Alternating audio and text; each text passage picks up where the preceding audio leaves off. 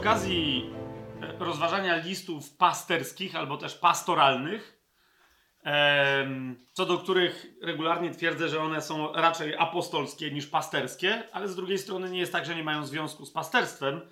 Przeszliśmy e, płynnie, ale i koniecznie do tematu pasterzowania w kościele. W kościele nowoprzymierzowym, nowotestamentowym. E, i, I, ostatnio poświęciliśmy temu dosyć sporo czasu, żeby sobie rozważyć w ogóle model, kto to jest pasterz w Biblii, e, komu on pasterzuje, kto to są owce, mm, kim są owce e, i w modelu, i, no bo normalne owce to wszyscy wiedzą, mam nadzieję, jak wyglądają i, i czym się w życiu zajmują w miarę. E, może to wybrzmiało ostatnio, ale a może nie wybrzmiało, bo będziemy kontynuować dzisiaj ten temat i jeszcze będziemy kontynuować w przyszłym tygodniu. Ale już teraz muszę powiedzieć, jeżeli to w zeszłym tygodniu nie dość jasno wybrzmiało, to muszę to dzisiaj powiedzieć na wstępie tego, co dziś będziemy mówić. Wydaje się, że temat mamy dość prosty. E, rzeczowo musimy podejść do trzech terminów biblijnych, ale od razu muszę Wam powiedzieć jedną rzecz.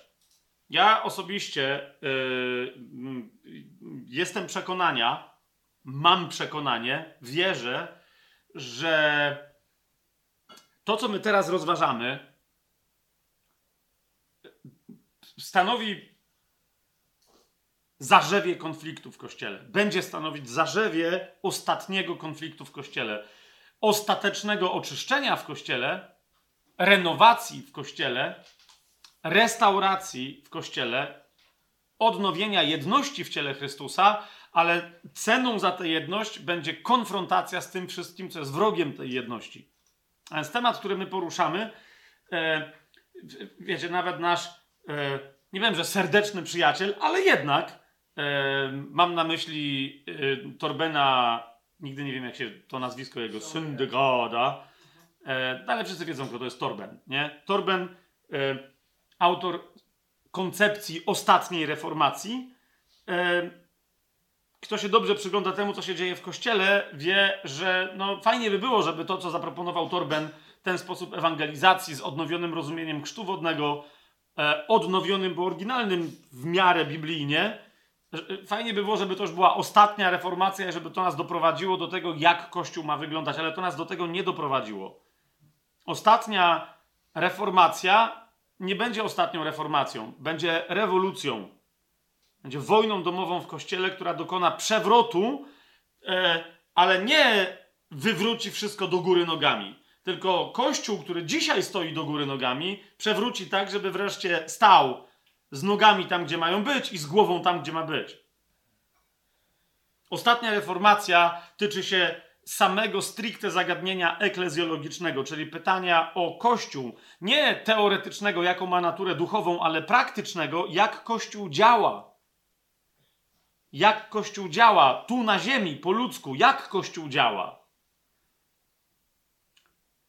I, i od, rozumiecie, e, z różnych powodów, jedni, bo mają interesy, są nowonarodzeni, ale mają interesy związane z niewłaściwie rozumianą strukturą Kościoła, będą walczyć albo się nawrócą.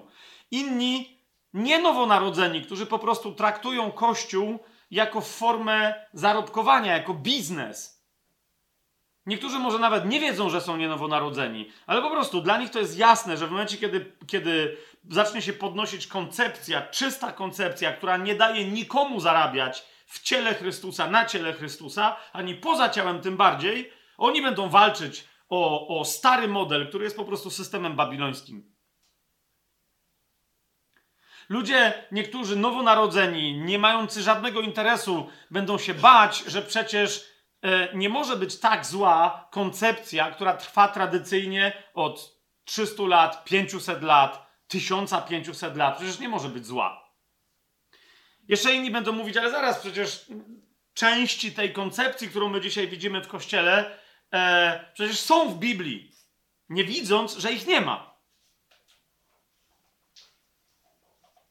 Właśnie dlatego, że tradycja posługiwała się, tak zwana tradycja kościelna, posługiwała się pewnymi elementami, żeby się obronić, że jest biblijna. Nie jest. Więc dzisiaj, kochani, po, po co myśmy ostatnio zrobili sobie zarys e, na temat pasterzowania? Bo jakbyśmy mieli to podsumować w dwóch, trzech zdaniach, jeszcze raz, niech te dwa, trzy zdania nikomu nie wystarczą, tylko żeby dzisiejsze studium nasze zrozumieć, naprawdę trzeba poprzedniego wysłuchać do końca, ale gdybyśmy to mieli ścisnąć, to rozumiecie, e, całe nauczanie biblijne mówi wyraźnie, że owce mają relacje tylko i wyłącznie z bacą. Tylko i wyłącznie. Tak? Cała reszta pojawia, pojawia się jakichś ludzi, czy zwierząt i tak dalej, i tak dalej, pojawia się, żeby służyć bacy. I w ten sposób oni służą stadu owiec, że służą bacy. Jest, ma, to, ma to sens? Ale teraz oni służą bacy nie przez to, że organizują życie owiec, ale przez to, że słuchają bacy i pomagają mu w wyprowadzaniu owiec na zielone pastwiska i miejsca, gdzie jest świeża, e, tak zwana żywa woda, czyli płynące strumienie wody. To jest to, co oni mają robić. Ale to nie są czy zwierzęta, czy ludzie, ktokolwiek pomaga bacy, czy ekipa jakichś juchasów, bardziej czy mniej zwanych pasterzami, czy ich psów i innych tam, te, e, e, jakichś owczarków. Oni wszyscy mają zgłaszać pasterzowi problem, że owce są chore, albo że któraś owca jest chora, albo że jakaś owca dla innych owiec jest niesprawiedliwa, ale oni nie rozsądzają między owcami. Oni nie są właścicielami owiec, oni nie są dzierżawcami owiec, oni są nikim dla owiec. Odpowiadają tylko i wyłącznie przed bacą za zadania, które wyznaczył im baca. Ok? A owce idą tylko i wyłącznie za głosem bacy, nie juchasów. I teraz, kochani, e, zaznaczyliśmy sobie, że w listach pasterskich pojawiają się trzy terminy. Mianowicie starsi, biskupi i diakoni. Nie? Zasadniczo cała struktura kościelna, dowolnego kościoła ewangelicznego, nieewangelicznego, kościoła, który się mieni, że jest kościołem biblijnym, e, nawet nie kościoła, jakiejś organizacji, czy to będą czy to będzie Kościół rzymskokatolicki, czy kościoły yy, bezpośrednie, stare, reformacyjne, czy to będą E, wolni chrześcijanie, baptyści, zielonoświątkowcy, polscy albo niepolscy, kościoły charyzmatyczne, pentekostalne, bezdenominacyjne, czy to będą w ogóle niechrześcijanie typu źle rozumiejący Biblię starodawni adwentyści dnia siódmego, świadkowie Jehowy, badacze pisma, czy nawet mormoni, wszyscy, wszyscy okazuje się, że mają sporą spójność, gdy chodzi o rozumienie organizacji kościelnej. Nie wiem, czy obczajacie, co jest grane.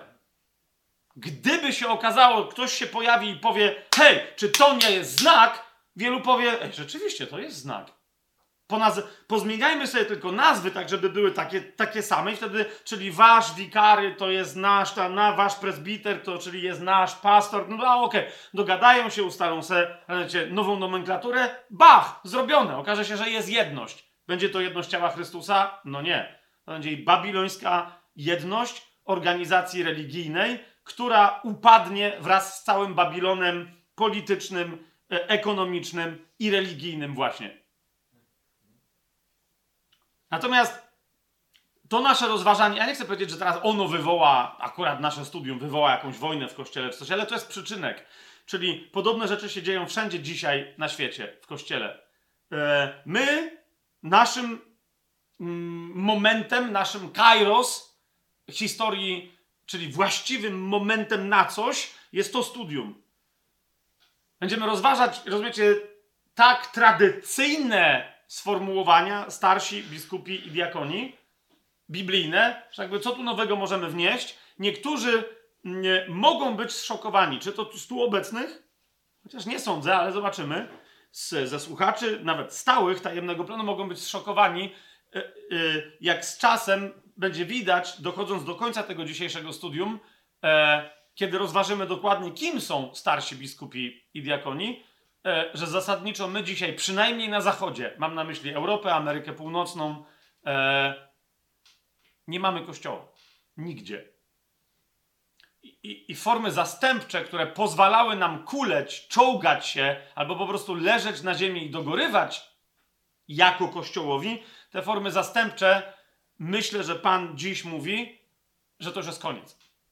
Albo powstanie Kościół taki, jak od początku przez Pana był zamierzony, i on powstanie, albo jeżeli ktoś się będzie chciał kurczowo trzymać tamtych form, to w tych formach wreszcie uda mu się dogorzeć i umrzeć w spokoju. Żartowałem. Żartowałem co do spokoju, nie do śmierci. Jak? Dlaczego? No właśnie, dzisiaj yy, ostatnio zadałem pytanie, jeżeli jest Baca, są Juhasy, oni mają swoje owczarki i tak dalej, i tak dalej, to kim w, w tym w tej metaforze są starsi biskupi i diakoni. Dzisiaj dokładnie tym trzem terminom, które się pojawiają w e, pierwszym, zwłaszcza w liście do Tymoteusza i w liście do Tytusa, dzisiaj się im przyjrzymy. Ale ze względu na to, co to oznacza, na wnioski, które podejmiemy, bo rozumiecie, jeżeli my jesteśmy biblijnie wierzącymi chrześcijanami, to znaczy, że my chcemy słuchać tego, co Biblia obiektywnie nam mówi, słuchać znaczy być posłusznymi temu, co Biblia nam mówi. Amen? Więc jeżeli zobaczymy, że Biblia nam coś mówi, ale też zobaczymy, że Biblia nam czegoś nie mówi, to znaczy, że robimy tylko to, co ona nam mówi, a tego, co nam nie mówi, nie robimy, bo Biblia nam tego nie mówi. I dlatego podstawą tej mojej modlitwy, która będzie krótka, e, ale myślę, że stanie się zrozumiała w duchu, e, e, ze względu na swoją podstawę, podstawą będzie e, tekst z księgi Izajasza z 66 E, z 66 rozdziału. E, jak mówię, pomodlimy się dzisiaj krótko, bo jesteśmy, kontynuujemy temat, e, ale dziś być może dla niektórych ja mam takie wewnętrzne, duchowe przekonanie, że stanie się rzeczą oczywistą, w jakim miejscu dzisiaj wszystko to, co chce się nazywać Kościołem, się znajduje. I jakie warunki muszą być spełnione, aby wreszcie się można było zacząć nazywać Kościołem. Nie wiem, czy dzisiaj na to pytanie odpowiemy, jakie warunki muszą być spełnione, jak się stać prawdziwie biblijnym Kościołem. To prawdopodobnie dopiero następnym razem, ale nadal dajmy się Słowu Bożemu skonfrontować. Teraz podstawą tej mojej modlitwy, e, którą chcę, żebyśmy razem do Boga zanieśli, jest Księga Izajasza, 66 rozdział.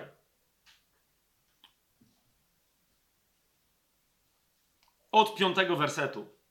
Tam. Yy, Pan się zwraca adresatem tego, e, tej jego wypowiedzi. Są e, ludzie, jest kategoria ludzi wspomnianych już wcześniej, między innymi w drugim wersecie tego 66 rozdziału.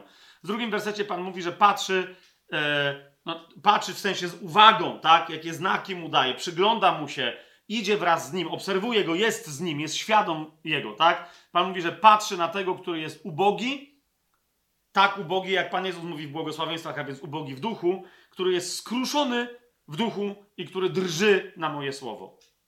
Nie? I teraz do tej kategorii ludzi drżących na Jego słowo, a więc którzy, kiedy słowo Pana pada, drżą, aby się czasem nie okazało, że nie są Mu posłuszni. Drżą, ponieważ pragną jak najszybciej je wypełnić, okazać posłuszeństwo. Amen? Do tej grupy ludzi Pan mówi tak, to jest 66 rozdział Izajasza od piątego wersetu i dalej. Słuchajcie słowa Jahwe, wy, którzy drżycie na Jego słowo. Wasi bracia, którzy was nienawidzą, którzy wypędzają was ze względu na moje imię, mówią: Niech Jahwe pokaże swoją chwałę. Ukaże się jednak dla waszej radości, a oni wówczas będą zawstydzeni. Odgłos zgiełku z miasta, głos ze świątyni, głos Jahwe oddającego zapłatę swoim wrogom. Zanim odczuła bólę porodu, urodziła. Zanim ogarnął ją ból, już urodziła chłopca. Kto słyszał o czymś takim? Kto widział coś podobnego? Czy ziemia może urodzić w jednym dniu? Czy naród może się urodzić od razu, ale Syjon ledwie zaczął odczuwać bóle, a już urodził swoich synów. Czyżbym ja, który otwieram łono, nie doprowadził do rodzenia? Mówi Jachwę. Czyżbym ja, który doprowadzam do rodzenia, zamknął łono? Mówi Twój Bóg. Weselcie się z Jerozolimą i radujcie się z nią wszyscy, którzy ją miłujecie. Cieszcie się z nią wielce, wszyscy, którzy teraz nad nią płaczecie, abyście już wkrótce mogli ssać dosyta z, pierci, z piersi jej pociech, abyście ssali i rozkoszowali się pełnią jej chwały. Tak bowiem mówi Jahwe, oto do niej skieruje pokój jak rzekę i chwałę narodów jak strumień bezbrany. Wtedy będziecie ssać, będziecie noszeni na rękach i pieszczeni na kolanach. Jak tego, którego pociesza matka, tak ja sam was będę pocieszał. Tak właśnie w Jerozolimie doznacie pociechy.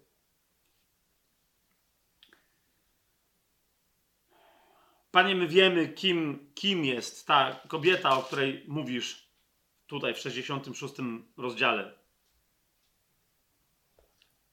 Ta, która zanim odczuła bóle porodu, już urodziła. Która zanim ból porodowy, pierwsze skurcze ogarnął, już urodziła chłopca. Wiemy, że to jest ta sama niewiasta, która się objawia, która się pojawia, której znak się pojawia w 12 rozdziale Księgi Objawienia. My wiemy, że to jest nasza matka, jak ją Paweł w liście do Galacjan nazywa, niebieskie Jerusalem, niebieska górna Jerozolima. My wiemy, Panie, że my tu na dole jesteśmy jej dziećmi. Dziećmi tego chwalebnego kościoła, którym w pewnym momencie wszyscy razem, z wszystkimi braćmi i siostrami, którzy nas poprzedzali, yy, wszyscy razem będziemy. Z tymi, którzy już tam są, czekają na nas, którzy dla nas są górną Jerozolimą, którzy nas dopingują z całą tą chmurą świadków, o której mówi list Hebrajczyków.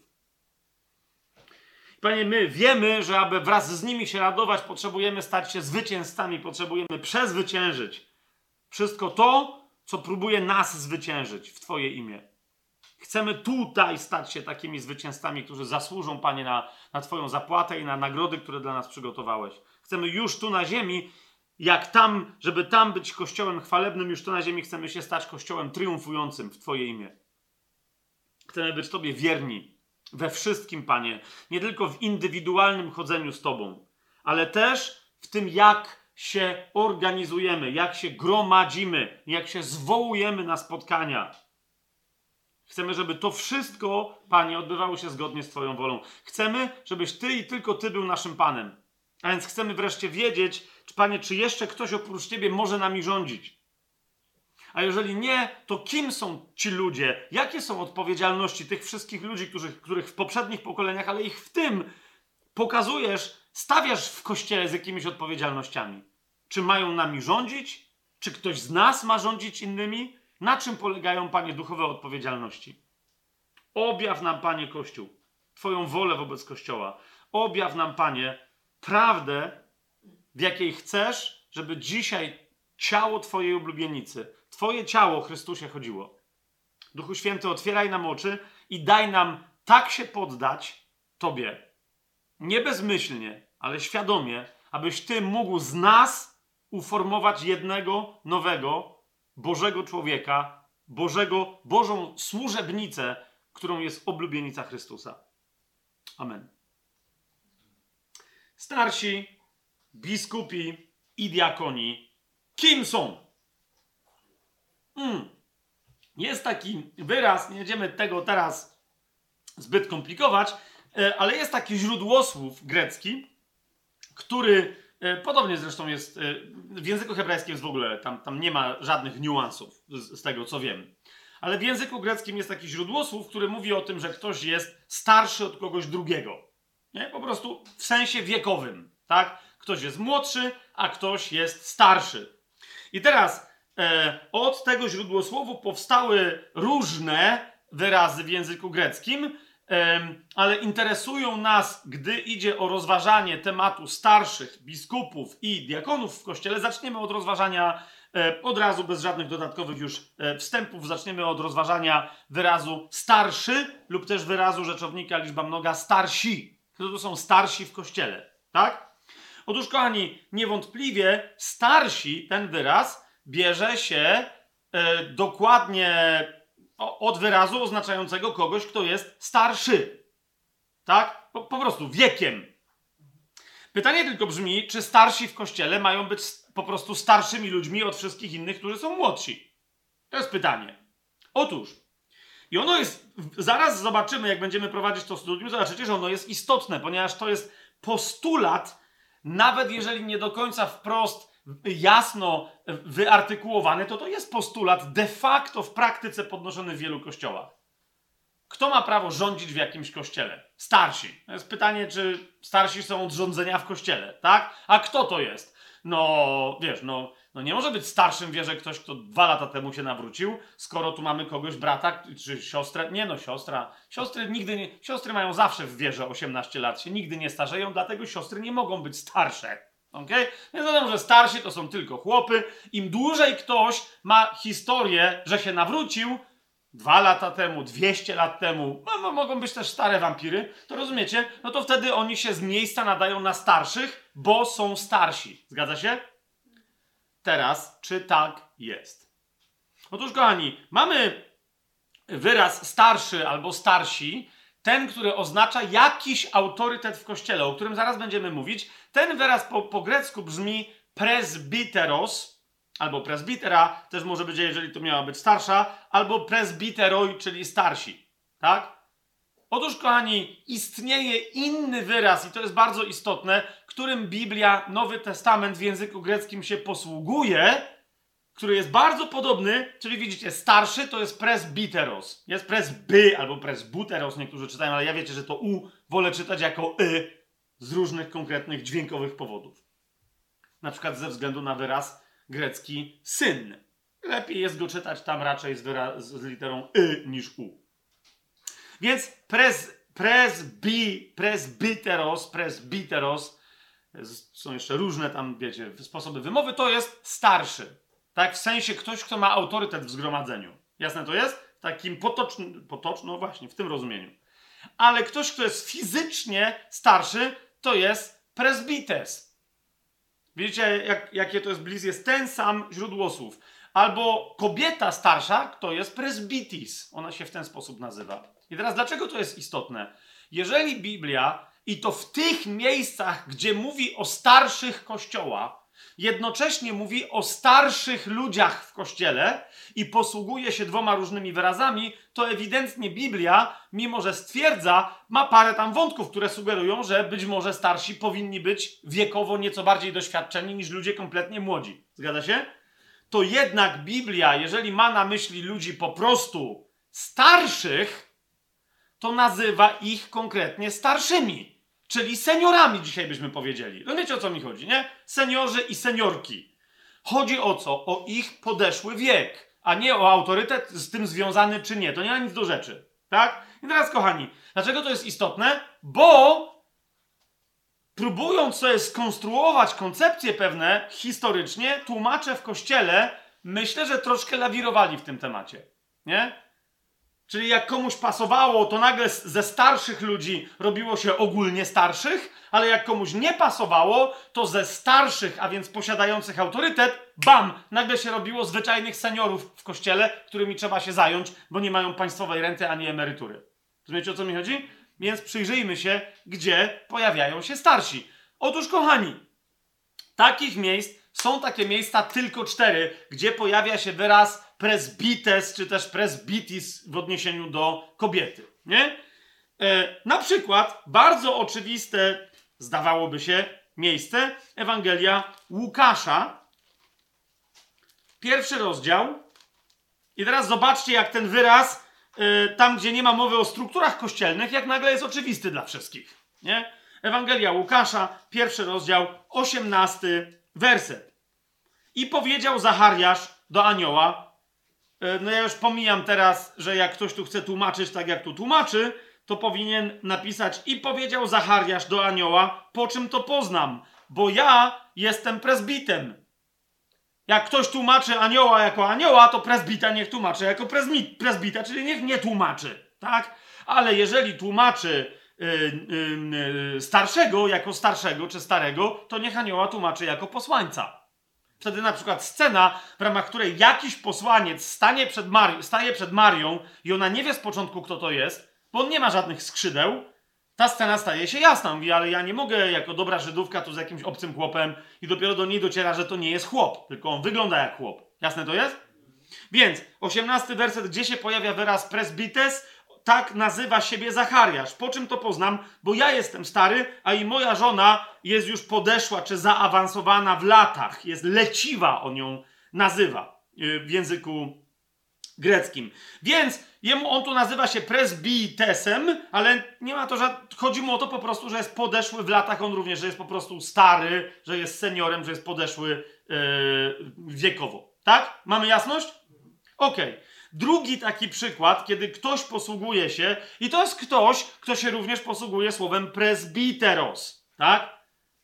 Więc zobaczcie, kiedy się posługuje. On odróżnia. Nie ma jednego i, tak, i tego, bo niektórzy mówią, że jest jeden i ten sam wyraz na starszych w kościele i ludzi podeszłych wiekiem. Nie, bo tu mamy konkretnie Pawła, apostoła, który, no, kto jeżeli nie on, posługuje się określeniem starsi, biskupi i tak dalej. I w liście do Filemona, jak go sobie otworzymy, nie nazywa siebie starszym, czyli presbiterem, nie, nie mówi o sobie, że jest presbiteros, tylko mówi, że jest presbites. To jest list do Filemona, dziewiąty werset.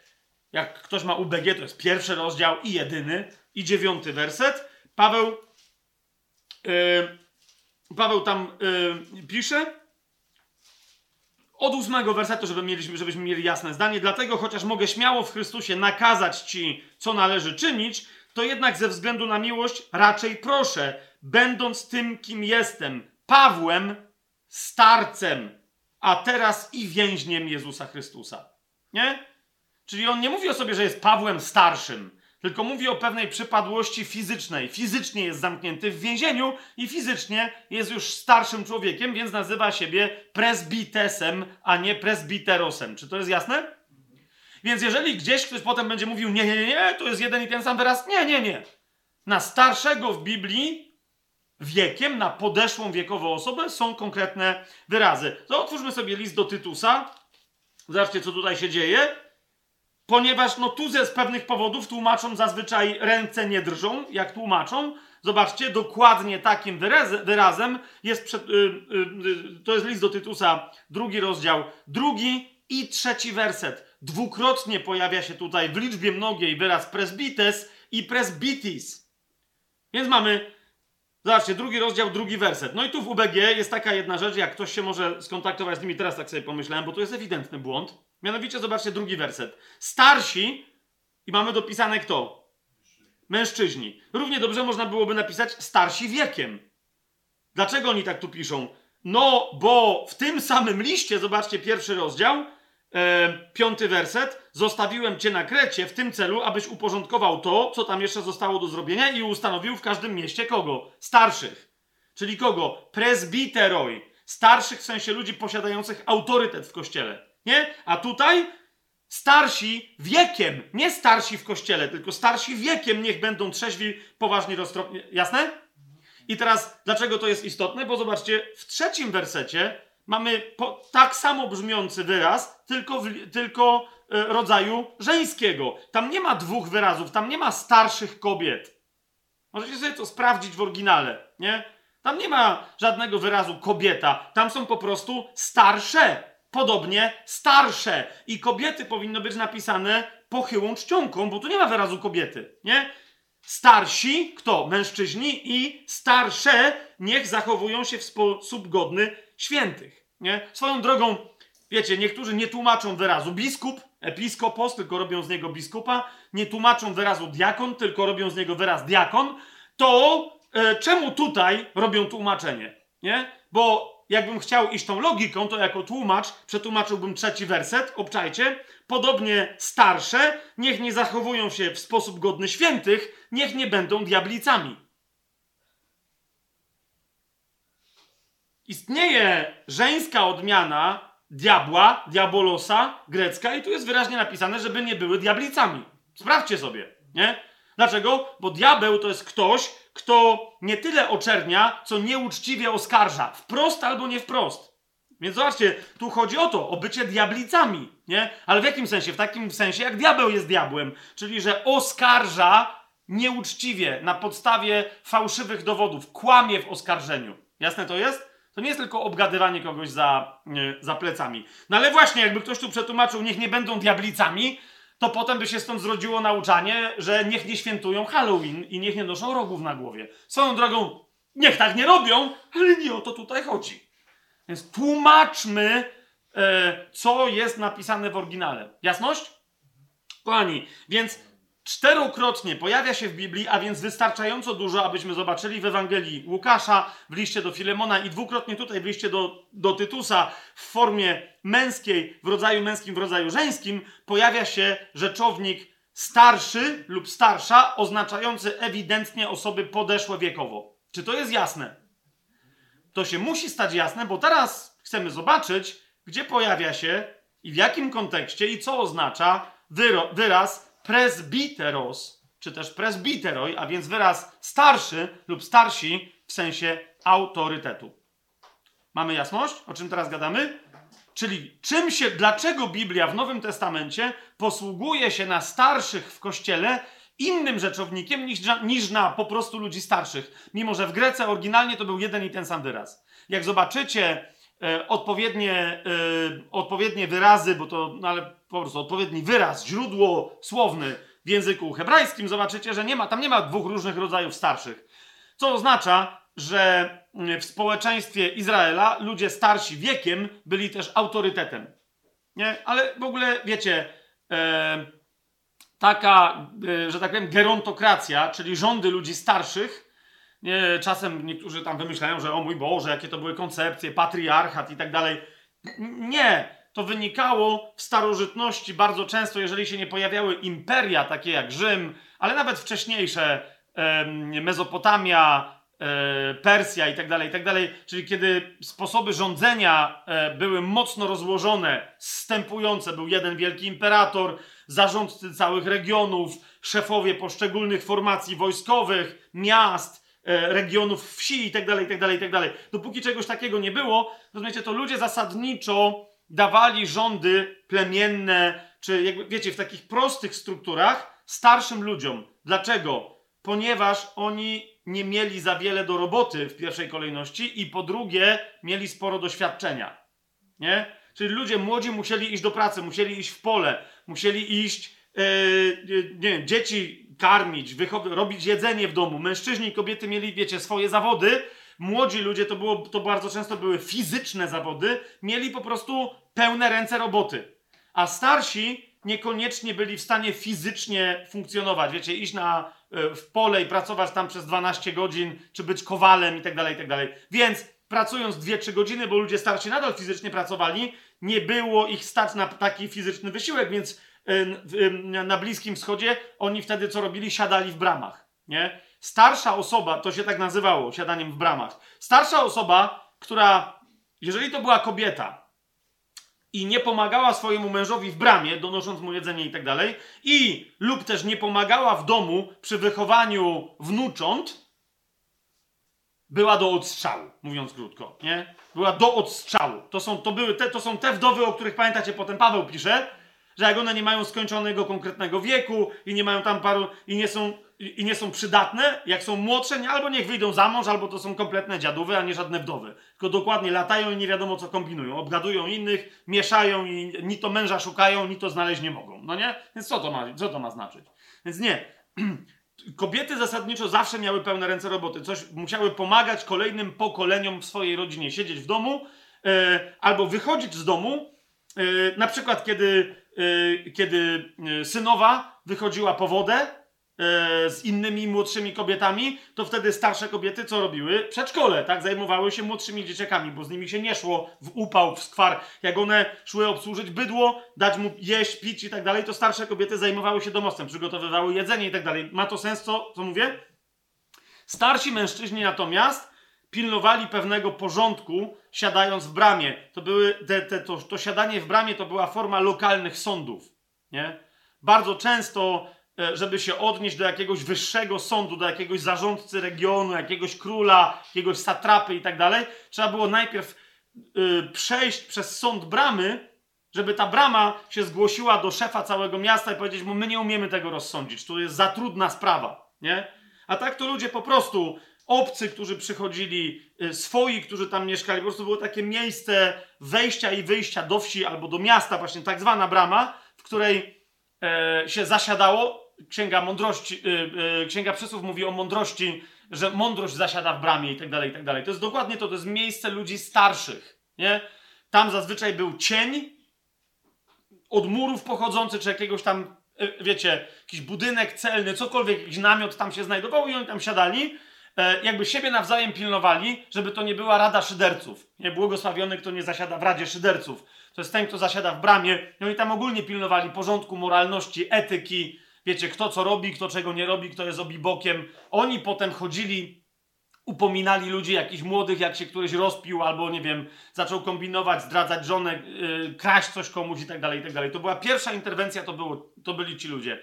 I teraz ci starsi z automatu byli starszymi. Czy to, to, to jest jasne? Bo oni mieli sporo doświadczenia, trochę do przemyślenia, trochę czasu na dyskusję, nie musieli, yy, wiecie, yy, o świcie wstawać, lecieć do roboty i wracać yy, o zachodzie słońca. Jasność? Więc jak zobaczycie cały Stary Testament, w całym Starym Testamencie e, starsi Izraela to są tacy starsi. Nie? To są ludzie, którzy są starsi, którzy wobec tego z automatu mają autorytet, są szanowani w społeczeństwie. Ale uważajcie, ci starsi nadal podlegają ludziom, ponieważ Izrael od, yy, w zasadzie od, od samego swojego początku, od, yy, w całym swoim, że się tak wyrażę, micie założycielskim, który jest akurat prawdziwy, no ale yy, jest teokracją. I prawdziwy Izrael w Biblii jest teokracją. Znaczy, oni cały czas twierdzą, że rządzi Bóg. Więc nie mogą rządzić ludzie, którzy naturalnie mają jakieś właściwości, które ich odróżniają naturalnie od innych ludzi. Jasne? A więc są starsi w Izraelu, ale nadal ci starsi podlegają komu? Mojżeszowi. Na przykład tak? Komuś, kto jest prorokiem. Oni są starszymi, a potem przychodzi prorok i on może mieć 16 lat, nagle dokonuje jakiegoś znaku, wykonuje jakiś cud, coś się dzieje, oni muszą go słuchać, ponieważ głos Boga jest ważniejszy od. To nie jest typowa bliskowschodnia organizacja plemienna. Ma to sens? I teraz, kochani, musimy jedną rzecz zrozumieć. Ok? Mianowicie, że w Nowym Testamencie starsi w pierwszej kolejności są przez długie księgi formacją starotestamentową, formacją stricte kulturowo i religijnie związaną z Izraelem. Ok? Do tego stopnia, sprawdźcie to sami, nie wierzcie mi na słowo, ja nie, nie będę teraz, żeby wszedł, bo tych cytatów jest parę dziesiąt, e, ale sprawdźcie sobie wyraz starsi, presbiteroi. Tym wyrazem są określani e, ludzie, e, którzy są starszymi w Izraelu przez całe Ewangelie cztery, wszystkie cztery, tak? Plus przez część dziejów apostolskich, starsi są starszymi Izraela, ok? Którzy podlegają innym władzom w Izraelu, na przykład uczonym w piśmie, na przykład kapłanom, e, na przykład przełożonym świątyni itd., tak itd. Tak starsi to są ludzie reprezentujący lud, prosty lud, którzy są starsi wiekiem nadal, ale któremu lud, którym lud nadaje autorytet. Ale ten autorytet wciąż nie jest większy niż autorytet kapłanów uczonych w piśmie, e, e, przełożonych świątynnych itd., tak itd. Tak Czy ma to sens, co, co mówię? Teraz sobie otworzymy parę fragmentów. I teraz, kochani, jeszcze raz. Ten więc wyraz presbiteros, czy presbiteroi w liczbie mnogiej, starsi, we wszystkich czterech Ewangeliach odnosi się tylko i wyłącznie do kulturowej koncepcji starszych w Izraelu. Nie ma niczego wspólnego z Kościołem. Ok? Więc żaden z tamtych cytatów nie ma żadnego związku ze starszymi, którzy w pewnym momencie się pojawią w Kościele nowotestamentowym. Czy to jest jasne? Teraz szybciutko, żebyście zobaczyli, to będzie tylko parę przykładów, e, w jakim sensie e, ta formacja jest tak bardzo mocna. Teraz Powiecie, no ale jeżeli tak jest, to co nas to interesuje? Otóż interesuje nas to o tyle, że w pewnym momencie dochodzi do tranzytu kulturowego. Czyli ta koncepcja kulturowa należąca do kultury, etyki i religii judaistycznej przenosi się do kościoła nowotestamentowego, ale tylko i wyłącznie w jednym miejscu. I my to musimy zrozumieć, ok? Czyli, że tam w tym jednym miejscu starsi nadal są starszymi według koncepcji judaistycznej, ale zaraz za chwilę pojawiają się starsi nowoprzymierzowi i oni nie mają niczego wspólnego z tamtą starą koncepcją. Może nie niczego, prawie niczego wspólnego. Czy to jest jasne? Jest zachowana pewna koncepcja, ale nie jest zachowany model. Tak? Zobaczmy to. Otwórzmy sobie Ewangelię Mateusza. Tak wam tylko chcę dać posmakować tej koncepcji starotestamentowych prezbiterów. A więc ludzi, którzy mają autorytet. Otwórzmy sobie Ewangelię Mateusza, 15 rozdział. W Ewangelii Mateusza w 15 rozdziale, w drugim wersecie, słyszymy pytanie, które zadają uczeni w piśmie i faryzeusze Jezusowi. Czemu twoi uczniowie postępują wbrew tradycji starszych? Nie myją bowiem rąk przed jedzeniem chleba i tak dalej, i tak dalej, i tak dalej. Kto to tutaj są owi starsi? To są ludzie, których my naturalnie uważamy za nasz autorytet, którzy byli tym autorytetem w poprzednich pokoleniach. To jest tradycja starszych. Jasność? Dla przykładu otwórzmy sobie, teraz tak sobie pomyślałem, list do Hebrajczyków, 11 rozdział. Zobaczcie. Ten sam wyros, wyra, wyros. Ten sam wyros się znalazł, y, ten sam wyraz znajduje się w liście do Hebrajczyków. I zauważcie, dlaczego w liście do Hebrajczyków. Ponieważ odnosi się do tej samej kulturowej koncepcji. Wyraz presbiteroi, czyli starsi. To jest jedenasty rozdział. Zobaczcie, pierwszy i drugi werset brzmi tak. Wiara jest podstawą tego, czego się spodziewamy i dowodem tego, czego nie widzimy. Drugi werset. Przez nią bowiem kto starsi otrzymali świadectwo. Nie żadni przodkowie.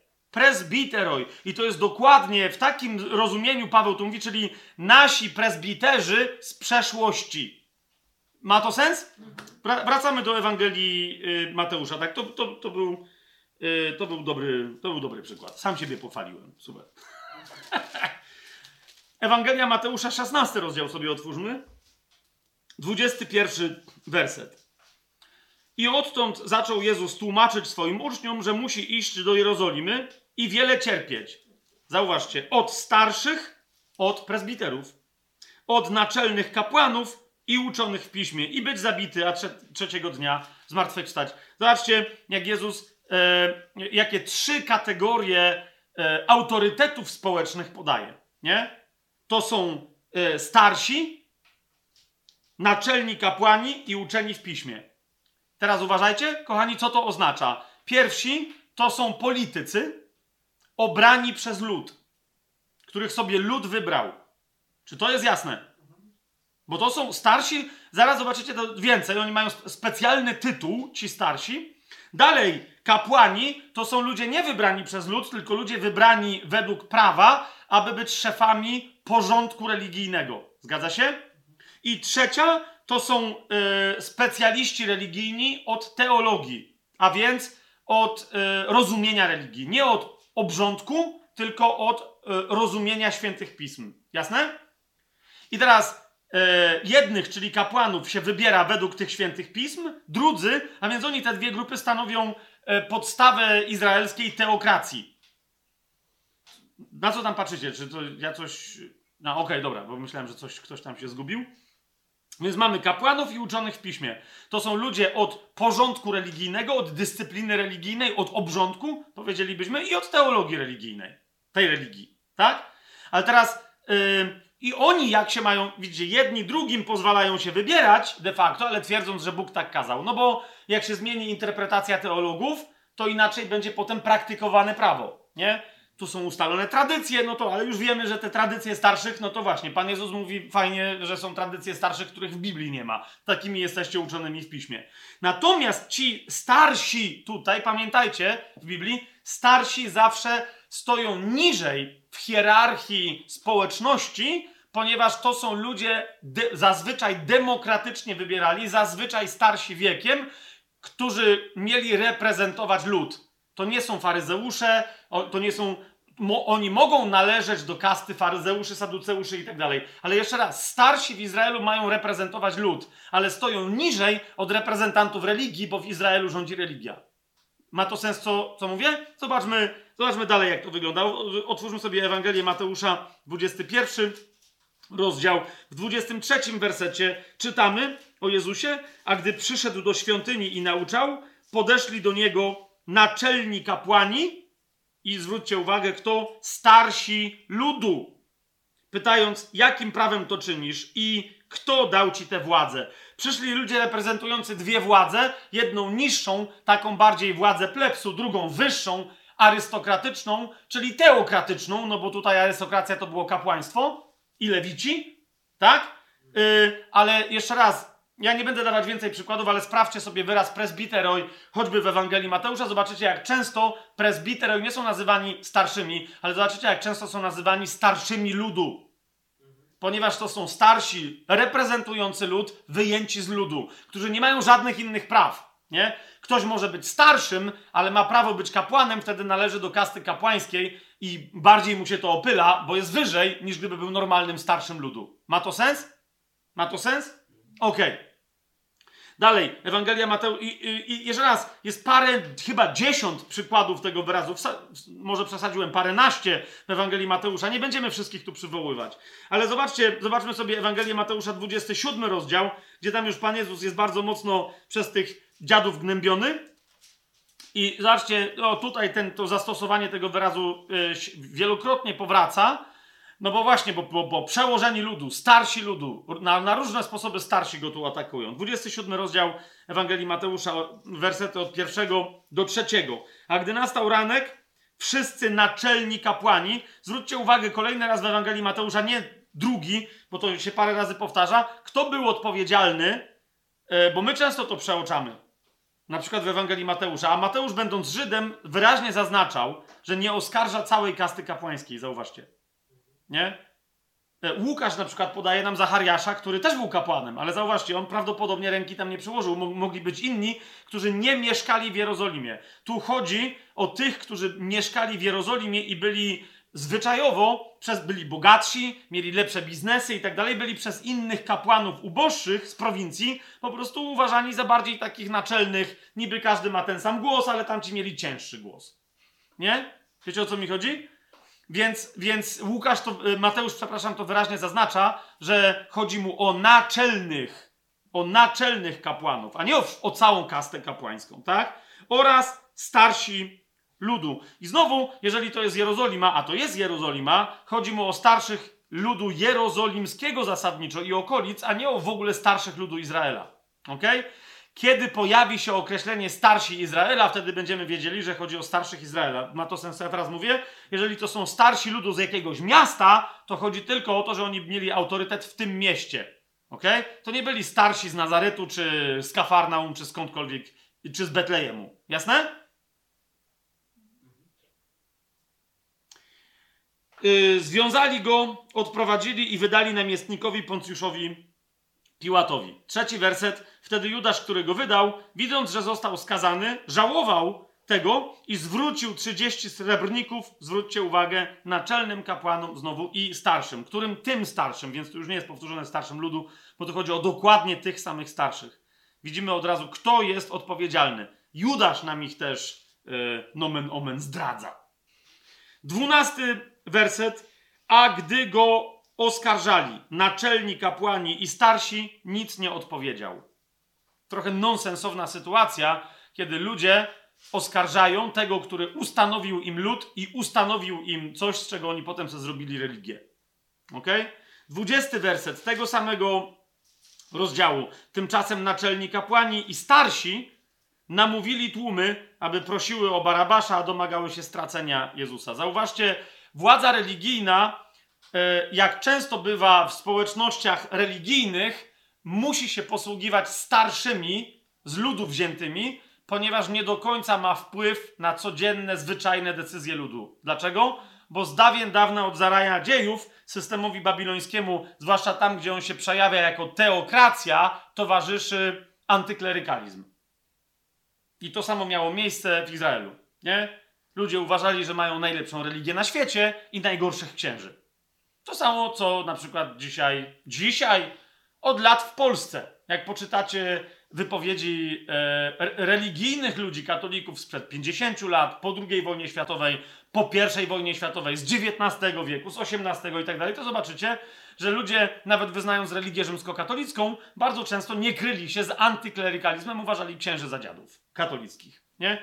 I chodzi mi o to, że to jest normalne zjawisko w mocno nasiąkniętych religią i władzą religii społecznościach. Nie? Dlatego zwróćcie uwagę, e, e, zwłaszcza w Ewangeliach, jak często arcykapłani, faryzeusze i tak dalej, teologicznie różne rzeczy, próbując rozważyć rzeczy tylko z Jezusem, nie potrzebują starszych. Ale jak, próbują, jak, jak chcą mieć za sobą ludzi, biorą starszych, bo bez starszych ludu nie potrafią do nich przemówić. Potrafią ich przestraszyć, powiedzieć, że to jest grzechem, tamto coś i ludzie, okej, okay, dobra, no nie? Ale my nie musimy się teraz zgromadzić i wołać o Barabasza. Bez starszych ludu by im się to w ogóle nie, nie udało.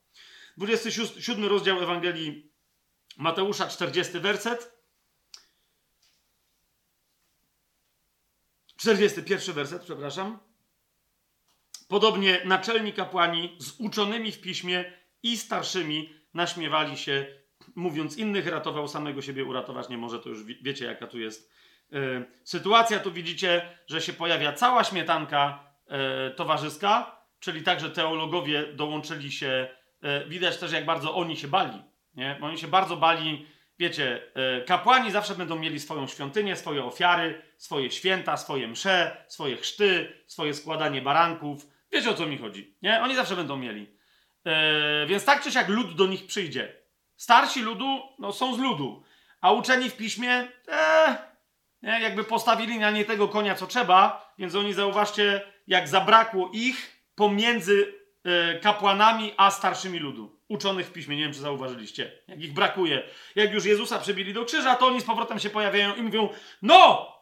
Przecież ja wiedziałem, tylko nie chciałem ci mówić nic, nie? A ja od razu, ja od razu wiedziałem. To wszystko wiedziałem, i dlatego tylko mnie przez moment nie było, ale znowu jestem. Kto? Ja, uczony w piśmie faryzeusz. Jestem z powrotem. Zawsze z wami byłem, tylko czytałem Biblię. Także miałem troszkę inne zajęcia.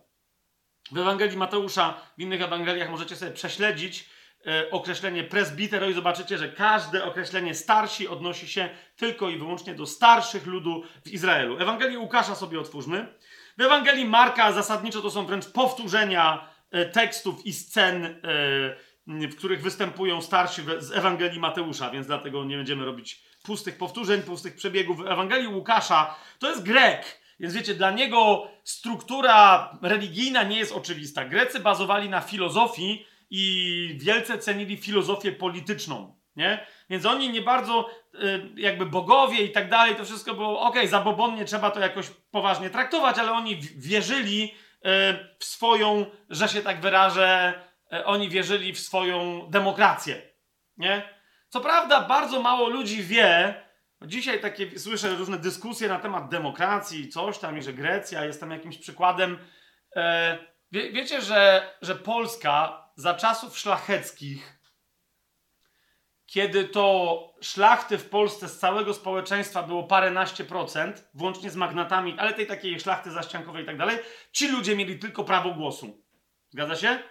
E, no to zasadniczo Polska, w której paręnaście procent ludzi miało prawo głosu, była bardziej demokratyczna niż cokolwiek w starożytnej Grecji. Ponieważ wtedy absolutna równość, e, pojedynczość głosu i tak dalej, i tak dalej przynależała tylko do absolutnej arystokracji. Zazwyczaj to było od jakichś 4 do 10%. To było wszystko. No nie? A propos wielkiej demokratyczności starożytnej Grecji. Każdy, kto trochę zna tę historię, to doskonale wie, jak tam to wygląda. Podobnie jak, jak Rzym. Nie? Wielce demokratyczny, wielka republika nienawidząca monarchii, no ale okazuje się, że tak naprawdę głos to mieli tylko senatorzy w Senacie, o ile nie pojawił się Caligula czy Neron, który nie, cieszył się z ich głosów, ale dołączył do nich swojego konia Bucefała na przykład. No, niektóry też miał głos, jak chrząknął albo puścił bączka. W Ewangelii Łukasza w siódmym rozdziale, w trzecim wersecie, nie patrz na Gosie, bo to się nie liczy. To, to się nie liczy. Ewangelia Łukasza, siódmy rozdział, trzeci werset. Zobaczcie, co się dzieje. E, my tu mamy Greka, jeszcze raz mówię, który, wychodzi z kultury e, rozumiejącej władzę inaczej, nie wychodzi z kultury teokratycznej i pokazuje kogo? Pokazuje Rzymianina, który pochodzi z kultury w ogóle ceniącej władzę militarną, tak? Więc zobaczcie, do kogo on się zwraca, kiedy chce, kiedy szuka pomocy. Kiedy setnik, bo tu o nim jest mowa, usłyszał o Jezusie, posłał do niego starszych spośród Żydów prosząc, aby przyszedł i uzdrowił jego sługę. Zauważcie, on nie wysyła do niego ludzi reprezentujących establishment religijny, tylko wysyła ludzi reprezentujących lud, który znał tego kogoś. Wiecie o co mi chodzi? I oni mogli dać świadectwo jedni Żydzi drugiemu Żydowi, Żydzi, któremu, którym tamten Żyd powinien uwierzyć, tak, bo mają pewien autorytet wśród ludu, że posłuchaj, warto temu gościowi pomóc. Zauważcie, do kogo on się zwraca. Zwraca się do starszych spośród ludu, nie? Ewangelia Łukasza, skoro już nie jesteśmy, 15 rozdział.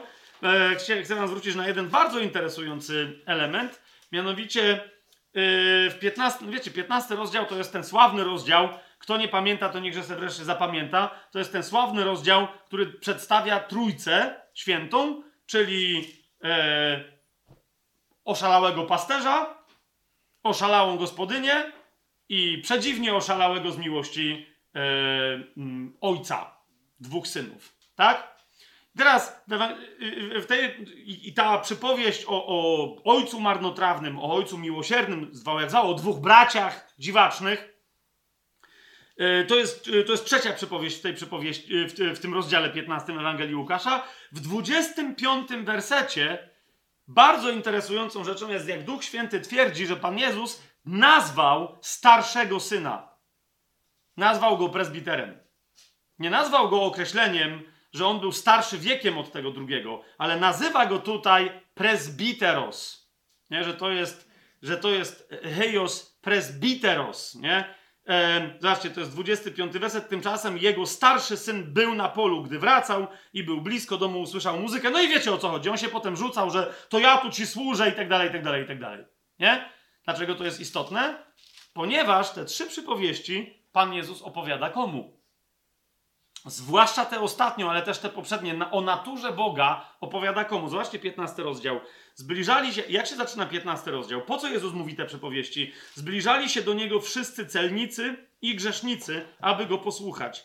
A faryzeusze i uczeni w piśmie szemrali, mówiąc, ten człowiek przyjmuje grzeszników i jada z nimi. I wtedy czytamy trzeci werset, który jest kluczowy dla zrozumienia naprawdę tych trzech przypowieści, który mówi: Opowiedział więc im taką przypowieść. To jest przypowieść skierowana do faryzeuszy, do uczonych w piśmie i wszystkich, którzy się mają za starszych w dowolnych społecznościach chrześcijańskich czy pseudochrześcijańskich. To jest to. Starszego, znaczy na samym końcu mamy każdy, kto się mieni starszym, bo jest uczonym w piśmie, bo jest faryzeuszem, bo przestrzega prawa, bo coś tam, nieważne jakie są przyczyny. Nie? Bacz, abyś nie był takim starszym, jak ten presbiteros syn. Ok? Taka ciekawostka. Ewangelia Łukasza, 20 rozdział, żeby jeszcze wam nieco inną rzecz pokazać. W 20 rozdziale Ewangelii Łukasza, w pierwszym wersecie yy, czytamy, że pewnego razu, gdy nauczał ludzi w świątyni i głosił Ewangelię, między nami mówiąc do próby ostatecznej rozprawy, co się stało? Nadeszli naczelni kapłani i uczeni w piśmie wraz ze starszymi. Tutaj starsi y, uczeni w piśmie zostali na, na łeb, na szyję pokonani przez Pana Jezusa. I to tak, wiecie, jak w tej kluczowej scenie, jak y, trójca nieświęta trzech agentów Smithów w Matrixie strzela do Noego, ne, Neo, Neogo, ok? Y, a on nagle sobie uświadamia, kim jest, gdyż już jest po swoim zmartwychwstaniu. Wyciąga tylko rękę i wszystkie pociski złego, co robią, zatrzymują się przed nim i spadają na ziemię. To jest dokładnie taka scena. Pan Jezus ma taki wysiłek, żeby te wszystkie pociski zgasić. Wyciąga rękę im, dobra, już skończyliście. I oni się zawstydzili i rzeczywiście skończyli i na jakiś czas dali mu spokój. Potem uznali, że to już się tylko zabić go da. Ale już w tym bezpośrednio uczeni w piśmie nie uczestniczyli, byli zawstydzeni, odnieśli sromotną porażkę. Pan Jezus im pokazał, że tacy są uczeni w piśmie, że pisma nie znają. W Ewangelii Łukasza w 22 rozdziale, w 52 wersecie czytamy, wtedy Jezus powiedział do naczelnych kapłanów. Teraz zauważcie, bo tu się pojawia nowa kategoria przywódców, nie? Powiedział do naczelnych kapłanów, do przełożonych świątyni i starszych, którzy przyszli do Niego. Więc to są starsi nadal Jerozolimy, bo świątynia jest tylko w jednym miejscu. Czy to jest jasne? Nie? Niemniej zauważcie, że ci starsi nie mieli nic do powiedzenia, nie tylko wobec na, e, naczelnych kapłanów, rządzących aktualnie w świątyni, ale nie mieli nic do powiedzenia wobec porządkowych w świątyni. e, tych, tymi, którzy zarządzali strażą świątynną, bo ci przełożeni świątyni tutaj to nie są przełożeni świątyni, tylko to są przełożeni, to są po prostu, nie wiem jak to się nazywa, gwardiani czy e, no, oficerowie też można by to było nazwać straże świątynne. Jak się nazywa gwardia szwajcarska? Jak się, tam kapitanowie są, czy kto? Dowódcy straży świątynnej. Taką samą straż ma papież ze Szwajcarów, nie? Oni normalnie mieli prawo zbrojnego działania, nawet zabicia kogoś, jeżeli łamał prawo yy, w świątyni. I wiecie, yy, legion tam się nie angażował. To było wewnętrzne prawo. Trochę tak jak studenckie prawo na miasteczku yy, uniwersyteckim. No wiecie o co mi chodzi. Prawie tak. Tam policja niekoniecznie się angażuje, dopóki nie dojdzie do jakiejś ciężkiej zbrodni. Nie? To wtedy... To samo było tu. Oni mieli prawo działania, jak policja realna, wewnętrzna yy, świątyna, a to byli po prostu dowódcy tej, tej policji świątynnej, czy tej straży świątynnej. Jasne? I zauważcie, oni na terenie świątyni znaczyli więcej niż starsi ludu. Po prostu, bo, organ, bo cokolwiek, co dawało autorytet yy, przez religię, nawet taki, było mocniejsze niż to, że po prostu ktoś był starszym wśród ludu, był prezbiterem wśród ludu. Jasność? Dalej, Ewangelia Jana, ósmy rozdział. Bardzo interesujące. Bardzo interesujące. Nie? E, mamy historię przyłapanej kobiety na cudzołóstwie. Tak? To jest ósmy rozdział Ewangelii Jana. W dziewiątym wersecie, jak Pan Jezus im powiedział, kto z was jest bez grzechu, niech pierwsze rzuci w nią kamieniem. Zauważcie, kto to jest prezbiter w żydowskim społeczeństwie. Nie? Bo czytamy tutaj, gdy oni to usłyszeli, to jest dziewiąty werset, będąc przekonani przez sumienie, odchodzili jeden po drugim. I tu mamy bardzo ważny, bardzo ważne sformułowanie. Począwszy od starszych, aż do ostatnich. Zauważcie, że nie do młodszych. Od tych, którzy mieli największy autorytet, oni mówili, wiecie, każdy następny mówił sobie, no to jak ci goście odchodzą, a więc stwierdzają, że jednak jakieś grzechy na sumieniu mają, to co ja się będę teraz rzucał, no nie? Czyli począwszy od mądrzejszych, skończywszy na głupszych i tak dalej, i tak dalej. Nie? Był pewien autorytet wśród tych mężczyzn, którzy tam przylecieli i zwróćcie uwagę, to nie są uczeni w piśmie, to nie są tak przedstawieni ludzie. Jakaś tam banda, nie? Tłum ludzi. No bo najlepiej było, zauważcie, kapłanom uczonym w piśmie, faryzeuszom napuszczać, żeby robić rzeczy w ich imieniu kogo? Tłum żeby kogoś zabił, żeby kogoś skazał, żeby kogoś okrzyczał coś, nie, żeby kogoś ukamienował i tak dalej. A oni potem jak coś, nie, nie, my tylko, my tylko w potajemnych naszych religijnych spotkaniach stwierdzamy, to się bardzo podobało Panu, to było zgodne z wolą Bożą. A w rozmowach z Rzymianami, no ale myśmy w tym, my przecież znamy prawo, myśmy w tym nie uczestniczyli. Hipokryzja religijna, dość oczywista. Więc, kochani, to yy, yy, możecie sobie posprawdzać zastosowanie tego wyrazu we wszystkich Ewangeliach i zobaczycie, że on się odnosi tylko i wyłącznie w Ewangeliach do starszych, tak rozumianych, jak ich rozumiało instytucje starszych, jak rozumiało społeczeństwo żydowskie. Mieli pewne znaczenie, ale widzicie, wobec religijnych władców zasadniczo żadnego. Zgadza się? Co interesujące, Łukasz, który pisze dzieje apostolskie, zanim posłuży się wyrazem starsi, w odniesieniu, kochani, do czegokolwiek w ciele Chrystusa, w kulturze Kościoła nowotestamentowego, Łukasz wielokrotnie mówi: Problemem jest, że kiedy myśmy zaczęli, kiedy wszystko się zaczęło, zaczęło się tam, gdzie instytucja starszych ludów była najmocniejsza. A więc Łukasz cały czas kontynuuje opowieść o starszych w dziejach apostolskich jako kim? Jako starszych Izraela, bez żadnego związku z Kościołem. Czy, ty, wy, czy wy słyszycie, co ja teraz mówię? Nie? Otwórzmy sobie dzieje apostolskie, czwarty rozdział i potem sobie możecie to sami posprawdzać. Yy, wielokrotnie powtarzam, niech mi nikt nie wierzy na moje słowo, wszyscy mamy wierzyć na Słowo Boże. Więc dzieje apostolskie, czwarty rozdział. W tym czwartym rozdziale czytamy w piątym wersecie, jak zostali, wiecie, schwytani yy, apostołowie, którzy głosili yy, Słowo Boże właśnie swoją drogą dowódca Straży Świątynnej, mm, Saduceusze, kapłani tu są wymienieni e, w czwartym rozdziale, w pierwszym wersecie, ale w czwartym rozdziale, e, w piątym wersecie czytamy: Nazajutrz zebrali się w Jerozolimie ich przełożeni. Nie? Starsi i uczeni w piśmie. Ich przełożeni, starsi i uczeni e, w piśmie. I Annasz, najwyższy kapłan, i Kajfasz, Jan, Aleksander i ilu ich było z rodu najwyższych kapłanów. Nie? Zauważcie, w pierwszym wersecie nadeszli kapłani, dowódca Straży Świątynnej i saduceusze, obucze, oburzeni, że oni coś tam nauczą. Saduceusze, bo mieli zaburzone interesy.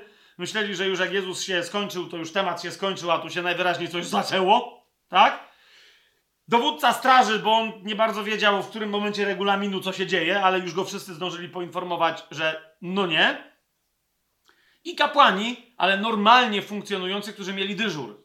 Jasne? Ale teraz zauważcie, jak się zbierają ludzie, którzy mają coś do powiedzenia, w piątym wersecie czytamy, zebrali się w Jerozolimie ich przełożeni, starsi, uczeni w piśmie i naczelni kapłani, chciałoby się rzec, za poprzednimi autorami, bo takich tylko Łukasz tu już konkretnie ich z imienia przedstawia. Co oznacza, że być może niektórzy nawet z naczelnych kapłanów byli już nawróceni, no bo wiecie, yy, mężczyzn było w liczbie około 5 tysięcy, kiedy się wtedy nawrócili. Wcześniej 3 tysiące, 8 tysięcy ludzi z Jerozolimy, żeby spośród nich nie było dobrze znających Biblii nawróconych kapłanów. Wiecie o co mi chodzi? Wątpię w to. Więc dlatego Łukasz zaznacza, którzy to jeszcze zebrali się przeciwko apostołom. Jasne? Dobra. W ósmym wersecie czytamy, wtedy Piotr, pełen Ducha Świętego, powiedział do nich, do Żydów, do nienawróconych ludzi, powiedział, zwróćcie uwagę, przełożeni ludu, bardzo interesujące, czyli ci, którzy szefujecie, wy, którzy szefujecie ludowi i kto? I starsi całego Izraela. Zwróćcie uwagę, jak Piotr sprytnie robi z nich odpowiedzialnych za e, e, reprezentowanie tutaj całego narodu. Chcecie nas sądzić? To fantastycznie ale w takim razie pamiętajcie, że cokolwiek tu się zdarzy, dotknie potem przez was całego Izraela. Wy tu reprezentujecie całego Izraela. W 23 wersecie czytamy, gdy ich wypuszczono, tego samego rozdziału, gdy ich wypuszczono, przyszli do swoich i opowiedzieli im wszystko, co do nich mówili. Zwróćcie uwagę, kto wtedy? Naczelni kapłani i starsi. Nie? Czyli Piotr naczelnych kapłanów adresuje szefami, y, tytułuje szefami ludu w ósmym wersecie, a starszych tytułuje starszymi Izraela. Jasne? A potem, jak Łukasz o nich normalnie mówi, jak Piotr o nich dalej mówił z Janem, to mówi no, naczelni kapłani i starsi. Każdy wiedział o co chodzi. Nie? Tytuły to jest co innego, to, ale dalej zauważcie, to są ci sami ludzie, naczelni kapłani i starsi kto, czego? Izraela. Nie starsi w kościele, e, jakkolwiek byłby rozumiany. W dziejach apostolskich, w szóstym rozdziale,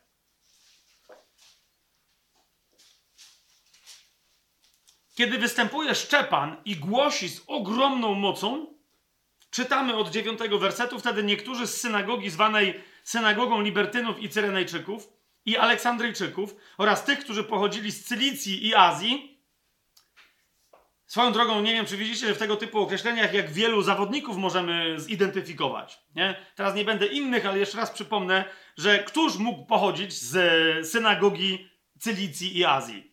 No, Przaweł, tak?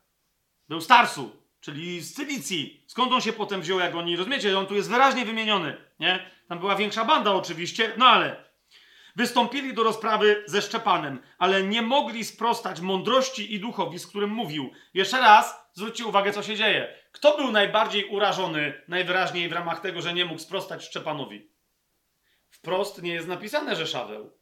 Ale kto potem, jak klasyczny faryzeusz mówi, Niby kamienia nie rzuciłem, ale ubrań pilnowałem. Rozumiecie? Kto był przywódcą całego tego ruchu, stojący tam między Sanhedrynem, którego tam nie było, żeby czasem nie było, a tym motłochem, który zabija Szczepana. Kto? Nie? Więc zauważcie, co się dzieje w takich zdaniach, które niby nic nie mówią, a mówią bardzo wiele. Nie mogli sprostać. Więc co zrobili? Patrzcie na to. Podstawili więc ludzi, którzy zeznali, słyszeliśmy, jak mówił, w sensie Szczepan, bluźnierstwa przeciwko Mojżeszowi i przeciwko Bogu. I w ten sposób podburzyli lud starszych, czego? No ludu i uczonych w piśmie, a gdy przybiegli do niego, porwali go i przyprowadzili do rady. Więc znowu widzicie, najniżej jest lud, nad ludem z ludu pochodzący starsi ludu, potem uczeni w piśmie, a potem to, a potem już muszą wejść profesjonaliści, kapłani, faryzeusze, ci co rządzą, co mają cokolwiek do powiedzenia w Sanhedrynie, czyli w Radzie. Ok? E, później jeszcze pojawiają się starsi, bo później się już zaczyna pojawiać koncepcja starszych e, w kościele chrześcijańskim, tak? ale w dziejach apostolskich starsi żydowscy się nie kończą. Zobaczcie 23 rozdział ym, dziejów apostolskich. W 14 wersecie słyszymy o bandzie, nazwijmy ich wprost, no idiotów religijnych. Tak? Sprzysięgli się, że nie będą jeść ani pić, dopóki Pawła nie zabiją. No i go nie zabili, no i ciekaw jestem, jak skończyli. Jak se potem poradzili ze swoim religijnym sumieniem. W każdym razie oni z tym swoim błyskotliwym pomysłem przyszli do kogo? 14 werset. Przyszli do naczelnych kapłanów i starszych i powiedzieli, związaliśmy się przysięgą, że nie weźmiemy nic do ust, dopóki nie zabijemy Pawła. No to szczęść Boże tym ludziom na nowej drodze życia, a raczej śmierci. Dzieje apostolskie, 24 rozdział, pierwszy werset mówi po pięciu dniach, bo tam pamiętacie, Paweł się uratował, przenieśli go gdzie indziej, ale z oskarżeniem dalej Żydzi z Jerozolimy oczywiście ciągnęli za nim. Więc kto tam przybył? Ano, już nam dobrze znany, a przynajmniej powinien być nam dobrze znany, najwyższy kapłan Ananiasz. Wraz ze starszymi i ze specjalnie przez nich najwyraźniej wynajętym retorem niejakim Tertullosem. Okay? Wygląda na to, że to był zawodnik, specjalnie wynajęli mecen, pana mecenasa, specjalistę, znawcę prawa rzymskiego, bo tu chodziło o to, że to musiał być ktoś, kto się znał na łacińskim prawie, nie? który miał im tam pomóc przedstawić y, sprawy i on właśnie ją zaczyna mowę oskarżycielską, tak? Ale zauważcie, najwyższy kapłan z kim przychodzi? Z reprezentantami ludu, cały czas udając, że im chodzi o lud, a więc ze starszymi, yy, ze starszymi wziętymi z ludu. W 25 rozdziale, jeszcze w 15 y, wersecie czytamy, 14 y, i 15 wersecie, a kiedy przebywali tam wiele dni, Festus przedstawił królowi sprawę Pawła, mówiąc, Felix pozostawił w więzieniu pewnego człowieka, przeciwko któremu, gdy byłem w Jerozolimie, naczelni kapłani i starsi żydowscy, widzicie, to jest określenie człowieka, który nie do końca łapie, co się tam dzieje, ale rozumie, że starsi reprezentują lud, a nie religię, tak? A więc naczelni kapłani i starsi żydowscy wnieśli skargę, żądając dla niego wyroku skazującego. Jasność? Kochani, y, skąd się wzięli starsi w kościele? E, w kościele? Otóż musimy odróżnić starszych którzy się pojawiają w kościele w wyniku usługi nowotestamentowej, od starszych, którzy siłą rzeczy e, byli w kościele rozpoznani tylko i wyłącznie jednym ze względu na kulturę. Ok? Mianowicie musimy odróżnić starszych w kościele jerozolimskim od wszystkich innych starszych. Rozumiecie już dlaczego? Po, po prostu oni z początku w ogóle nie rozważali spraw, więc mając tylko i wyłącznie Żydów albo ludzi nawróconych na judaizm, e, oni nie widzieli innego rozwiązania, jak tylko mamy ludzi, którzy mają jakieś namaszczenie od Boga, ale oprócz ludzi namaszczonych musi być kto? Muszą być jacyś starsi, którzy reprezentują lud wobec tych ludzi, którzy mają namaszczenie. Ma to sens? Ludźmi, którzy, którzy mieli namaszczenie, wtedy tam byli kto? Apostołowie. Mieli wybór od Pana Jezusa, demonstrowali moce cudotwórcze i tak dalej, więc ewidentnie byli prorokami, nauczycielami, apostołami, mówiąc krótko, tak? Siłą rzeczy oni też dla nich to było naturalne, że razem z nimi muszą być jacyś starsi, którzy niekoniecznie są przez Pana namaszczeni do, wiecie, namaszczonego, charyzmatycznego funkcjonowania w kościele, ale Żydzi potrzebowali mieć takich swoich reprezentantów u panów apostołów. Ma to sens, co teraz mówię? Zobaczcie. Yy, Dzieje apostolskie, 11 rozdział. I teraz za każdym razem, więc dlaczego o tym mówię? Bo za każdym razem, jak słyszę te takie, wiecie, dowody, bo tu są starsi, bo to, ale jacy to są starsi? Nie? Starsi jerozolimscy kontynuują z rozpędu, i zaraz wam pokażę, yy, czym to niestety zaowocowało, bo to nie przyniosło za dobrych owoców. Nie? Kościół jerozolimski w dziejach apostolskich nie jest w zasadzie dobrym przykładem czegokolwiek. Nie jest. Kapujecie? Po prostu nie jest. Więc także starsi jerozolimscy nie są dobrym przykładem starszych w kościele. I zaraz to sobie bliżej się temu przyjrzymy. Ale najpierw e, Dzieje apostolskie, 11 rozdział. Tam jest mowa o tym, że, e, że się pojawił kryzys, jeden z pierwszych takich momentów, kiedy e, cierpi Bliski Wschód, cierpi Judea Filistinea, czyli Judea Palestyńska. To jest 11 rozdział, końcówka. 27 werset. Czytamy w tych dniach przybyli z Jerozolimy do Antiochii. Ta, pamiętajcie, to jest oś, to jest oś dwóch skrajności pierwotnego kościoła. Jerozolima i Antiochia. ok?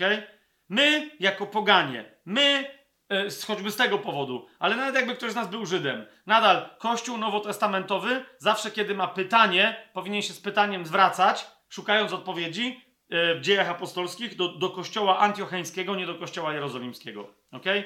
Y, jeden jedyny raz, kiedy się kościół antiocheński zwrócił z pytaniem do kościoła y, jerozolimskiego, to się źle skończyło. I zaraz jeszcze sobie o tym więcej powiemy, bo się naprawdę źle skończyło. Nawet jak niektórzy podają to jako przykład, bo nie rozumieją historii, że się dobrze skończyło. Nie, źle się skończyło. Ale najpierw przychodzi właśnie z Jerozolimy do Antiochii, przychodzą prorocy, jeden z nich, czytamy 28 werset, imieniem Agabos, powstał i oznajmił, przez ducha, że w całej ziemi nastanie wielki głód. No i nastał on za cesarza Klaudiusza. Wtedy uczniowie, każdy z nich według swoich możliwości, gdzie? W Antiochii, postanowili posłać pomoc do braci, którzy mieszkali w Judei. Tak też zrobili, uważajcie na to, posyłając ją, tę pomoc, starszym, starszym czego? Jerozolimy, przez ręce Barnaby i Szawła. Zauważcie, że Barnaba i Szaweł nie są nazwani przez ręce swoich starszych. Oni są nazwani yy, kurierami. Na, na nie są tu nazwani, po prostu oni dostali zadanie, potem zobaczymy dzisiaj, kim oni tu naprawdę byli, dostali zadanie zanieść tam pieniądze. Komu? Starszym w Jerozolimie, bo Jerozolima miała starszych. Zwróćcie uwagę, że Antiochia yy, nie miała czegoś takiego. Jak czytamy o Antiochii, w pewnym momencie mamy napisane, że w Antiochii byli pewni prorocy i nauczyciele. Czy to byli starsi? Zaraz się zorientujemy, bo może to są też jakoś tożsame wyrazy należące do pewnego wspólnego zbioru. Wiecie o co mi chodzi. Ale póki co mamy starszych, gdzie? W Jerozolimie. Dzieje apostolskie, 15 rozdział. Dzieje apostolskie, 15 rozdział. W 15 rozdziale, drugi werset nam mówi, że y, doszło do niemałych sporów i zadargów między kim? Między braćmi judaistami, którzy przyszli z Judei, a Pawłem i Barnabą. Pamiętajcie, że to już jest po pierwszej wyprawie misyjnej Pawła i Barnaby i oni bez żadnego judaizmu przyprowadzili do Chrystusa setki, tysiące, a może nawet dziesiątki tysięcy ludzi już wtedy. Ok? I, a ci przyszli i mówią, jak to? I oni są nieobrzezani? A po co? To nie są Żydzi. Nawet zresztą Żydzi jakby o co chodzi? Jak to o co chodzi? Jak ktoś nie, nie jest Żydem, to nie może być chrześcijaninem. No i zaczęło się. I w drugim wersecie czytamy, że kiedy doszło do tych niemałych sporów i zatargów między nimi a Pawłem i Barnabą, postanowili, że Paweł i Barnaba oraz jeszcze kilku z nich pójdą w sprawie tego sporu. I tu już uważajcie. Kiedy Kościół się decyduje, oni za pierwszym razem, jak wysyłają pomoc do Jerozolimy, nie do końca się orientują, jak wygląda teraz Jerozolima, więc wysyłają ogólnie do starszych w Jerozolimie, bo to wiedzą, że coś jest.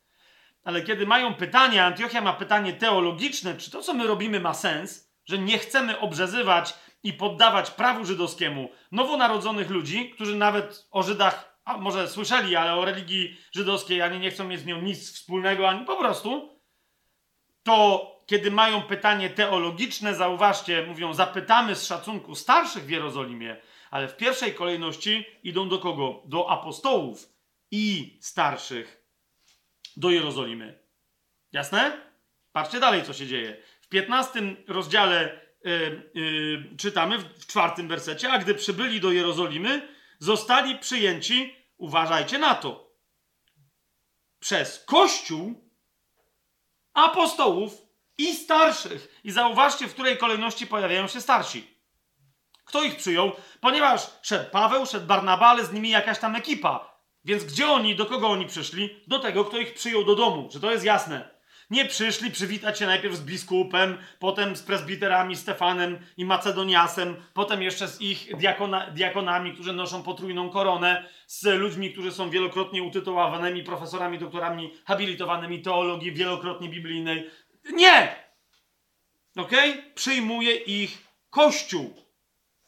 A dopiero potem spotkali się. Za, za, zauważcie, jak opisuje swoje spotkanie z Kościołem niejedno yy, w Jerozolimie, między innymi Paweł w liście do Galacjan. Ja mówi, że z apostołami też się widziałem, nie? ale mówi: Ja wiem, co ja głoszę. I Kościół rośnie na tej podstawie. Ciało Chrystusa potwierdza mi, więc ja bym się zdziwił, jakby mi oni ręki nie podali. Ale nawet ci najpoważniejsi tam ludzie podali mi rękę. Amen? Więc dalej. Yy, zostali przyjęci przez Kościół, apostołów i starszych, no i opowiedzieli, zwróćcie uwagę, komu? Wszystkim, czego Bóg przez nich dokonał. To nie było zamknięte spotkanie z apostołami i starszymi, żeby potem Kościół poinformować, tylko rozumiecie, oni powiedzieli, będziemy słuchać przede wszystkim apostołów, potem no dajmy głos starszym, ale tak naprawdę to Kościół ma głos. Jasne? Tylko najlepiej ten głos całego Kościoła oddają kto? Apostołowie. No i raz wraz z nimi w Jerozolimie starsi. Niemniej, jeżeli Kościół tego nie potwierdzi, co mówią apostołowie i starsi, to się muszą apostołowie i starsi jeszcze raz zastanowić. Sprawa jest przedstawiona całemu Kościołowi w Jerozolimie jako, wiecie, matecznikowi całego yy, chrześcijaństwa nowotestamentowego. Amen? Amen. W szóstym wersecie czytamy, yy, że, no bo tam pewnie też, yy, może inaczej, w piątym wersecie i w, w szóstym czytamy, lecz niektórzy ze stronnictwa faryzeuszy, widzicie co się dzieje? Że się kulturowo ten syf, nazwijmy rzecz po imieniu, przeniósł do kościoła. Niektórzy ze stronnictwa faryzeuszy, którzy uwierzyli, ale wiecie, dla nich ważniejsze było to, że są dalej faryzeuszami.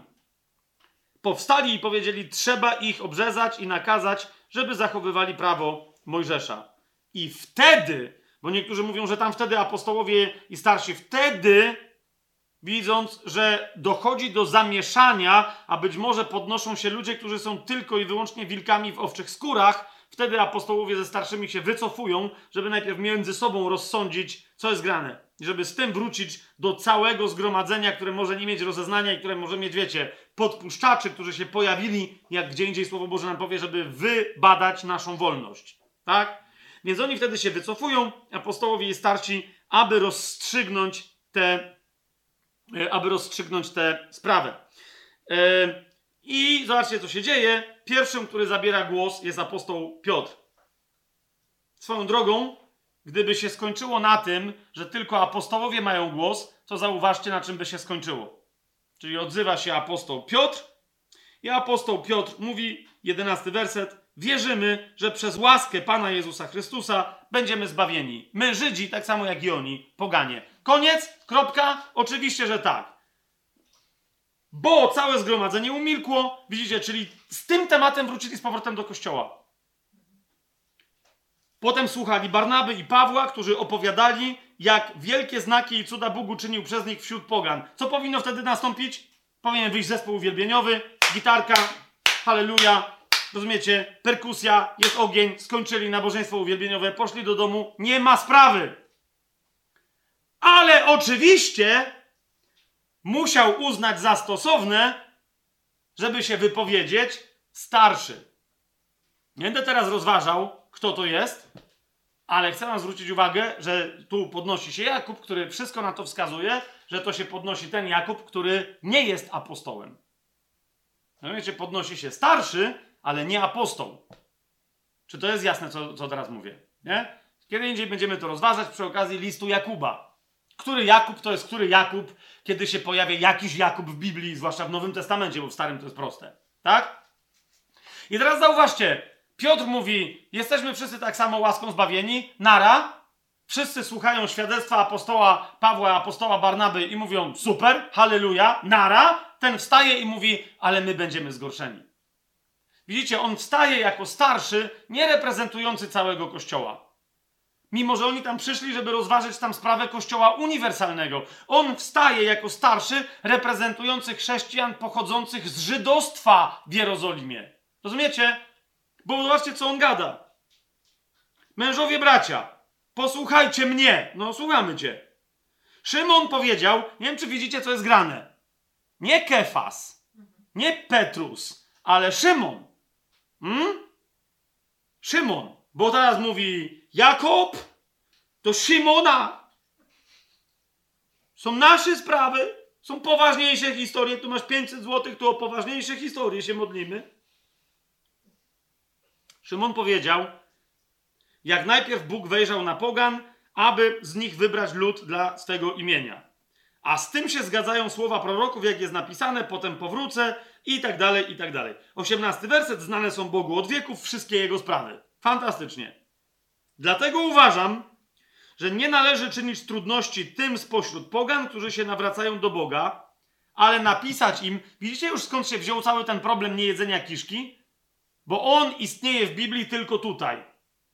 Ok? Cały to tak zwany problem niejedzenia kiszki, różnych rzeczy związanych z przestrzeganiem prawa mojżeszowego, to jest tu. Ale zauważcie, co robi Jakub, bo on, mimo że tu reprezentuje interes żydowski, on się nie sprzeciwia temu, co powiedział Szymon Piotr. O, jemu tylko chodzi o to, że okej, okay, no to nie musimy ich obrzezywać, ale nadal wszędzie będziemy mieli chrześcijan pochodzenia żydowskiego, dla których pewne rzeczy pogańskie są nie do zniesienia. Więc czy moglibyśmy chociaż im napisać, żeby nas kulturowo uszanowali? Rozumiecie o co chodzi? To jest dokładnie to, co on tu robi, bo temat, yy, czy my mamy przechodzić na judaizm, jest zamknięty. Odpowiedź brzmi: nie, łaska wystarcza. A on wstaje i mówi: Należy im nie czynić trudności, ale napisać im, aby wstrzymali się od splugawienia bożków, od nierządu, od tego, co uduszone i od krwi. Tu znowu nie chodzi o to, że od czego, żeby. Czyli E, czyli żeby on, e, bo, bo, oni jako chrześcijanie nie wiedzą, że nie mają oddawać czci bożkom. Tutaj chodzi o temat, rozumiecie, jedzenia albo niejedzenia mięsa, czyli zachowań kulturowych, nie? których Żydzi nie znosili. Krwi, to jest dobre pytanie. Czy co, żeby nie mordowali ludzi? Nie, wiadomo o co chodzi, no nie? Żeby kiedy są razem z nim, kiedy są z Żydami, żeby się wstrzymali od jedzenia rzeczy na przykład niekoszernych. Co potem Paweł yy, nadal stwierdził, dobra, fajnie, tylko że nadal daj kurze grzędę, a wyżej siędzie. Tak? Więc nie. Jakub sobie to coś ustalił grzecznościowo. Paweł latał z tym listem przecież. Pamięta, zaraz sobie to przeczytamy. Paweł latał z tym listem, aż w momencie stwierdził, to nie ma sensu, bo oni nadal ten list biorą za podstawę do tego, żeby się domagać od chrześcijan czegoś, czego nawet Jakub się nie domagał. Zauważcie. Nie? Więc tu mamy całą tą historię. W każdym razie w 22 i 23 wersecie czytamy wtedy apostołowie i starsi wraz z całym kościołem. Widzicie, to nadal to nie są rządy nad tymi ludźmi. Cały kościół usłyszał, co oni tam porozsądzali znowu i powiedział: Amen, dobra, okej, okay, okej. Okay. Tylko problem polega na tym, że to jest kościół jerozolimski. Tak? No ale niech będzie. Więc oni powiedzieli: Dobra, uznali za słuszne posłać do Antiochii z Pawłem i Barnabą wybranych spośród siebie ludzi, Judę, zwanego Barsabą, i Sylasa, przodujących wśród braci, posłali przez nich takie pismo, apostołowie, starsi i bracia przesyłają pozdrowienia braciom pochodzącym z pogan, którzy są w Antiochii, Syrii i Cylicji itd., itd. Tu macie znowu starsi jacy, starsi kościoła jerozolimskiego, ale kto w pierwszej kolejności? Apostołowie. ok? Apostołowie. Zauważcie, że później się nie będą pojawiać pozdrowienia dla starszych w jakimś kościele. Zauważcie, Paweł nawet do jednego kościoła, o czym ostatnio wspominałem, napisze specjalne pozdrowienia dla biskupów i diakonów, co między nami mówiąc, zaraz się okaże, że nie dla żadnych biskupów i nie dla żadnych diakonów. Zaraz zobaczymy dla kogo. Prawdopodobnie dla starszych, ale których nie nazywa starszymi z pewnego określonego powodu. Żeby nie doszło do niepotrzebnej dwuznaczności. Tak? Natomiast tu starsi yy, jerozolimscy. 16 rozdział, czwarty werset czytamy. Kiedy chodzili, to już Paweł bez Barnaby, tak? E, gdy chodzili po miastach, przekazywali im nakazy ustanowione przez apostołów i starszych w Jerozolimie, których mieli przestrzegać. No to jest dokładnie, czy z tym samym listem e, chodzili, jak mówię, potem przyszli znowu judaizujący chrześcijanie z Judei, z Jerozolimy i znowu wywracali wszystko do góry nogami, twierdząc, że a, bo my wiemy o co chodzi, tak naprawdę. Paweł wam niedobrze to przekazał. 21 rozdział, zobaczcie, jesteśmy pod koniec dziejów apostolskich i co się okazuje? W żadnym innym kościele nie ma takiego układu, jak tylko i wyłącznie, wyłącznie w rdzennie żydowskim chrześcijańskim kościele, żeby istnieli starsi na sposób stary, yy, starego Izraela, starotestamentowego Izraela. To jest 21 rozdział. Czytamy 17 werset i dalej czytamy: Gdy przybyliśmy do Jerozolimy, bracia przyjęli nas z radością. Nazajutrz Paweł poszedł z nami do Jakuba, gdzie zebrali się wszyscy starsi. Bardzo interesujące, apostołów już nie ma, a starsi dalej funkcjonują na czele z Jakubem. Jasne? Natomiast zwróćcie uwagę, że przyjęli ich bracia, czyli przyjął ich Kościół z radością, tak? Ale ten Kościół ma kulturowo rzeczywiście schierarchizowaną strukturę, ponieważ ma ludzi, do których trzeba przyjść i się im przedstawić powiedzieć, że dzień dobry, hello, przybyliśmy przed, na dywanik do dyrektora Jakuba i do zastępców e, szeryfa e, zwanych starszymi. Jasne? To jest tranzyt, kochani. W dziejach apostolskich jest pokazany tranzyt. Czyli, że wciąż istnieją w kulturze chrześcijańskiej jedno miejsce, które ma starszych, niestety bardziej rozumianych na sposób staro niż nowotestamentowy. Ok? Ale na szczęście w dziejach apostolskich już też i jak się dobrze temu wczytać, Łukasz nie szuka zwady i szukasz, Łukasz na pewno nie szuka podziału, ale ewidentnie tych starszych z Jerozolimy, chrześcijańskich, Łukasz kontrastuje ze starszymi Nowego Przymierza, którzy pochodzą w pierwszej kolejności od Pawła. Ok?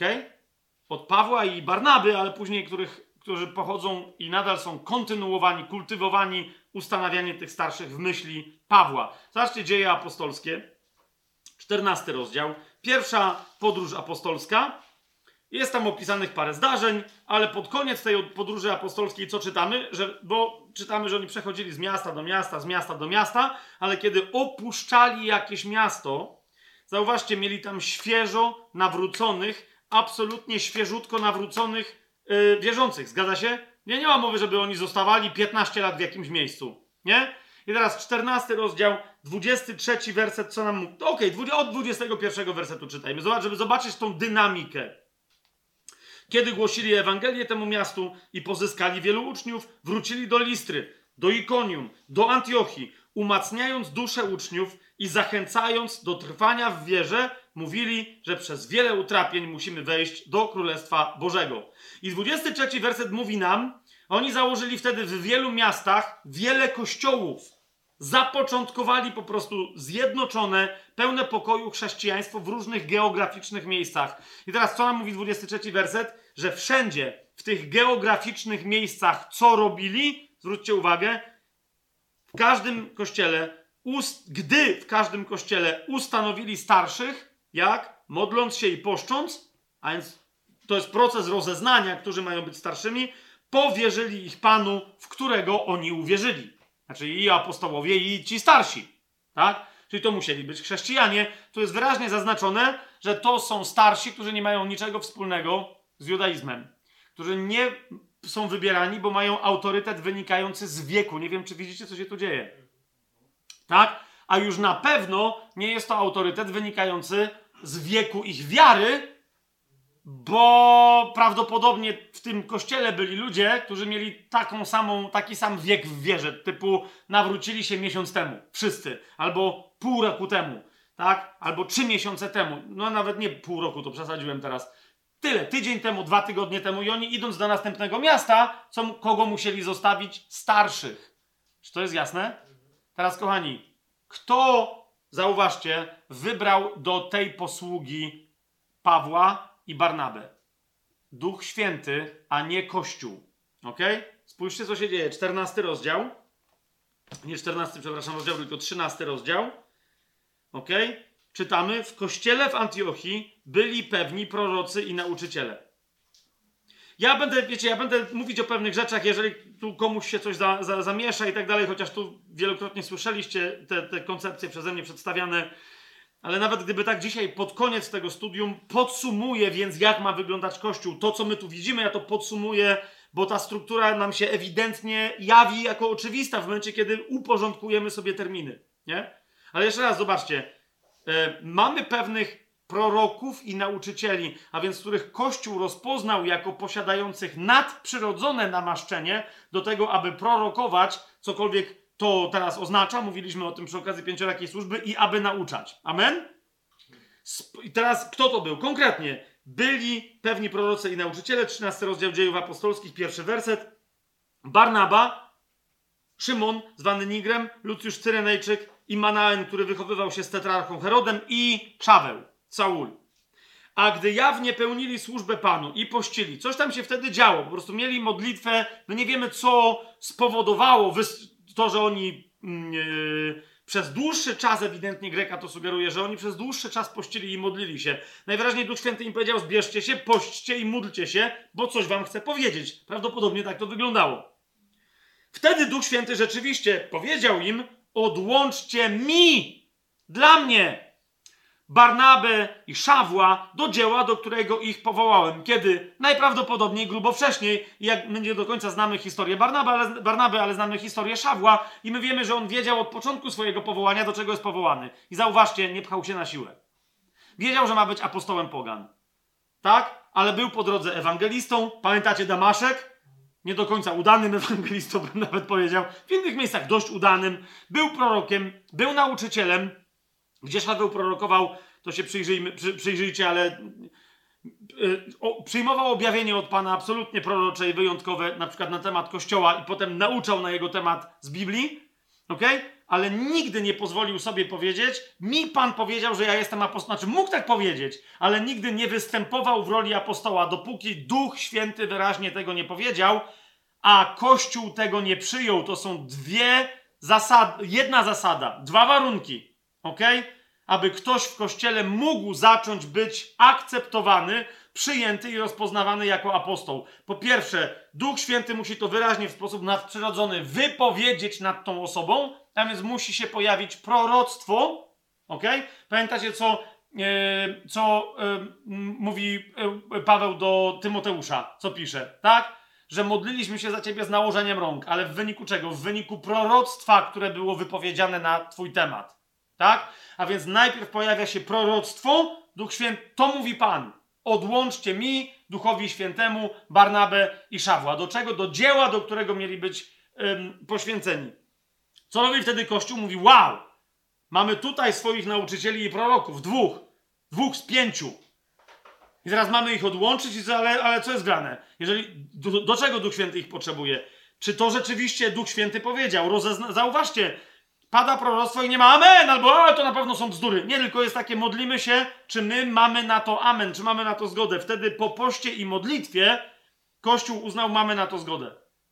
I potwierdzeniem tej zgody Kościół rozpoznaje, że ktoś jest przez Ducha Świętego namaszczony i posłany do jakiejś usługi. Ko znakiem tego jest, że Kościół kładzie ręce na tych ludzi, mówiąc, Nasze ręce kładziemy na was, bo rozpoznajemy was w tym dziele. Jednocześnie to oznacza, że was w tym wspieramy, a zatem oni ich wyprawili, dali im pieniądze na podróż. Wiecie, oni mogli liczyć na pomoc, nawet jakby 10 lat byli w tej podróży. Na pomoc kościoła w Antiochii, który ich rozpoznał i wysłał jako apostołów z Antiochii. Czy to ma sens, co teraz powiedziałem?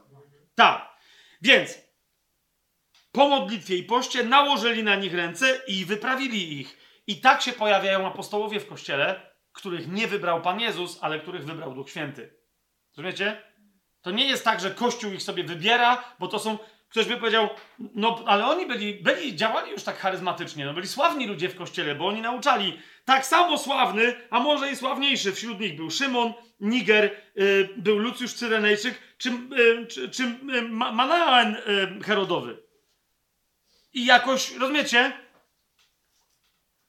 Gdyby oni powiedzieli, my też pójdziemy, to Kościół by powiedział, zejdźcie, ale my was nigdzie nie wysyłamy. Duch Święty o was nic nie mówił. Rozumiecie o co chodzi?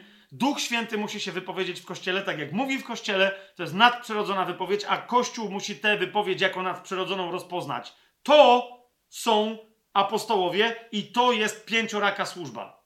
Jasność? Teraz, kochani, kto to są starsi? Starsi to są ludzie, których sobie wybiera pięcioraka służba, aby dopilnować dzieła pięciorakiej służby pod nieobecność służby pięciorakiej. Czy słyszycie, co ja teraz powiedziałem?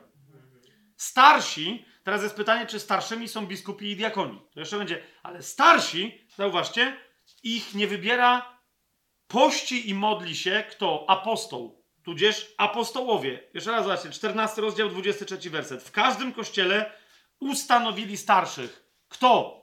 Apostołowie.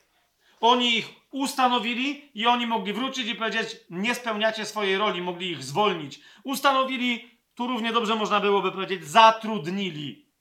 Ok? Zatrudnili starszych. Po co? Aby pilnowali kościoła, dopóki nie pojawi się znowu, albo w tym kościele. Bo rozumiecie, ci starsi Następnie mogliby powiedzieć: Hej, Duch Święty do nas mówi, do całego kościoła, takiego na przykład w ikonium, mogliby powiedzieć, czy do nas Duch Święty mówi, że mamy się zebrać, pościć i modlić się. A ludzie w kościele by powiedzieli, rozumiecie, z 50 różnych domów, ej, to jest prawda. Więc zbieraliby się gdzieś nad rzeką, a potem yy, ktoś by prorokował i by powiedział, ten i ten, odłączcie go, ponieważ ma iść do Jerozolimy i uczyć się u boku Gamaliela i będzie nauczycielem. Albo niech wyruszą w podróż. Wiecie o co mi chodzi? Duch Święty mógłby im powiedzieć, podnieść spośród nich apostołów. Tak? Ale to nie mogą być ludzie wybrani przez starszych. Czy słyszycie, co ja gadam? Nadal ci apostołowie, których by podniósł Duch Święty w ikonium, nie mogliby zwolnić starszych, których zatrudnili apostołowie z ekipy Pawła, czy sam Paweł. Słyszycie, co ja gadam? To wtedy oni by musieli wezwać jako apostołowie, widząc, że się coś, zanim wyjdą z ikonium na swoją wyprawę, musieliby wezwać Pawła albo mu dać znać, gościu, starsi, których ty tu ustanowiłeś, nie dają rady, przynajmniej dwóch z nich, czy trzech. Nie? Oni nie mają prawa ich odwołać. Nie wiem, czy wam się zarysowuje struktura pewna. Nie? Ste... Okej, okay. idźmy, idźmy dalej. Czy tak rzeczywiście jest? Dzieje apostolskie, 20 rozdział. 17 werset. 16 i 17 werset. Widzicie, Paweł jest w Milecie, niedaleko Efezu. 16 eee, werset, 20 rozdział, 16 werset. Czytamy, Paweł postanowił ominąć Efes, aby nie spędzać czasu w Azji. Powiedział, że tam, jak już tam wdepnie, to wdepnie. Spieszył się bowiem, aby, jeśli to możliwe, być na Dzień Pięćdziesiątnicy w Jerozolimie. Ale co zrobił? I tu czytamy 17 werset. Z Miletu posłał do Efezu, wzywając do siebie kogo? Starszych kościoła. Rozumiecie? Czy tam nie było bolca, żeby oni nie przyszli? To byli ludzie, których on zatrudnił. Jeżeli więc ktoś jest czyimś szefem w kościele, to apostoł jest szefem starszych w kościele. To jest jedyna relacja, w której ja na razie widzę szefostwo. Rozumiecie o co mi idzie? On musi. Dla... Okej, okay, idziemy dalej. Tytus. Otwórzmy sobie list do Tytusa. Pierwszy rozdział. List do Tytusa. Pierwszy rozdział. Piąty werset. Zostawiłem cię na Krecie, pisze do Tytusa Paweł. Zostawiłem cię na Krecie w tym celu, abyś uporządkował to, co tam jeszcze zostało do zrobienia i co? I ustanowił w każdym mieście, mieście starszych, jak ci nakazałem. Kto może ustanawiać starszych? Tylko apostoł. Prześledźcie wszystkie inne fragmenty, ponieważ określenie starszy, prezbiter w sensie chrześcijańskim się pojawia i zobaczcie skąd się biorą ci starsi. Z wyjątkiem Jerozolimy, gdzie my nie wiedzą skąd oni się wzięli, bo są kulturowi. Tak? Ale normalnie w kościele to jest to. Rozumiecie, jeżeli więc Paweł mówi do Tytusa, ty ustanow starszych, to znaczy, że Tytusa rozpoznaje jako apostoła. To jest kolejny dowód na to, że to jest apostoł. Bo może wybierać starszych. Wprost. To jest oczywiście apostoł z apostolskiej ekipy Pawła, tak jak Tymoteusz, tak jak Sylas. Jasne to jest? Co, tak jak Barnaba wcześniej. To jest to. Ale nie wszyscy w zespole Pawła są apostołami. Nie? Natomiast ci, którzy są, ewidentnie po czym ich rozpoznajemy, poza tym, że mają znaki, cuda i tak dalej, i tak dalej, po tym, że są rozpoznani w kościele, ale oni mogą wyznaczać starszych nawet w wielu miastach na Krecie. Ok? Teraz widzicie, dlaczego jak Paweł mówi, że ja się nigdzie nie pchałem e, ze swoim kościołem tam, gdzie bym kościoła nie zakładał.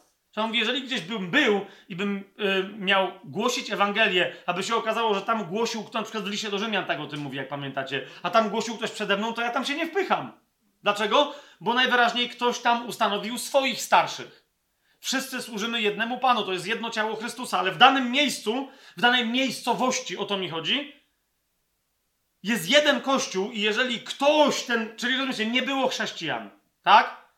ktoś przyszedł, głosił Ewangelię, a więc założył tam kościół, to w takim razie i on ustanowił starszych, to ta linia ataku na to miejsce jest jedynym kościołem tam. Po prostu. Starsi, których ustanowił jakiś apostoł, są jedynymi starszymi. Chyba, że potem jakiś inny apostoł z nimi się dogada, coś innego się będzie dziać. Ale idea jest jaka, że w jednej miejscowości jest jeden kościół. Jeżeli był tam jakiś jeden apostoł, dziesięciu może nawet, i skończyli głoszenie, ludzie tam się nawrócili, piątka, pięćsetka, pięćset tysięcy ludzi się nawróciło, to oni zostawili starszych, bo nie było żadnej pięciorakiej służby, ale następny ktokolwiek przychodzi do tego miasta, pierwsze co musi zrobić, rozpoznać istniejący w nim kościół. Paweł mówi, ja to tak rozpoznaję, że nawet tam nie głoszę. Po co mam wchodzić i potem się kłócić, czyj to jest kościół? To jest Chrystusowy kościół. Więc ja głoszę tylko tam, gdzie chrześcijaństwa jeszcze nie było i nie ma. Jasne? Zobaczcie, jak to. Jeszcze raz, będziemy sobie porządkować te myśli, jeżeli yy, komuś szaleństwo w, w głowie się rozpoczęło. Jakub, jest pytanie, czy ten sam Jakub, czy jakiś inny Jakub, ale jest jakiś Jakub, czy ten sam, co w dziejach apostolskich, który pisze list. Zgadza się? Nie będziemy teraz rozważać, co to za Jakub, ale otwórzmy sobie ten list i zauważcie, coś, co jest nazywane tradycją niepawłową, albo wręcz niektórzy zupełnie bezsensownie nazywają to tradycją antypawłową. To jest jakiś nonsens zupełny, co pokazuje, że istnieją w kościołach, w których nie ma cudotwórców, kto? Starsi.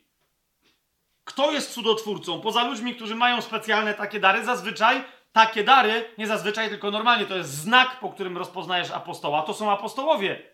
Oni mają moce cudotwórcze, apostołowie. Ok? Paweł, pamiętacie, jak on się powołuje na, na znaki apostoła, które on miał, na moc, która się przejawiała, kiedy głosił, i mówi, to nikt nie może temu zaprzeczyć.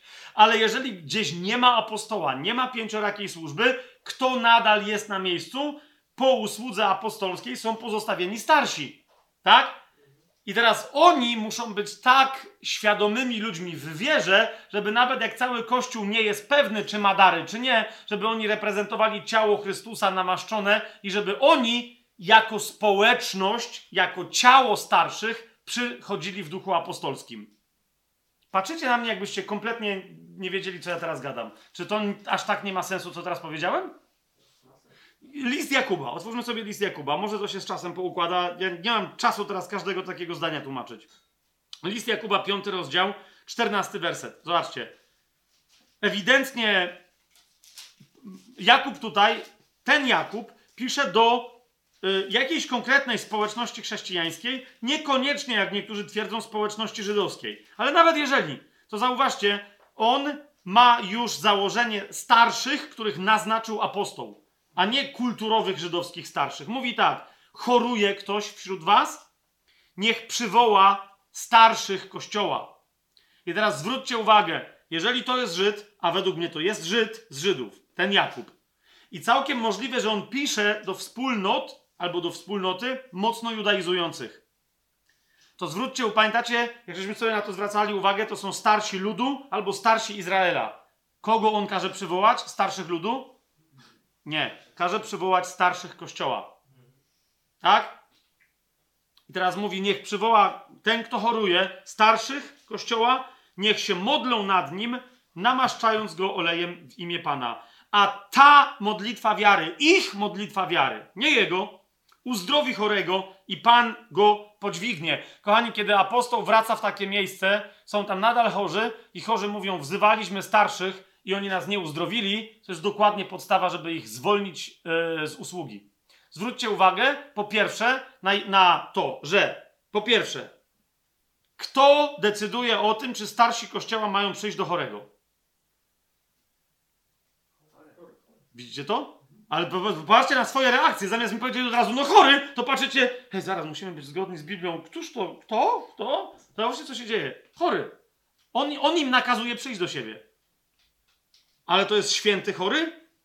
Ej, 15 werset. Jeżeli ma na sumieniu jakieś grzechy, jeżeli popełnił jakieś grzechy, to co? W wyniku ich modlitwy będą mu przebaczone. Ale zauważcie, może być, to nie tak, że wiecie, ten dzwoni i mówi, halo, y, y, pastor, weź się przyjeżdżajcie jeszcze z trzema, bo to zachorowałem. No bo chodzisz na dziwki, no to nie dziwne. To rozmowa dosłownie, cytuję, z niedawna, nie? I tyle. No to żem zdradził od razu z jakiego regionu, ale nie powiedziałem, który zbór. Dokładnie to było to. Wynoś się. Wstyd przynosisz całemu zborowi. A gość ewidentnie powiedział, dokładnie tak jest. Dokładnie tak jest. Wydało się wszystko tak. Dokładnie tak jest. Ja wiem, że z tego powodu jestem chory. Bo chłopa połamało ciężko. Górole, nie? Ciężko chłopa połamało. Ale, jeszcze, ale, ale zobaczcie, a co Biblia mówi? To nie ma nic do rzeczy, ponieważ jeżeli on woła starszych kościoła, to znaczy, że już pokutuje. Rozumiecie? on się poddaje temu, że on chce wyznać te grzechy. Ponieważ jasne, że jeżeli to się nie stanie, to ani grzechy nie będą przebaczone, ani uzdrowienie do niego nie przyjdzie. Tak? Ale on nadal ma prawo co? Wezwać ludzi, którzy są przeznaczeni do służenia Kościołowi, a nie do rządzenia w tym Kościele. Zwróćcie uwagę. Najgorszy szmaciarz, który może mieć najgorsze, są gorsze grzechy niż chodzenie mimo wszystko do prostytutek, będąc chrześcijaninem. Są je, chociaż yy, Paweł pisze wyraźnie, yy, że to jest jeden, jedyny grzech, który się nie dzieje poza ciałem, ale w ciele i to jest wciąganie członków Chrystusa w, w związek z nierządnicami. Także okej, okay, nie, nie bądźmy tutaj też nie, nie, niepotrzebnie zbyt delikatni, ale chodzi mi o to, że są inne straszne grzechy, typu bicie dzieci, znęcanie się, no wiecie o co mi chodzi, tak? Nie zmienia to jednak faktu, że kiedy to jest brat czy siostra, to starsi w kościele wobec niego są kim? Są zwyczajnymi służącymi. Mają przyjść i go uzdrowić. Łaski nie robią. A nie mają teraz debatować nad jego życiem. Nawet jak był grzesznikiem i z tego powodu na siebie ściągnął chorobę. Mają przyjść i mu usłużyć. Mają go uzdrowić i upewnić w tym, że jest wolny od, od konsekwencji jakiegokolwiek grzechu. Czy mamy jasność w tej kwestii? Czy to jest antypawłowe, czy wręcz stricte nowotestamentowe? To jest kompletnie czyściutka e, idea Pawła. Teraz sięgnijmy do nieco kontrowersyjnego, a kontrowersja wyniknie za chwilę, listu pierwszego Piotra. No, że kto jak to, ale Piotr, wiecie, że stawał po stronie łaski, no ale był Żydem nie do końca faryzeuszem, znaczy nie do końca w ogóle nie faryzeuszem, i to jeszcze przed, przebrzydłym dla, yy, dla, dla Judejczyków, śmierdzącym nie wiadomo czy Żydem z Galilei, niemniej jednak ewidentnie Żydem dla pogan, tak? I teraz on pisze do starszych w pierwszym swoim liście, w piątym rozdziale. Pisząc bardzo interesującą rzecz. Starszych pisze, którzy są wśród was, proszę, jako również starszy. Niby tak. Niby tak, a jednak nie. Bo yy, ja wiem, że znowu ktoś tam potem będzie pisał do mnie, czy tam komentował gdzieś, że się czepiam. Z całym szacunkiem, ale jest w, języku greckim wyraz również także jednocześnie. Jest taki wyraz. Ok? I tu w takim razie musiałyby być dwa wyrazy, jako również starszy. Ok? Gdy tymczasem Piotr pisze starszych, którzy są wśród was, proszę, jako współstarszy.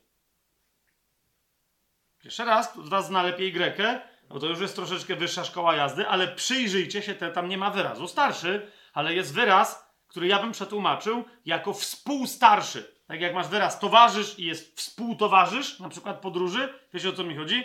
E, jak ja byłem w zakonie, e, to wszyscy inni zakonnicy z mojego zakonu byli dla mnie współbraćmi, nie braćmi, ale współbraćmi, a ja byłem ich współbratem. Jasne to jest? Więc tu jest taki wyraz. Starszych, którzy są wśród was, proszę, jako współstarszy i świadek cierpień Chrystusa oraz uczestnik chwały, która ma się, która ma się objawić. Teraz, kochani, e, to nie znaczy, że Piotr nie twierdzi, że jest starszym.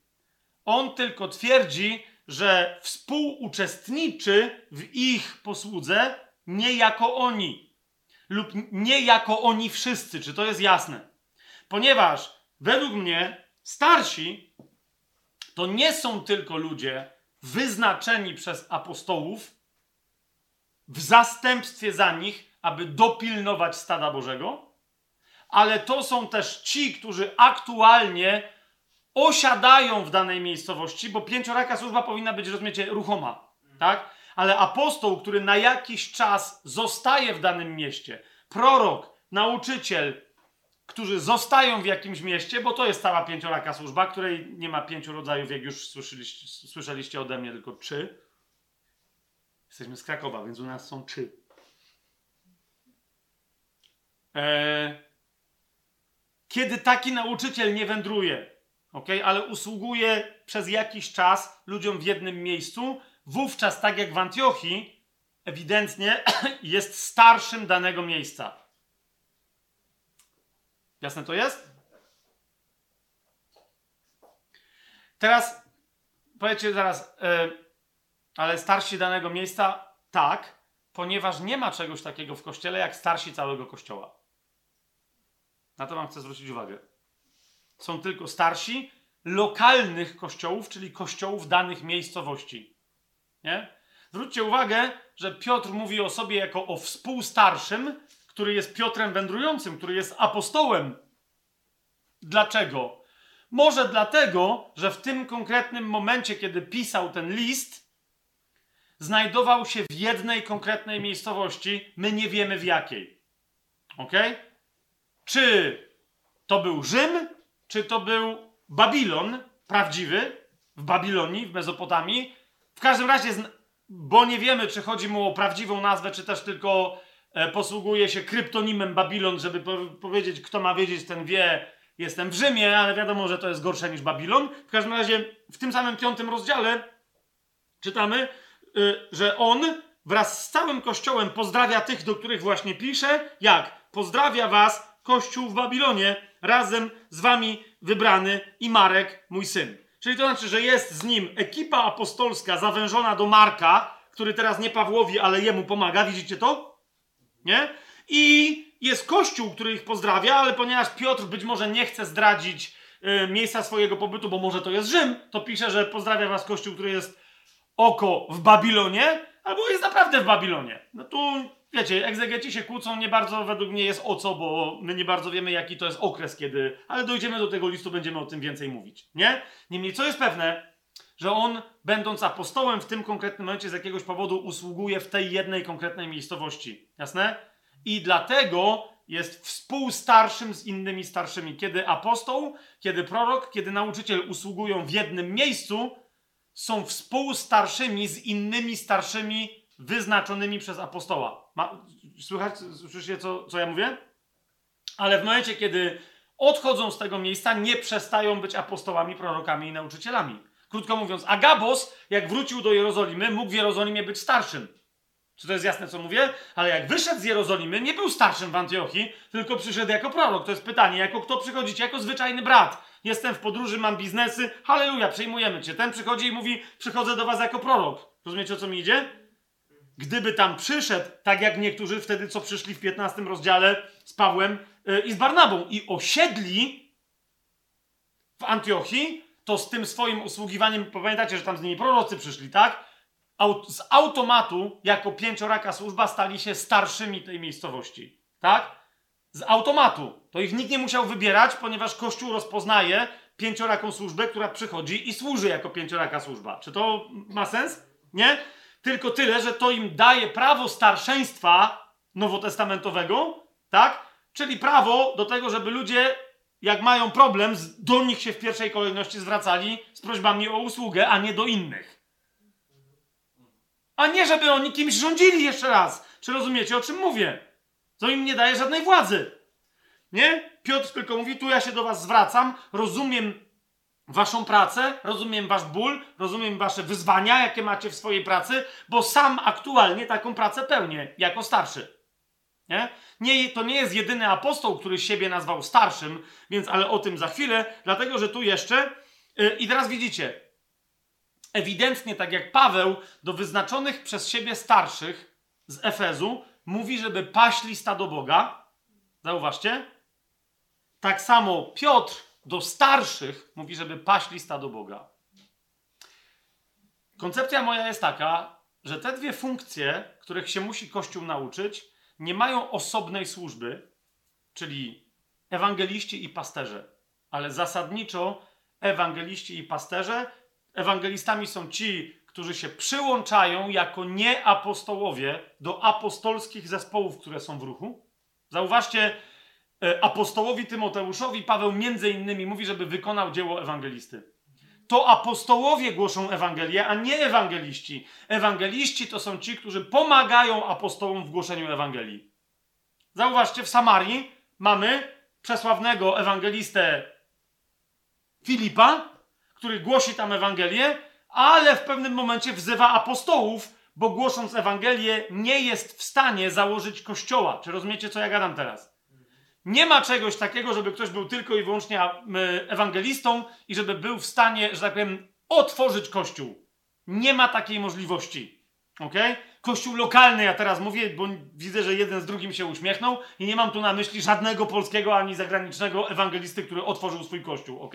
Uspokójcie się, bo naprawdę nie o tym mówię. Tylko zobaczcie, co jest napisane, w, w, w, jak sobie ro, dokładnie rozważymy tamtą historię.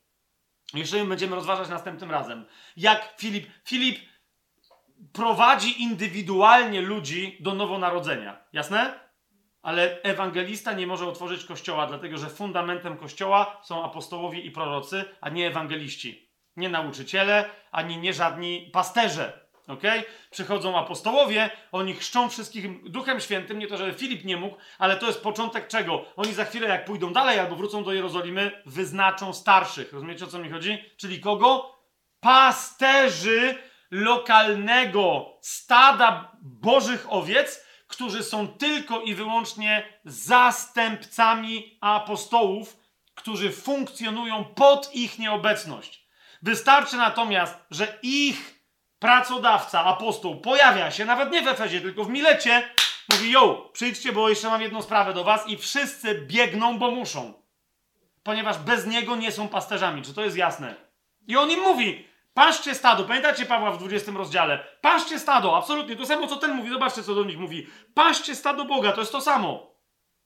Ale on uczy ich, jak paść stado, sam będąc przez Pana Jezusa zatrudnionym charyzmatycznie w duchu przy pomocy łaski na apostoła.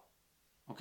A to on pisze do ludzi, którzy są pomocnikami ee, pięciorakiej służby, która zawsze jest reprezentowana jako Yy, jako, służ, jako a, służba jednoraka, nie pięcioraka, czyli apostolska. Tak?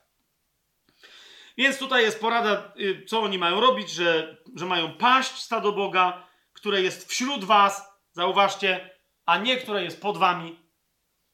Zwróćcie uwagę, kto jest wśród was, w środku którego stoicie, z którego nawiasem mówiąc, wy też przecież pochodzicie, doglądając go nie z przymusu, ale dobrowolnie nie dla zysku, ale z ochotą i nie jak ci, którzy panują nad dziedzictwem, ale jako wzór dla stada.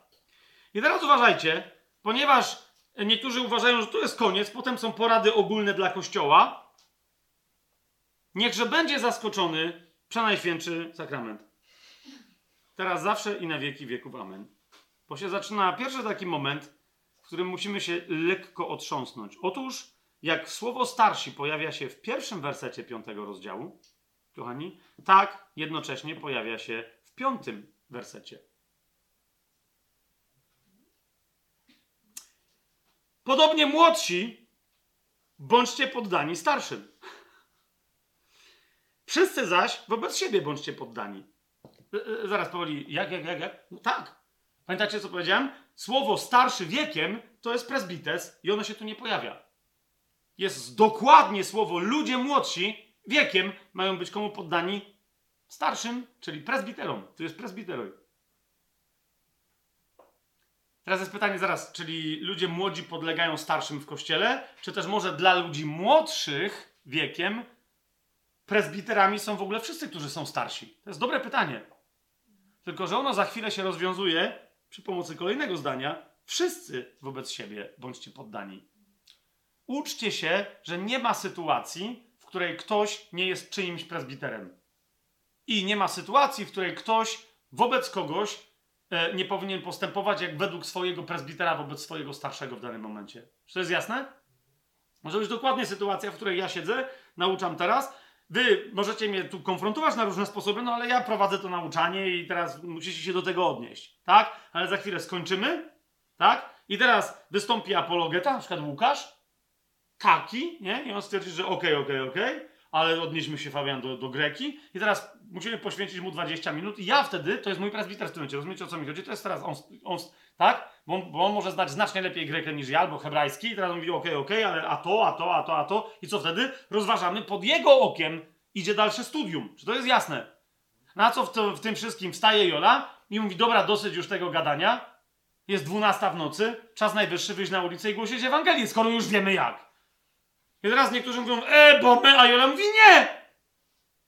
Co, wszyscy przez chwilę było amen na Ewangelię, to teraz amen za mną. Tylko 40 minut. I ona nas prowadzi, ty. Jedziemy na rynek, 40 minut, 5 minut nam zostaje, trafiamy akurat na jakichś ludzi, głosimy im Ewangelię, bam, ale wtedy kto rządzi? Jola. Ponieważ my rozpoznajemy, że ona ma w tym momencie namaszczenie do tego, że, że teraz, czy jutro będzie miała namaszczenie do głoszenia Ewangelii o północy, nie wiem, ale jak, czy to jest jasne, co ja teraz gadam? To jest wtedy nasza prezbiterka. O, niektórzy powiedzą, ale czy może być prezbiterką? O tym za chwilę. czy może być starsza? Tak rozumiana. Niemniej zwracam wam uwagę tu, młodsi, bądźcie poddani starszym. W jakim sensie? W sensie autorytetu kościelnego. Ale za chwilę mamy wszyscy wobec siebie bądźcie poddani. Ludzie, którzy w kościele e, poddani wszyscy wobec siebie odpowiadajcie, ale niech będzie poddani, to jest jak najbardziej, jak najbardziej ok. Jeżeli mamy kogoś w kościele, kto przed nikim w żaden sposób nie odpowiada, kto przed nikim w kościele, i teraz uważajcie, bo ktoś, ktoś mówi, nie, bo my mamy społeczność i my tu jesteśmy poddani tutaj pastorowi, a, a wasz pastor jest komu poddany? On jest poddany jakiemuś biskupowi, który... No zaraz.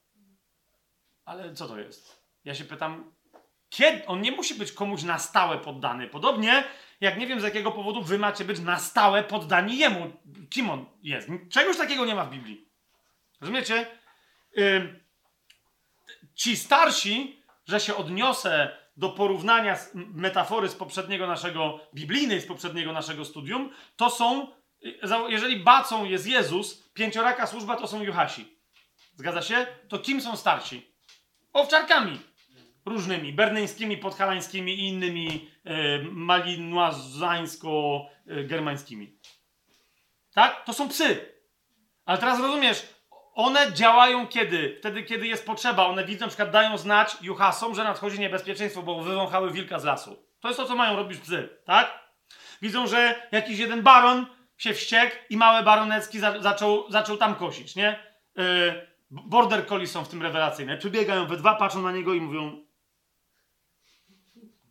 i baran od razu robi się spokojniejszy, przechodzi, mówi, przepraszam, ja nie wiedziałem, że kolega tutaj ma takich kolegów. Kto ma wiedzieć, ten wie. Wszystko gra. Czasem musi się pojawić juchas, gwizdnąć na psy i im kazać przeprowadzić stado w tą czy w tamtą stronę. Zgadza się? To jest to. Pięcioraka służba zarządza starszymi w kościele. ok? Ale oni nie zarządzają czasem ludzi, oni nie stoją nad ludźmi, oni reagują wtedy, kiedy mają zareagować, a nie organizują życia kulturowego, duchowego i żadnego innego. Co jest dom kultury? We wtorek zajęcia z tego, w środę z tego, a w niedzielę wiadomo z czego.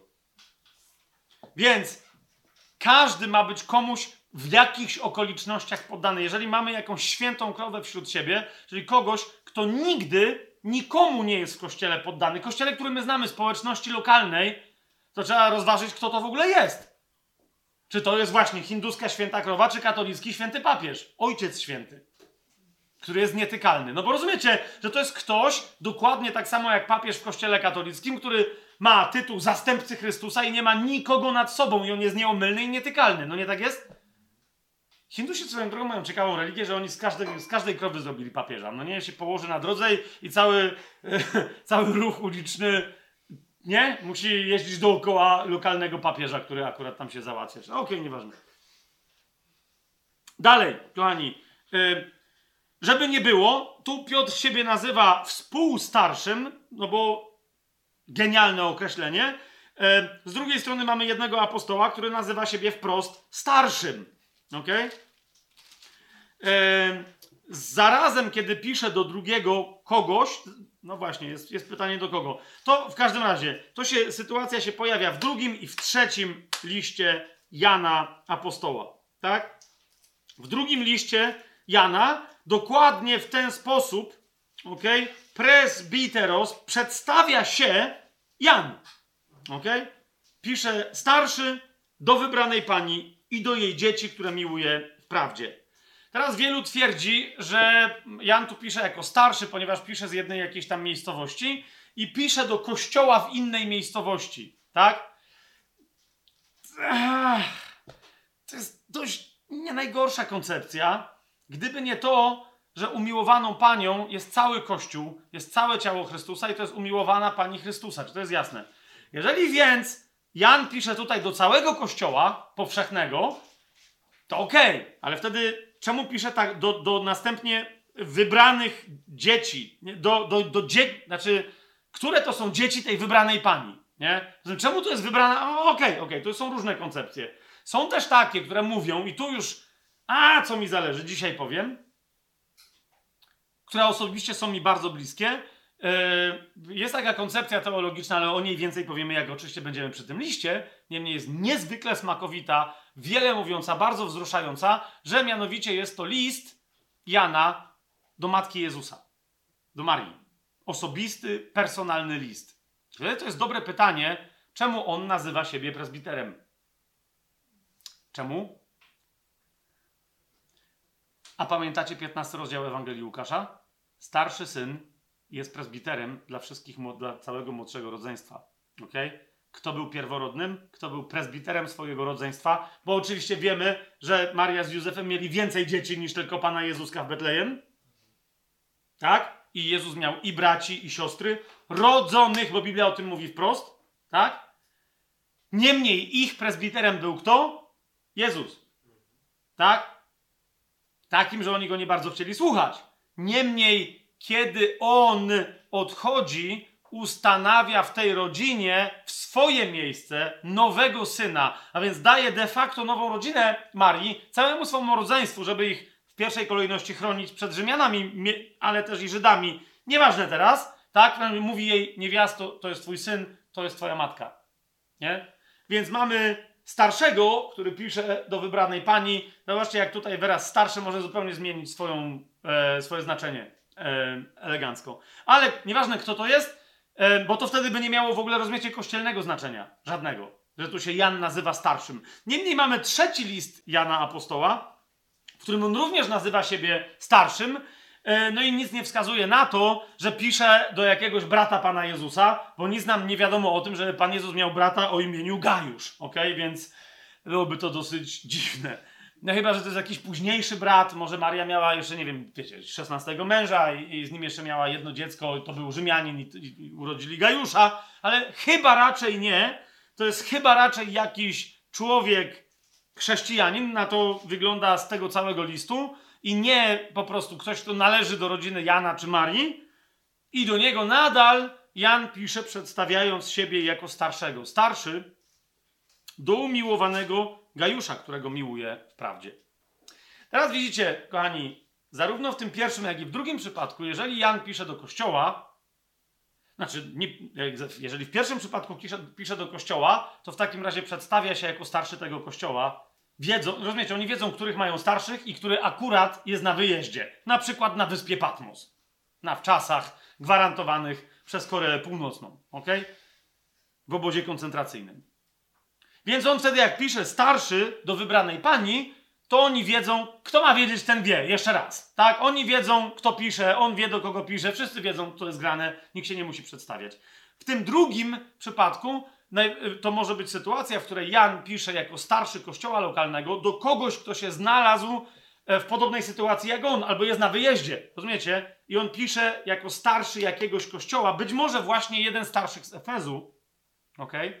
Być może jeden ze starszych z Efezu, bo skąd e, Jan miałby lądować na wyspie Patmos, jeżeli nie w wyniku prześladowań, być może w Efezie, być może w innym miejscu, w każdym razie w Azji. Jak myślicie, czemu akurat na wyspie Patmos, akurat do Jana Pan Jezus pisze do siedmiu listów, które wszystkie są w Azji, których stolicą jest Efes.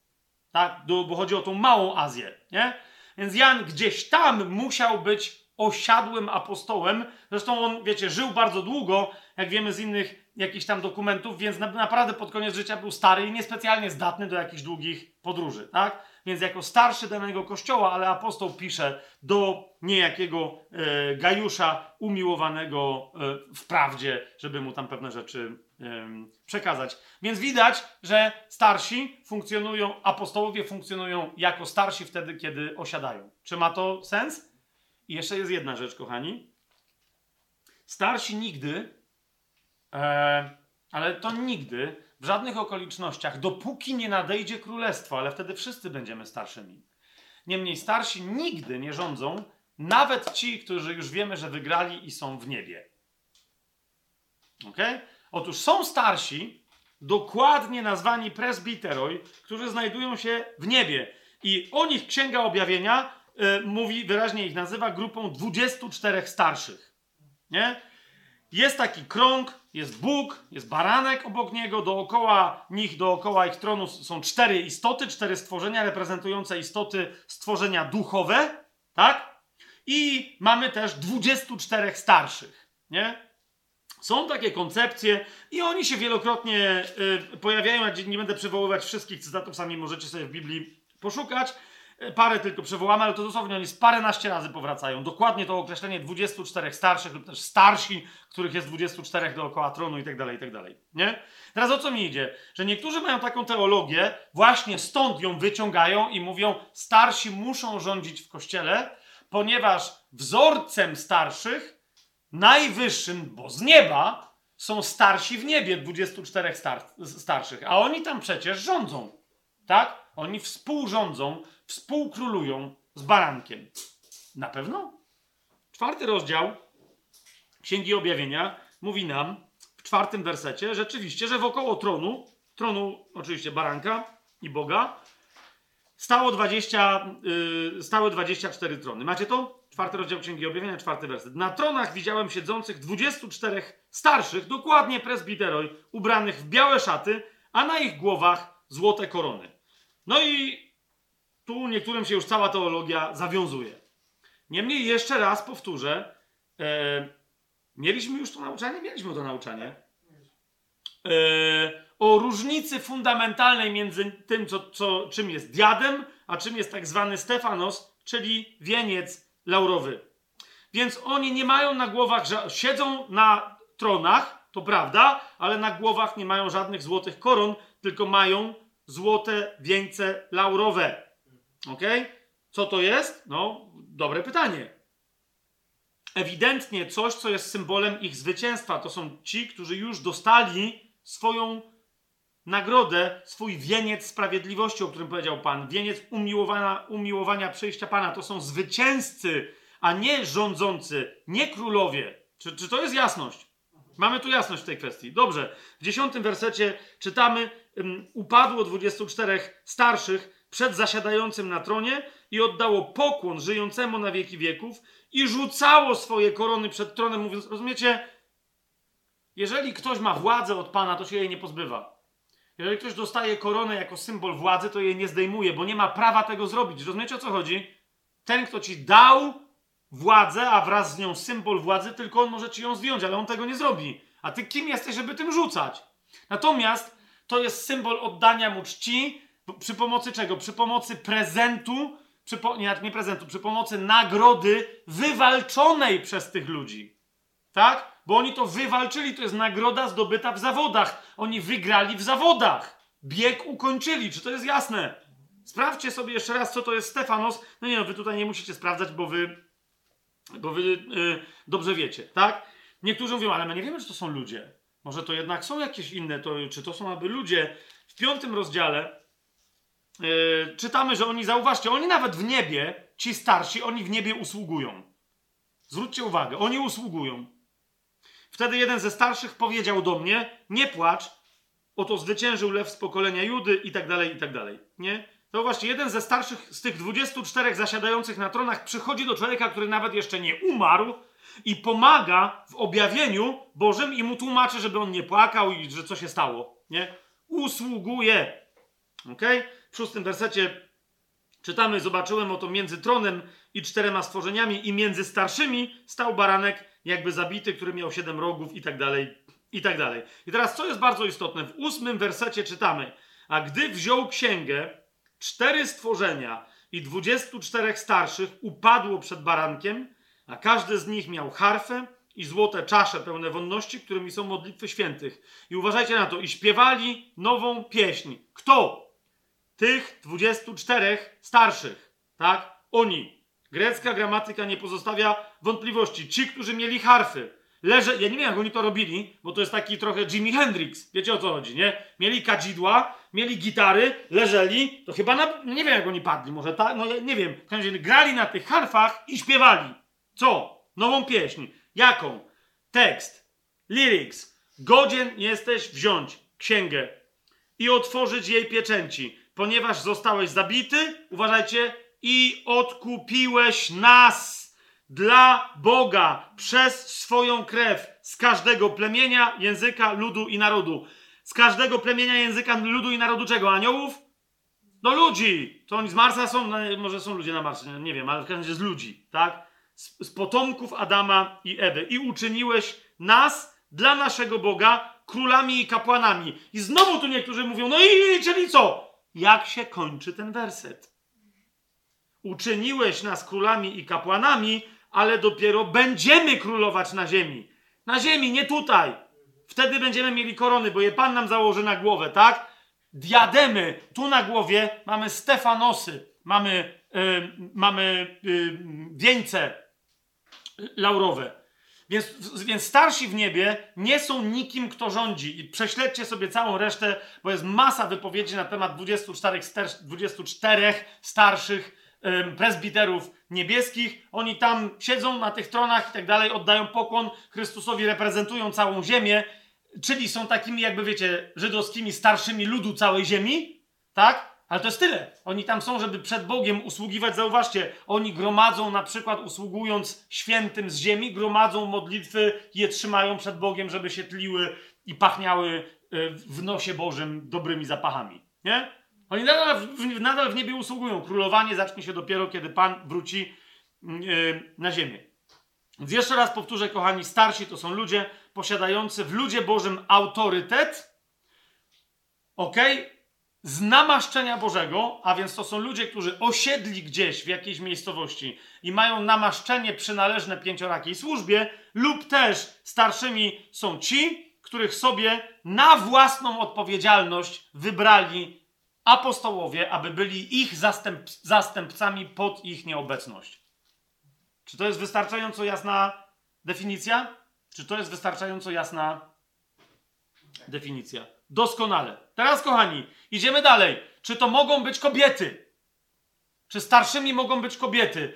Proszę Was, rozumiecie, starsi, jak zobaczycie w kościele, byli też ludźmi, E, pamiętacie, że tam była mowa o tym, że co, to, co prawda chodziło o biskupów, ale nadal, żeby mieli świadectwo od ludzi ze świata. Czyli to byli ludzie, którzy jak coś szli do świata, żeby bronić swoich, żeby bronić chrześcijan. Nie? Wyobrażacie sobie w starożytności, w czasach, kiedy powstawały pisma Nowego Testamentu, żeby jakaś kobieta, z całym szacunkiem dzisiaj, jak my dzisiaj mamy szacunek do kobiet, ale wtedy, żeby kobieta szła załatwiać jakieś rzeczy kościołowi, nie chodzi mi o to, że kościół by jej nie wysłał, tylko kto by ją przyjął. Rozumiecie? Kto by ją przyjął? Jako kogo? Więc wielu starszych to byli mężczyźni z praktycznych powodów. Czy to jest jasne? Ale czy mamy dowód w Biblii, że starszymi mogły być kobiety? Pierwszy list do Tymoteusza.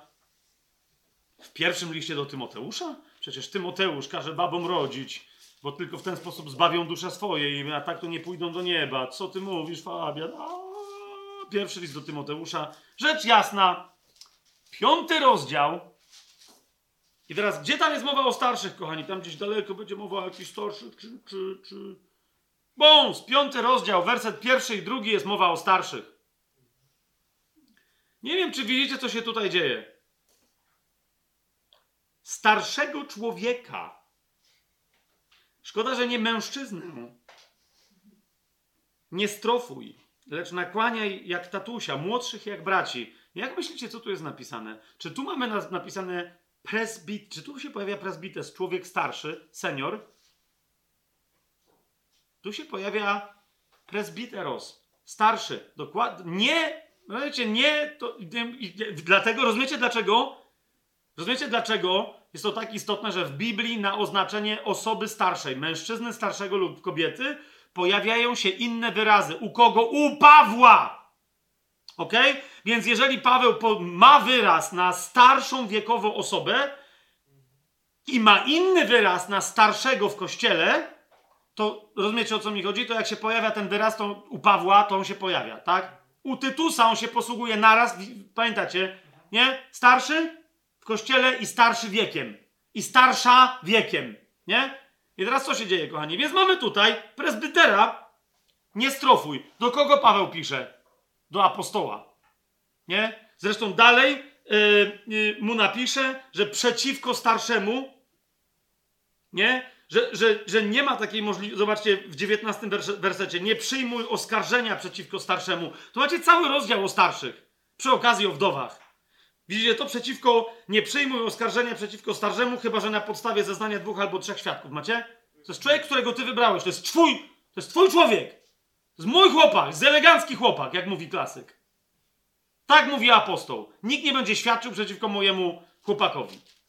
Tak? Więc starszego, starszego zboru nie strofuj, lecz przekonuj jak ojca swojego. Nadal ojciec ciebie musi słuchać jako apostoła, ale nadal no, masz szacunek do niego, tak? Natomiast wszystkich młodszych, czym? Oczywiście, że wiekiem. Jak braci. I teraz uwaga, jak myślicie znowu? Pojawiają się tutaj dwa wyrazy, starsze kobiety. Pojawia się tu może jeden wyraz oznaczający starszą kobietę, czyli presbitis. Nie! Tutaj się pojawiają presbitery! Tu się pojawiają starsze kościoła, starsze. Masz przekonywać, pocieszać, e, egzorty im wygłaszać, że językiem zakonnym, jak matką. Z pełnym szacunkiem. Rozumiecie? On to mówi do człowieka, który ma, ma swoich starszych w Efezie. Kobiety i mężczyzn. Kobiety i mężczyzn. Mężczyzn i kobiety. Czy to jest jasne? Jeszcze raz. Sprawdźcie, jakby ktoś z was miał jeszcze jakąś wątpliwość, że wyraz starsza kobieta to jest presbitis w Biblii, a tutaj jest żeńsko-rodzajowy wyraz pochodzący od wyrazu presbiteros. Okay? To jest starsza w kościele. Okay? I ona się różni od wdowy, od kogokolwiek innego. To nie jest taka kobieta. To, tak? Ehm, więc czy mamy jasność, czy to mają być kobiety, czy, czy, czy, czy nie mogą być? Jasne, że mało o nich jest mowy w Biblii, chociaż to nie jest jedyny przykład, ale do, do, do następnego zaraz przejdę. Idzie mi tylko o to, że bo, bo tych kobiet było mniej. Z prostego powodu. Zauważcie, Paweł wysyła swojego diak... inaczej, kobietę, swoją bliską współpracownicę, Febę, do Koryntu. Zgadza się? I ją nazywa kim? Ewidentnie mówi, o, zdradzę od razu, e, spoiler, spoiler, że uważam, że starszymi są zarówno biskupi, jak, jak i diakoni. Zaraz wyjaśnię dlaczego. Nie? Starszymi są zarówno biskupi, jak i diakoni. To jest to. to starsi to są dokładnie tak, jak wam powiedziałem, albo apostołowie, pięcioraka służba osiadła w danym miejscu, albo też ludzie, których wyznaczą apostołowie, do dwojakiego y, formatu usługiwania, nawet nie rodzaju, tylko formatu usługiwania. Jasne? Więc przykładem takiej starszej jest na przykład diakonisa Feba, która nie jest żadną diakonisą, tylko jest diakonem zwyczajnym, tak? Albo diakoną i ona jako diakona kogo? Pawłowa? Nie! Jako naznaczona w kościele w Kenchrach. Przez kogo? Wszystko wskazuje na to, że przez Pawła, obczajcie, tam jest jedną ze starszych w kościele w Kenchrach. Przepraszam, ona przyjeżdża do, do Rzymu, nie do, y, tak, nie, nie do Koryntu, co ja gadam. Przejęzyczyłem się. Powinniście mnie poprawić. Więc, niemniej zauważcie, przedstawia ją Paweł jako y, diakonkę, nę, nisę, tąż, starszą w Kenchrach, w kościele w Kenchrach, która przybywa do Rzymu jako, je, jako osoba z jego zespołu apostolskiego. Czy to ma sens, co, co teraz powiedziałem? I on mówi, to jest moja współpracownica, a która kiedy ze mną nie pracuje i jest w Kenchrach, tam jest starszą, która funkcjonuje nie w czymś, co Biblia nazywa episkopatem, tylko w czymś, co Biblia nazywa diakonią. I sobie musimy to wyznaczyć, e, wy, wytłumaczyć, zdefiniować, co to jest ale ewidentnie ci, którzy się zajmują episkopią, episkopatem, albo ci, którzy się zajmują diakonią, jedni i drudzy są starszymi danego miejsca. Tak? Więc to jest inny przykład tego, że, że kobiety są yy, starszymi. A to, no właśnie, bo trochę wyskoczyłem, ale to już sobie od razu powiedzmy, w tym samym pierwszym do Tymoteusza, w piątym rozdziale, w 17 wersecie, zauważcie, są starsi, mamy, mamy rozróżnienie starszych na dwie kategorie. Nie lepszą i gorszą, żeby to było jasne. Nie lepszą i gorszą. Tak? 17 werset mówi: Starsi, którzy dobrze przewodzą na litość żyjącego Boga. oni nikomu nie, nikim nie rządzą, ani niczym nie przewodzą. ok? Sprawdźcie sobie ten czasownik. Ale niech będzie. Ale niech będzie. Starsi, którzy dobrze przewodzą, w sensie zajmują się dobrze kościołem. Teza moja jest jaka, że to są i tak zwani biskupi, i tak zwani diakoni. Tak? Starsi, którzy dobrze przewodzą kościołowi, niech będą uważani za godnych podwójnej czci. Podwójnej czci wobec czego? Bo pojedynczej czci jest godna wdowa. Kapujecie? Tutaj wcześniej w tym rozdziale jest mowa o tym, że nie, że należy czcić wdowy, tylko że należy je wspierać materialnie. Nie? Co jest tłumaczone jako oddawanie im czci, że im się należy cześć. I teraz nieważne jaka im się należy cześć, ale jeżeli masz wdowę w kościele, to tak mówi Paweł Tymoteuszowi, masz wdowy i wdowom się należy 3000 zł na miesiąc od kościoła u was, to tym, którzy są starszymi i którzy są dobrymi starszymi w zborze, tak, zwłaszcza tak, tym, którzy pracują w słowie i w nauce, należy się podwójna cześć. Czyli jeżeli wdowy u was mają 3-3,5 tysiąca na miesiąc, to ci niech mają 7. Czy to jest jasne? Tu chodzi o wsparcie materialne, wsparcie także finansowe. Jasność? Ale Paweł nie mówi, mamy ustaloną stawkę, tylko mówi, porównujcie to do wdów. Nie? Im się należy. Jeszcze raz patrzcie komu. Starsi, którzy dobrze przewodzą, niech będą uważani za godnych podwójnej czci. Wszyscy.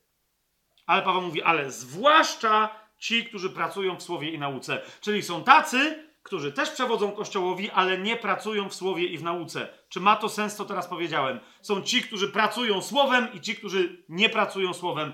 Ci, którzy usługują słowem i ci, którzy nie usługują słowem. Tak?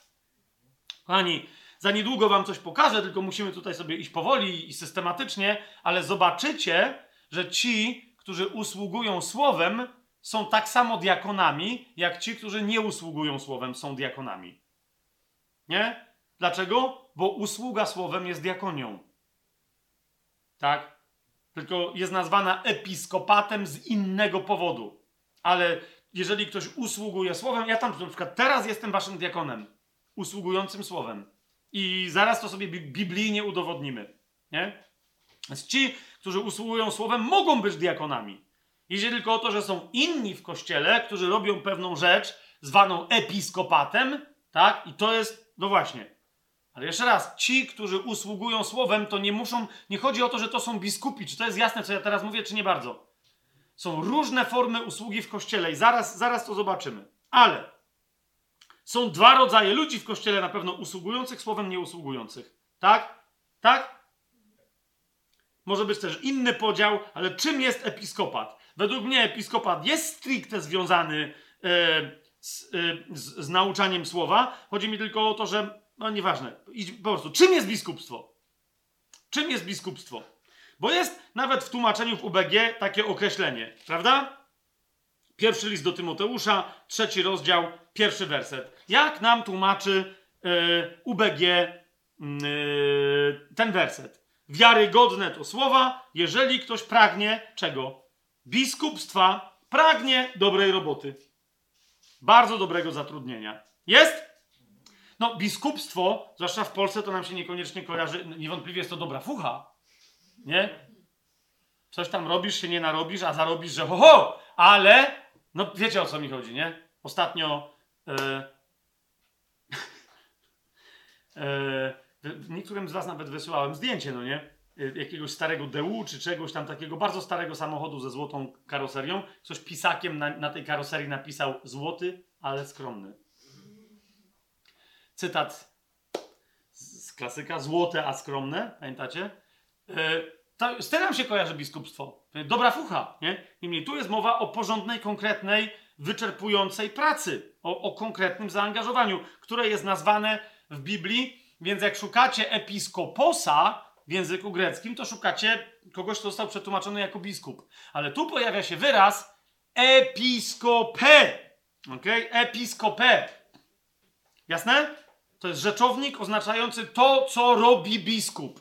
Tak? Zapytacie, no to, ale to, no, przecież wiemy, co robi biskup, albo nie wiemy, sprawdźmy, kto to jest biskup. Otóż nie.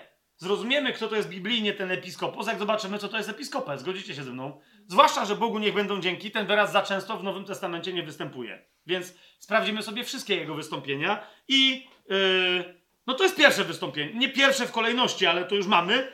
Trzeci rozdział. Mamy, wiemy, że biskupstwo jest jakimś rodzajem pracy. Episkopę, to co robi biskup. Tak? W dziejach apostolskich mamy interesujące sformułowanie, yy, mianowicie w dziejach apostolskich jest jakiś biskup? No jest, i to w pierwszym rozdziale, ej. Nie biskup, tylko biskupstwo. I to czyje? I to ją, Judasza. Co? No tak, w pierwszym rozdziale czytamy yy, o Judaszu, który był przewodnikiem tych, którzy schwytali Jezusa. 18 werset. On nabył pole za zapłatę, za nieprawość i spadłszy głową w dół, pękł na pół i wypłynęły wszystkie jego wnętrzności. No powiecie, że się powiesił, nie? Rozniosło się to wśród wszystkich mieszkańców Jerozolimy, także nazwano to pole w ich języku Hakel Demach, to znaczy pole krwi. Jest bowiem napisane w księdze psalmów, niech jego dom będzie pusty, niech nikt w nim nie mieszka oraz jego biskupstwo. niech, prze... niech przejmie ktoś inny. Wow, biskupstwo już miało miejsce w starożytności. Dawid wiedział, co to jest biskupstwo, jak widzicie. I, i Judasz jakieś biskupstwo, co? Sprawował do którego się odnosiło proroctwo z psalmu, to jest dokładnie psalm 109, zerkniemy tam. Psalm 109, czy konsekwentnie UBG nam przetłumaczyło w psalmie 109 w wersecie 8 e, biskupstwo. No więc czytamy psalm 109, werset 8, niech jego dni będą krótkie, a jego urząd niech przejmie ktoś inny. Okej, okay. Widzę, że ktoś się orientował, że ten werset będzie cytowany w Nowym Testamencie. Tylko w Nowym Testamencie ten, co się orientował, że tamten się orientował, nazwał to już wprost biskupstwem, a ten tu nazwał to urzędem, gdyż wiemy, że nieważne jaka to jest robota, nieważne czy się wiąże ze złotym a skromnym, może się wiąże z ciężką pracą, ale my wiemy, że biskupstwo to jest urząd w kościele, a urząd daje władzę, bo jak ktoś jest urzęd na urzędzie, to jest urzędnikiem, no tak czy nie?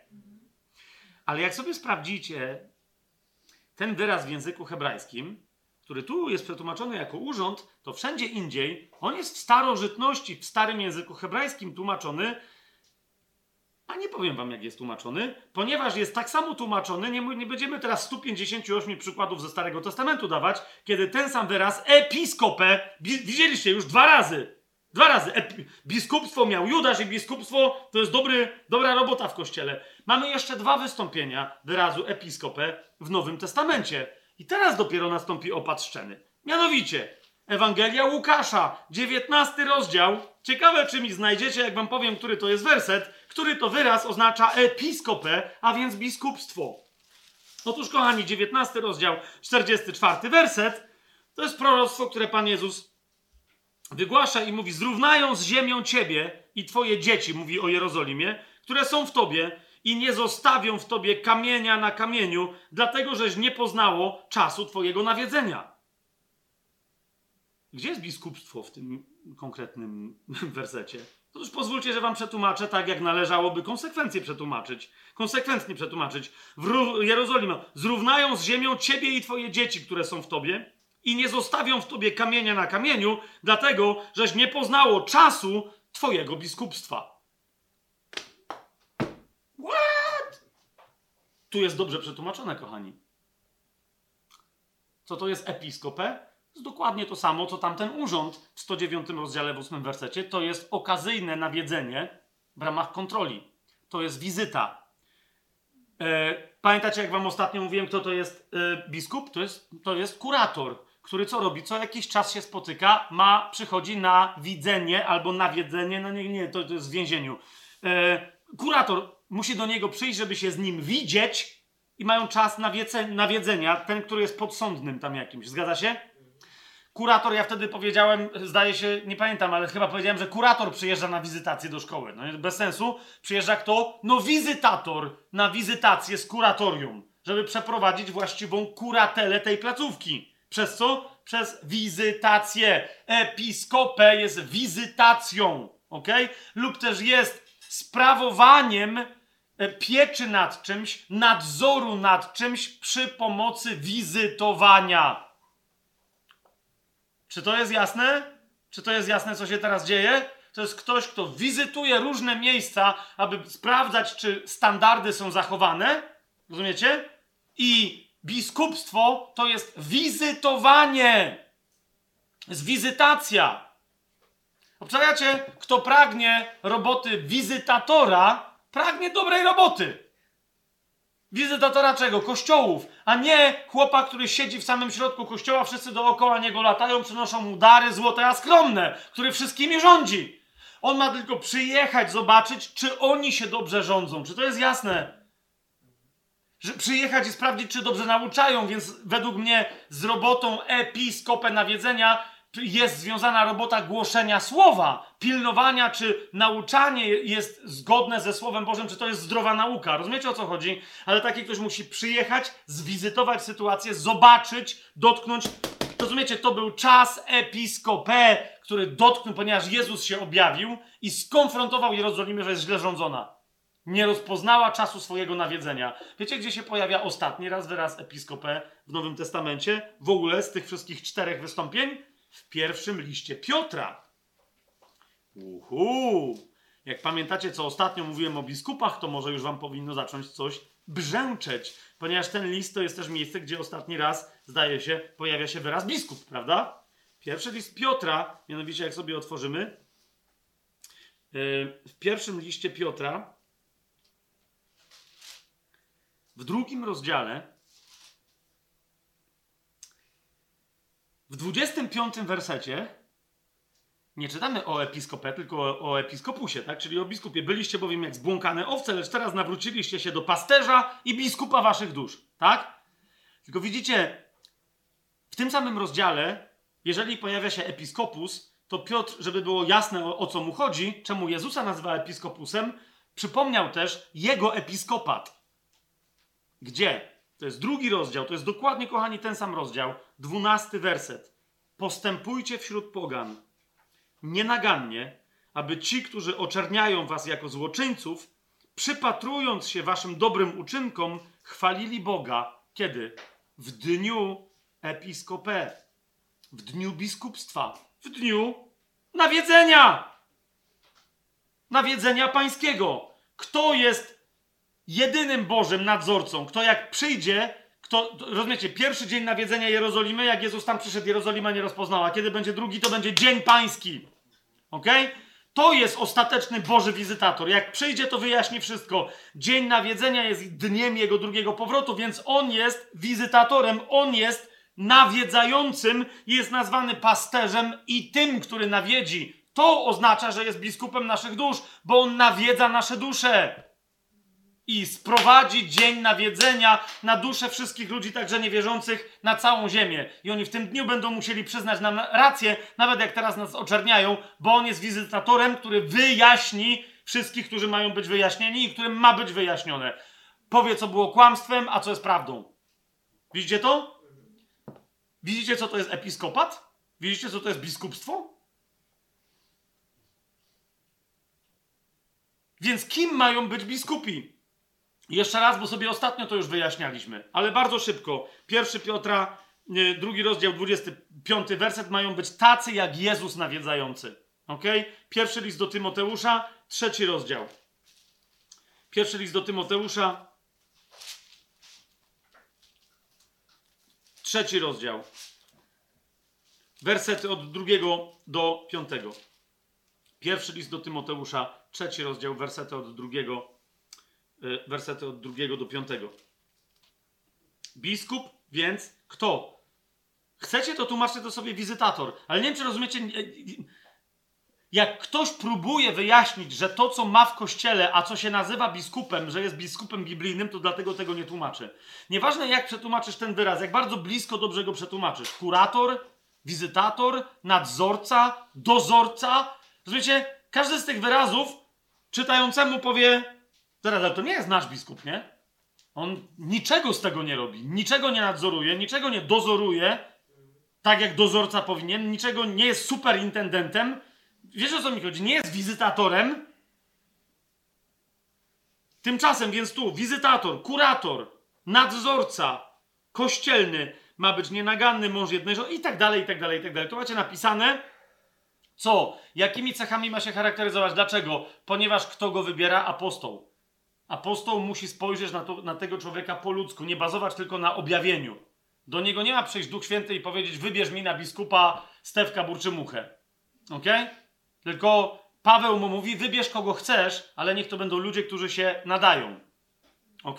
I dlatego też, rozumiecie, powiedziałem, że starsi biskupi i diakoni, czyli nadzorcy diakonów, zaraz sobie jeszcze dojaśnimy, tak?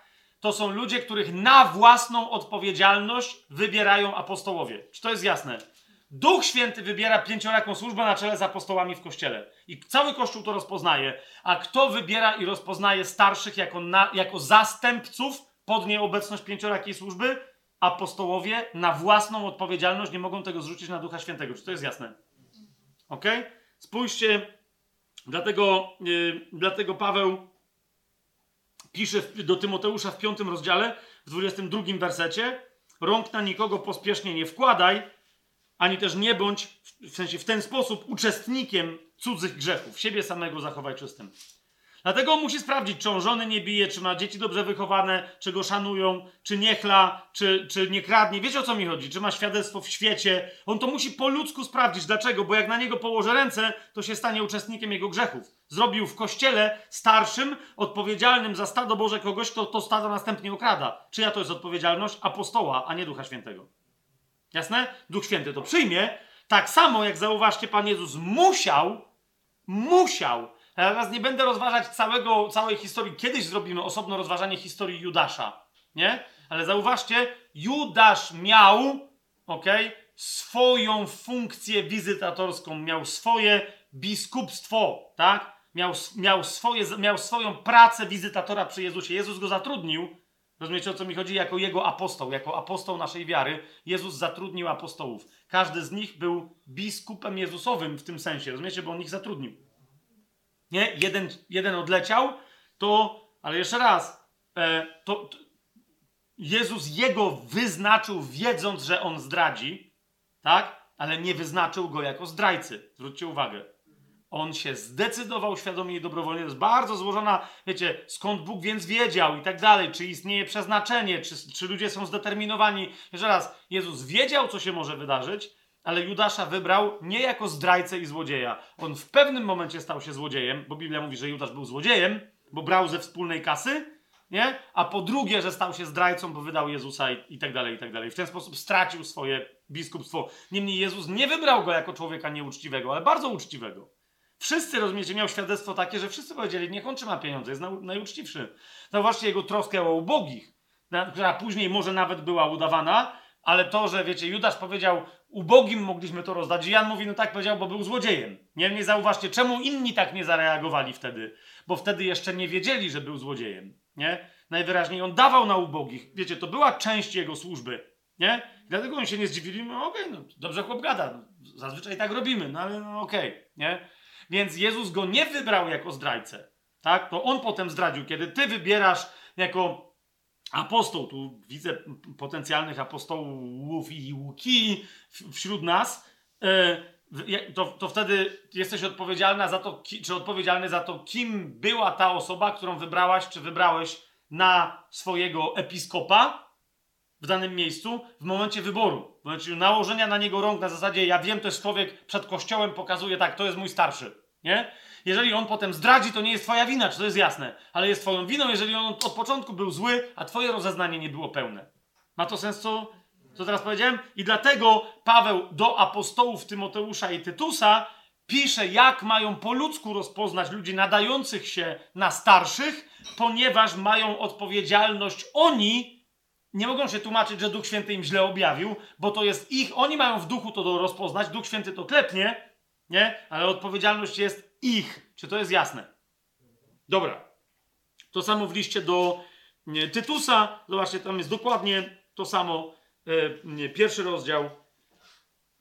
Tak, jak w piątym wersecie pisze e, Tytusowi, apostołowi Tytusowi, Paweł, żeby wybrał w każdym mieście, ustanowił starszych, tak w siódmym wersecie zaczyna mu tłumaczyć, zwłaszcza biskupów, bo tam to było zwłaszcza istotne, wobec tego, że wiecie, wszyscy, wszyscy kretańczycy to kłamcy i, i, i, manipulanci, tak? Więc tam trzeba było ludzi od głoszenia zdrowej nauki wyznaczyć, więc mu wyjaśnia siódmy werset biskup, bowiem epist, właśnie taki wizytator kościołów, tak? To y, szafarz Boży, y, jako szafarz Boży ma być nienaganny, niesamowolny, nieskory do gniewu i tak dalej, i tak dalej, i tak dalej. Jakimi cechami ma się charakteryzować, zanim Tytus go naznaczy na, y, na takiego wizytatora, nadzorcę, kuratora danego miejsca. Mamy jasność w tej kwestii? Czy mamy jasność w tej kwestii? Teraz, kochani, myślę, że to jest nadzór teologiczny nad Kościołem osobiście. Nie, nie widzę nigdzie w Biblii miejsca, żeby ktoś zwany episkopem miał jakieś inne zadanie niż tylko związane ze słowem. I stąd powiedziałem, że ci, którzy, zwłaszcza ci, którzy usługują słowem, czyli zwłaszcza tym się należy podwójna cześć, którzy są episkopami, którzy są nadzorcami Kościoła w sensie teologicznym, w sensie czystości Słowa Bożego, czystości nauczania, zdrowej nauki. Jasne? Teraz, kim są diakoni? No, akurat gdy chodzi o diakonów, to wszyscy wiemy, że to są kelnerzy, prawda? Ludzie zasadniczo zajmujący się kuchnią i. No, otóż nie. Widzicie, episkoposi biskupi, ludzie zajmujący się, jak sądzę, zasadniczo głównie nauczaniem Słowa Bożego, są tak samo diakonami, jak ludzie, którzy się tym nie zajmują.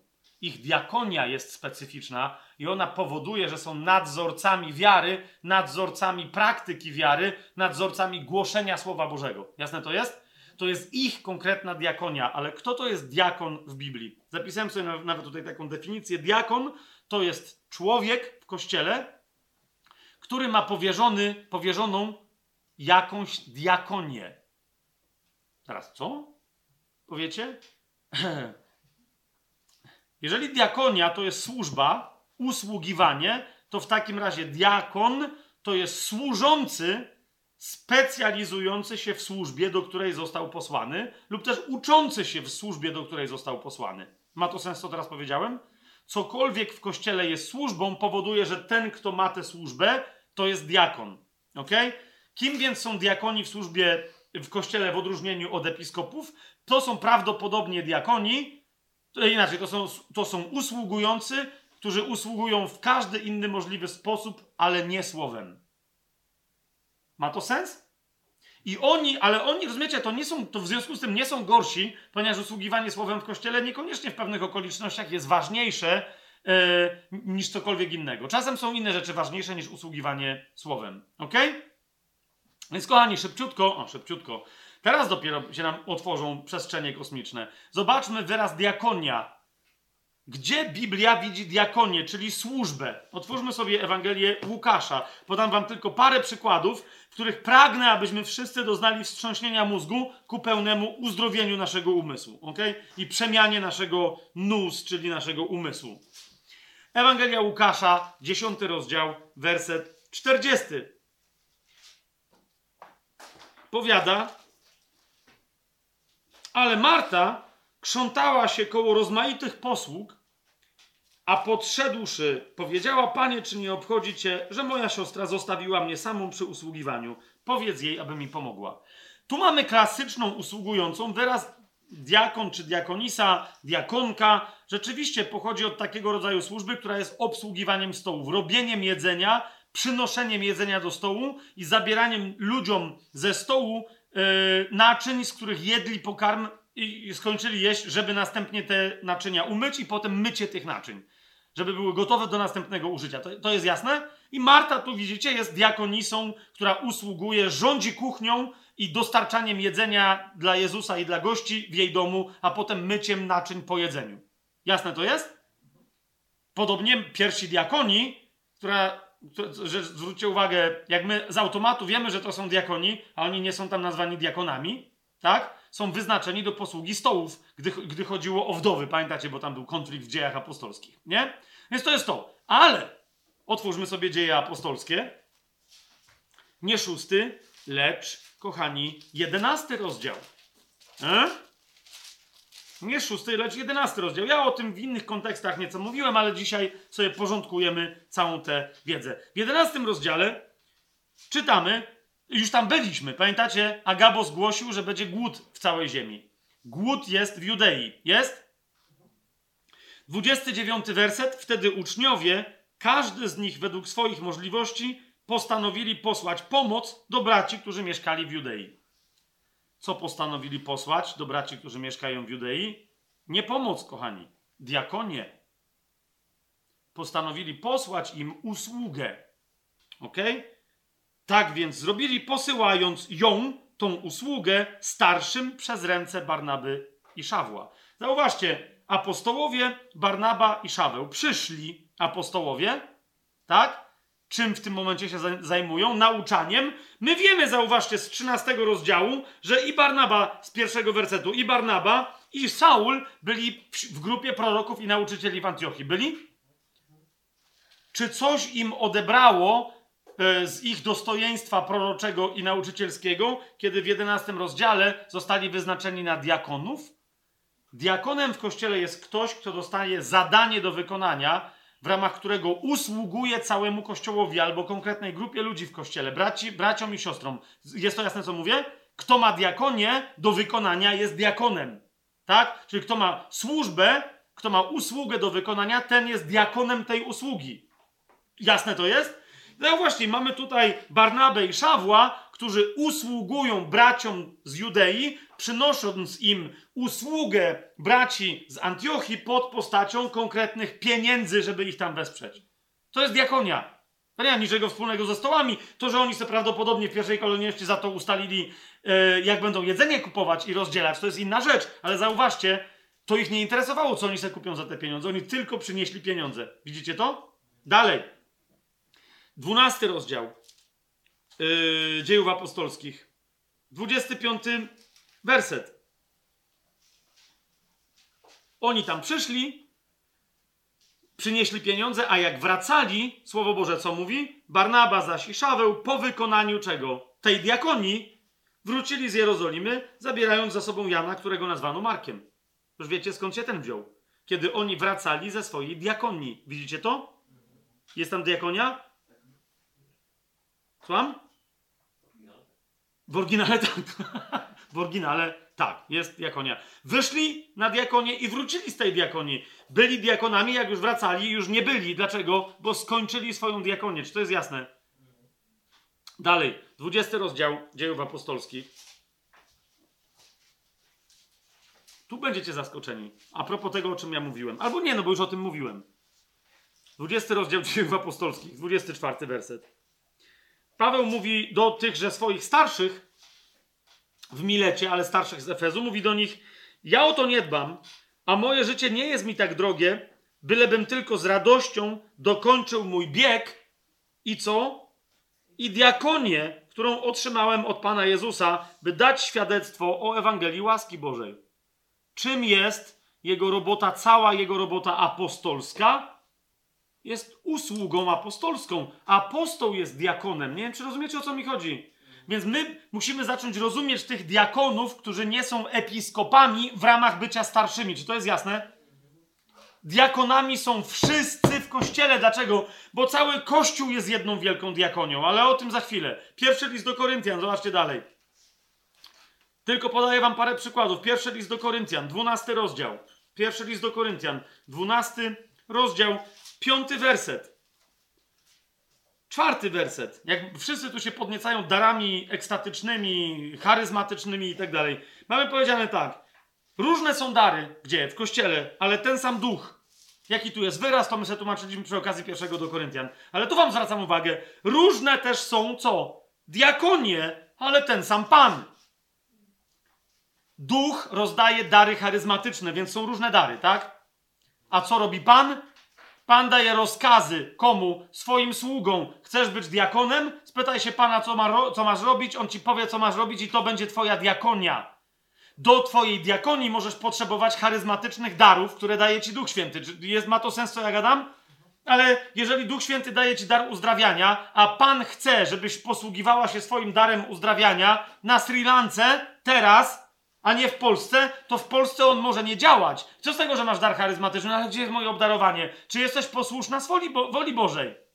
Jedź tam, rozumiesz, gdzie będziesz diakonką posługi, diakonii, czyli zadania, które ci zlecił Pan, a wtedy zobaczysz, jak dary charyzmatyczne zaczną działać. Ilu ewangelistów, jak głosiło w swoich krajach, nic się nie działo w momencie, kiedy wreszcie pojechali, gdzie mieli jechać i słyszałem od, zwłaszcza od głoszących, którzy się wreszcie odważyli, o czym od razu w sercu wiedzieli, ale odważyli się dopiero pojechać do krajów islamskich. I tam nagle, rozumiecie, okazało się, że się dzieją cuda przez ich ręce i tak dalej, i tak dalej. Dlaczego? A wcześniej w Anglii, yy, w ogólnie w Wielkiej Brytanii, w Polsce, w Stanach Zjednoczonych głosili, nic się nie działo i byli skoncentrowani na cudach. Tam pojechali, bali się o swoje życie, po prostu dobra, ogłoszę Ewangelię i tyle. Nie? Jest jedna konkretna historia, którą cały czas pamiętam. To jest dokładnie to, co mi ten, według mnie apostoł, ale on cały czas siebie widział tylko jako ewangelistę. Niech będzie. Ja mówi, że głosił w jednej wiosce i pech chciał, pech. Absolutnie radosne szczęście, tak? W naszym życiu nie ma dziadowskich przypadków, są tylko znaki, a znaki są od Pana. Amen? Więc przyszedł jakiś imam z jakąś dziadowską obstawą. Wiecie, cała banda jakiejś szkoły yy, yy, nie rabinicznej, no ale tam muzułmańskiej, tak? Przyszli, a tu się okazało, że chłop Ewangelię głosi. Co? Jezus... Wiecie, I ten w panice, bo on mówi, zaraz chłopa na miejscu tu zatłuczemy na śmierć, ukamienujemy. I on mówi, dobra, ale wy wierzycie, że Jezus... Tak, że umarł, no okej, okay, dobra. A ja jeszcze wierzę, że zmartwychwstał. Jest prosta sprawa. Jeżeli zmartwychwstał, to żyje. Jeżeli żyje jako wszechmogący Bóg, to w tym momencie może udowodnić, że jest wszechmogący. Tutaj, w tym miejscu, tak? I oni wszyscy stwierdzili, no liczyliśmy, że się zapędzisz ten dziadowski kozi róg, więc tak. Umówmy się, że tak. Tu jest pani, która śmiertelnie choruje, niedługo umrze, a tam jest w ogóle chłop, co już umarł przedwczoraj. No, czyli ten twój zmartwychwstały Jezus powinien go uzdrowić, tak? I on mówi, no, okej, okay, czyli teraz mi, Panie Jezu, w Twoje ręce oddaję ducha mojego, albo przeżyję, albo nie, tak? Niemniej nic mi nie pozostało. I mówi, Jezu, nawet nie w Twoje imię, tylko, rozumiecie, i w tym momencie ta jedna osoba wstała z łoża, a ten drugi gość po prostu przyszedł e, zszokowany, co się dzieje, e, z miejsca, które było lokalnie zaimprowizowanym prosektorium. Wiecie, rozumiecie, co jest grane? Wszyscy, włącznie z tym imamem, oddali życie Jezusowi dokładnie w tym momencie. Nie? I na rzecz, że głoszenie bez znaków to jest jakiś zupełny nonsens. Tylko, że jak ludzie szukają znaków, a wcale nie chcą głosić tam, gdzie Pan ich posyła, no rozumiecie o co mi chodzi?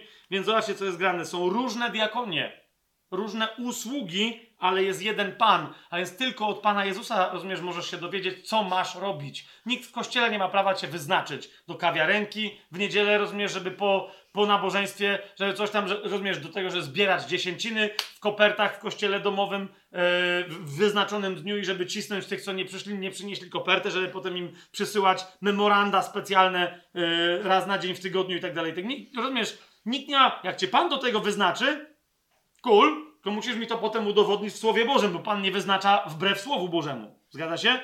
No okej, okay. ale jeżeli nie, cię ludzie wyznaczyli, to rozumiesz, to się potem nie tłumacz, że ludzie cię wyznaczyli. Ty masz słuchać Pana, a nie ludzi. Ale to jest Kościół. Jak nie zaczniesz w Kościele, to, to jak potem będziesz w świecie? Rozumiesz? W świecie będziesz robił to, co ci każą robić, jeżeli ty w Kościele robisz to, co ci każą robić, a nie to, co Pan ci każe robić. Amen. Pierwszy list do Koryntian, 16 rozdział. Mhm.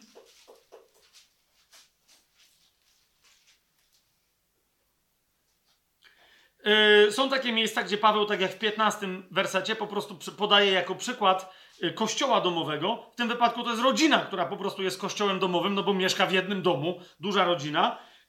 Rodzina niejakiego Stefanasa. Podaje ją Paweł jako przykład, po prostu ludzi, którzy są wzorami służenia innym, którzy są wzorami diakonów. W czym? We wszystkim, czego tylko potrzebują święci. Zobaczcie, mówi, proszę was, bracia, bo znacie dom Stefanasa, że jest pierwszym plonem Achai, czyli oni się pierwsi nawrócili w Grecji. Albo, albo ale jako jedni z pierwszych. I że się poświęcili na co? Na diakonie świętym. Na służenie. Jak, a jaką diakonię?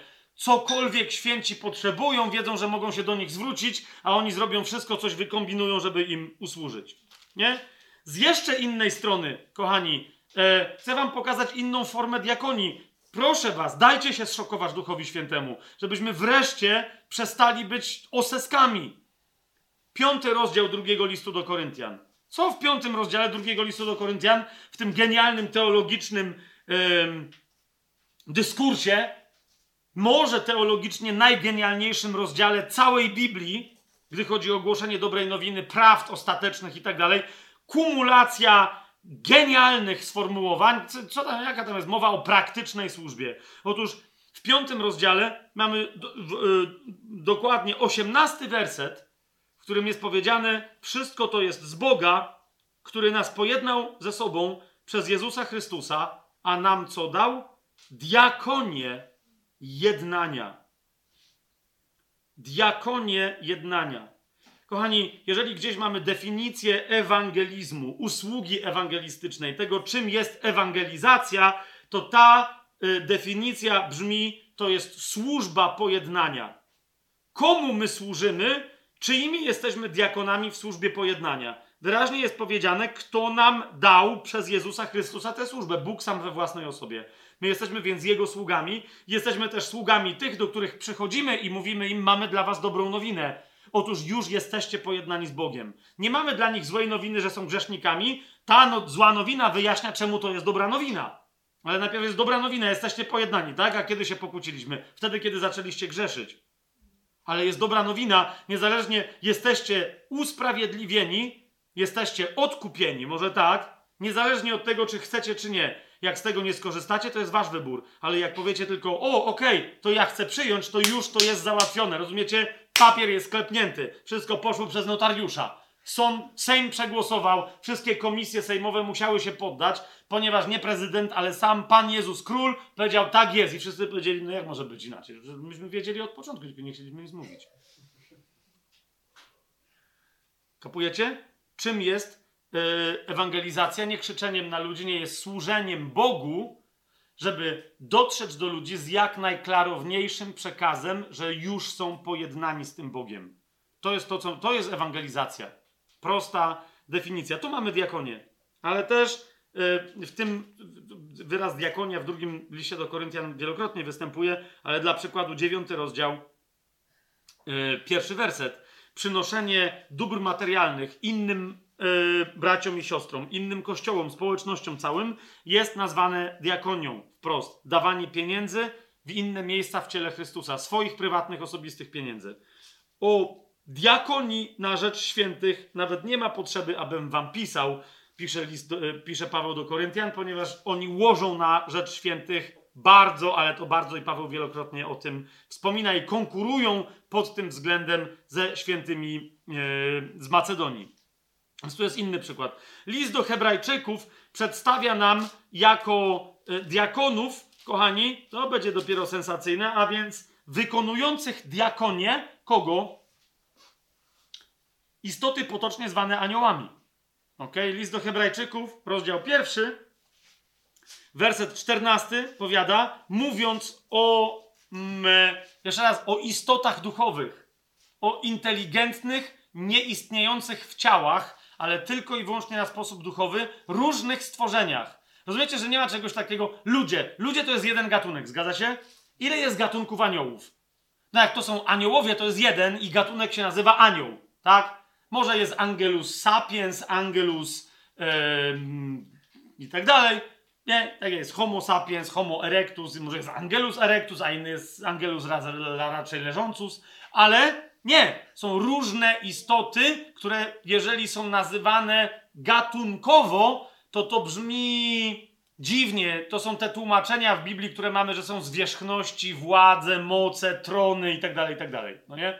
Są różne gatunki duchowych istot. Serafini, cherubini itd., itd. Jasne? Kiedy te istoty służą jak Bogu jako posłańcy, a więc mają coś przynieść, jakąś wiadomość na przykład człowiekowi, wtedy stają się posłańcami, czyli angelosami, czyli aniołami. Czy to jest jasne? Ale nie ma takiego gatunku jak anioł, tak? Więc te istoty duchowe, istoty Boże, kiedy są posłane do nas z diakonią, aby w imieniu Bożym nam usługiwać, bo Bóg im tak kazał, wtedy są naszymi diakonami. O tym mówi pierwszy rozdział listu do Hebrajczyków, czternasty werset.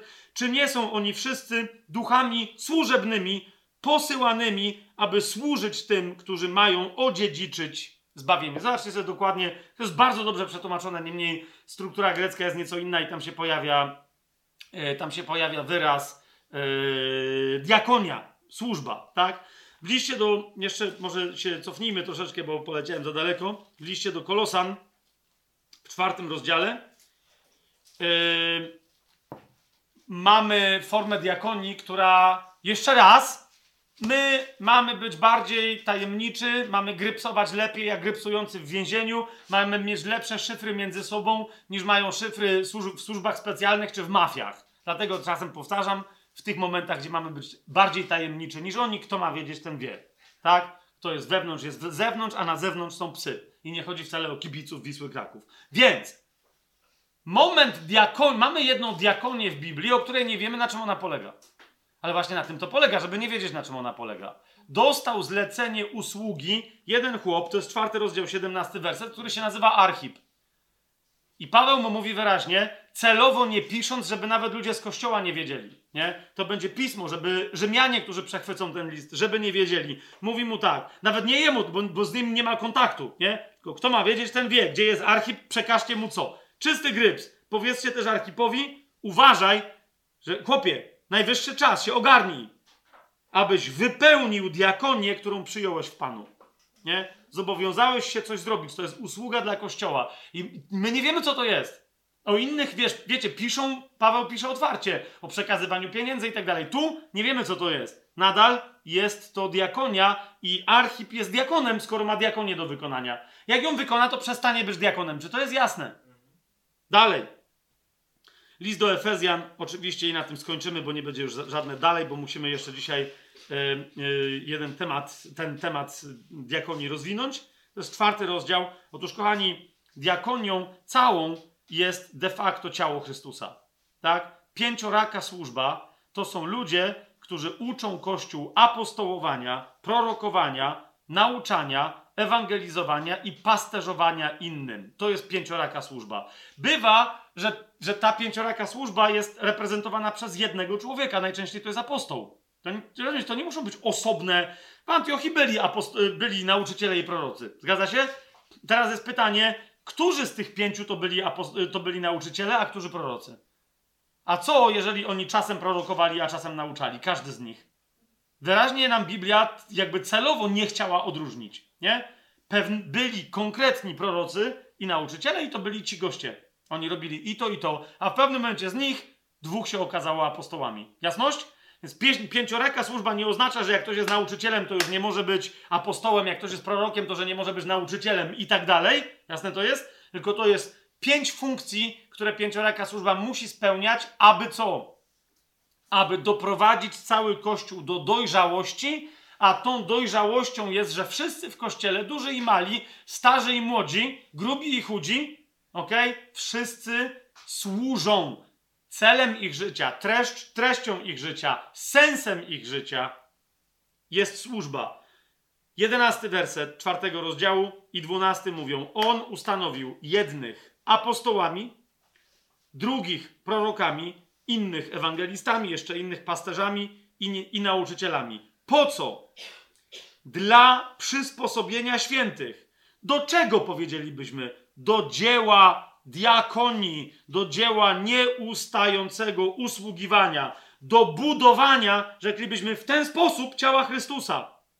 Aż dojdziemy wszyscy do jedności wiary i poznania Syna Bożego, do człowieka doskonałego. Kim jest człowiek doskonały? To jest Chrystus. Kim jest Chrystus? Chrystus jest diakonem. Zauważcie w księdze Izajasza, jak jest nazywany? Diakonem. Jest nazywany diakonem Jahwe. Jest nazywany sługą Jahwe. Najważniejsze odnoszące się do Mesjasza cierpiącego. Cztery części księgi Izajasza są nazywane pieśniami cierpiącego sługi Jahwe, czyli diakona Jahwe. Rozumiecie? Ktoś, kto jest służącym i teraz cały Kościół ma się taki stać. Co jest gwarantem jedności w Kościele? Nie dogadanie się teologiczne, nie dogadanie się wiecie, strukturalne. Nie, jest, jest dotarcie do miejsca, w którym ludzie w Kościele będą reprezentować jedną kulturę, a tą kulturą będzie diakonia, tą kulturą będzie kultura służby. Kultura służby, nieustająca gotowość, aby innym usługiwać, a nie aby mnie usługiwano. Spotykanie się po to, aby innym zaproponować usługę, a nie aby inni usługiwali mnie. Diakoni, szybciutko, jak są pokazani w Biblii? Ewangelia Mateusza, 20 rozdział.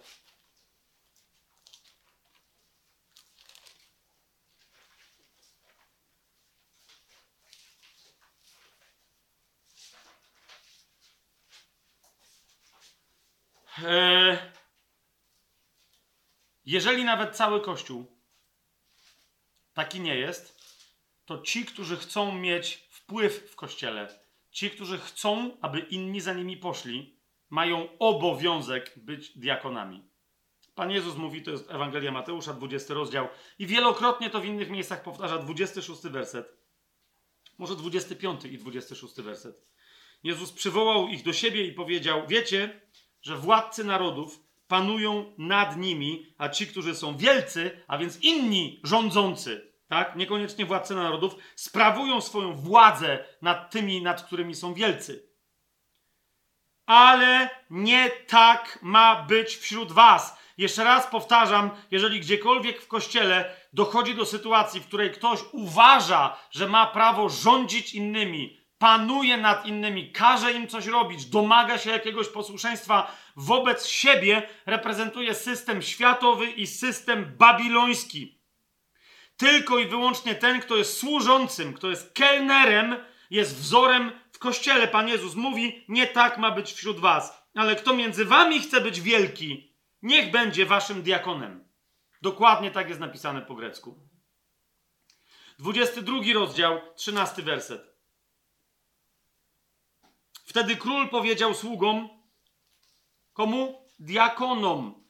Diakoni są diakonami króla. Wzorem, wzorem w kościele są ci, którzy w przypowieściach pojawiają się jako służący króla. Najzwyczajniejsi, wykonujący jego rozkazy służący. Wtedy król powiedział diakonom, zwiążcie mu nogi i ręce, weźcie go i wrzućcie do ciemności zewnętrznych, tam będzie płacz i zgrzytanie zębów. To jest przypowieść Pana Jezusa, ale znowu, król ma swoich diakonów. Rozumiecie? Ten król, który sam jest diakonem Jahwe, ma swoich diakonów. Ludzie, którzy nie są diakonami, nie mogą być apostołami, prorokami, nauczycielami. Ludzie, którzy wie, nie mają, rozumiecie, fundamentu, którym jest usługiwanie innym. Jeżeli domagają się, żeby służyć im bardziej niż oni są gotowi służyć innym, nara! Ewangelia Mateusza, 23 rozdział, 11 werset. A nawet wcześniej. Ósmy werset. Wy nie nazywajcie się, niech nikt z was nie nazywa się, z siebie samego rabbi. Rabbi, czyli mistrz, bowiem jest tylko jeden i jest nim Chrystus, a wy wszyscy jesteście braćmi. Widzicie to? Nikogo na ziemi nie nazywajcie waszym ojcem. Jeden bowiem jest wasz ojciec, który jest w niebie. Niech też was nie nazywają mistrzami, no tutaj jest w sensie jakby rodzajami panów, gdyż jeden jest wasz panujący mistrz Chrystus. Słowem, czy macie nauczanie? Czy macie autorytet wynikający z tego, że ktoś was zrodził w wierze? Czy to jest autorytet wynikający z tego, że komuś się wydaje, że macie jakąś funkcję panowania w kościele? Niczego z tego nie przyjmujcie. Kto z was jest największy, ten będzie waszym sługą. Po czym się rozpoznaje największego w kościele? Po tym, że najbardziej z wszystkich, których znamy, nam służy. Przemyślcie dobrze, co ja teraz powiedziałem, ale, po, ale przemyślcie, że nie ja to powiedziałem, tylko to jest wyraźne nauczanie Pana Jezusa. Ja teraz tu cytuję Ewangelię Mateusza, ale Marek, Łukasz i tak dalej. Zobaczcie, ile razy on o tym mówił. Ok? Diakonia, służba, bycie diakonem, bycie służącym, który usługuje. Patrzcie na Pana Jezusa, który myje nogi swoim uczniom. Widzicie, co wam zrobiłem? Wy sobie też tak nawzajem czyńcie. Jeżeli ktoś tego nie robi, nie ma prawa twierdzić, że jest w mojej służbie, że reprezentuje mnie, że ja go gdzieś posyłam, bo ja posyłam ludzi z ręcznikami do nóg. Po prostu. I teraz to, że wy mnie następnie macie słuchać, ale zauważcie, słuchajcie mnie, jak nie, czy wy też chcecie odejść, pamiętacie Pana Jezusa? Nie, nie chcemy. Okej, okay, to jest wasz wybór. Bo jak chcecie, to idźcie. Niemniej to, co ja wam, ja wam nic nie nakazuję, ja was nie szantażuję emocjonalnie. Ja wam chcę usługiwać, ale jak wy nie chcecie, żeby wam usługiwać, nara. To jest mój sposób postępowania i wy tylko i wyłącznie między sobą taki macie mieć. Ewangelia Marka, dziewiąty rozdział. Proszę Cię, Duchu Święty, Ty to mów, bo ja mogę krzyczeć, mogę się tu rozpłakać, mogę tu epilepsji dostać. Nic z tego nie będzie, jeżeli Ty nie przemówisz do serc sióstr i braci w Kościele. Dziewiąty rozdział Ewangelii Marka, 35 werset.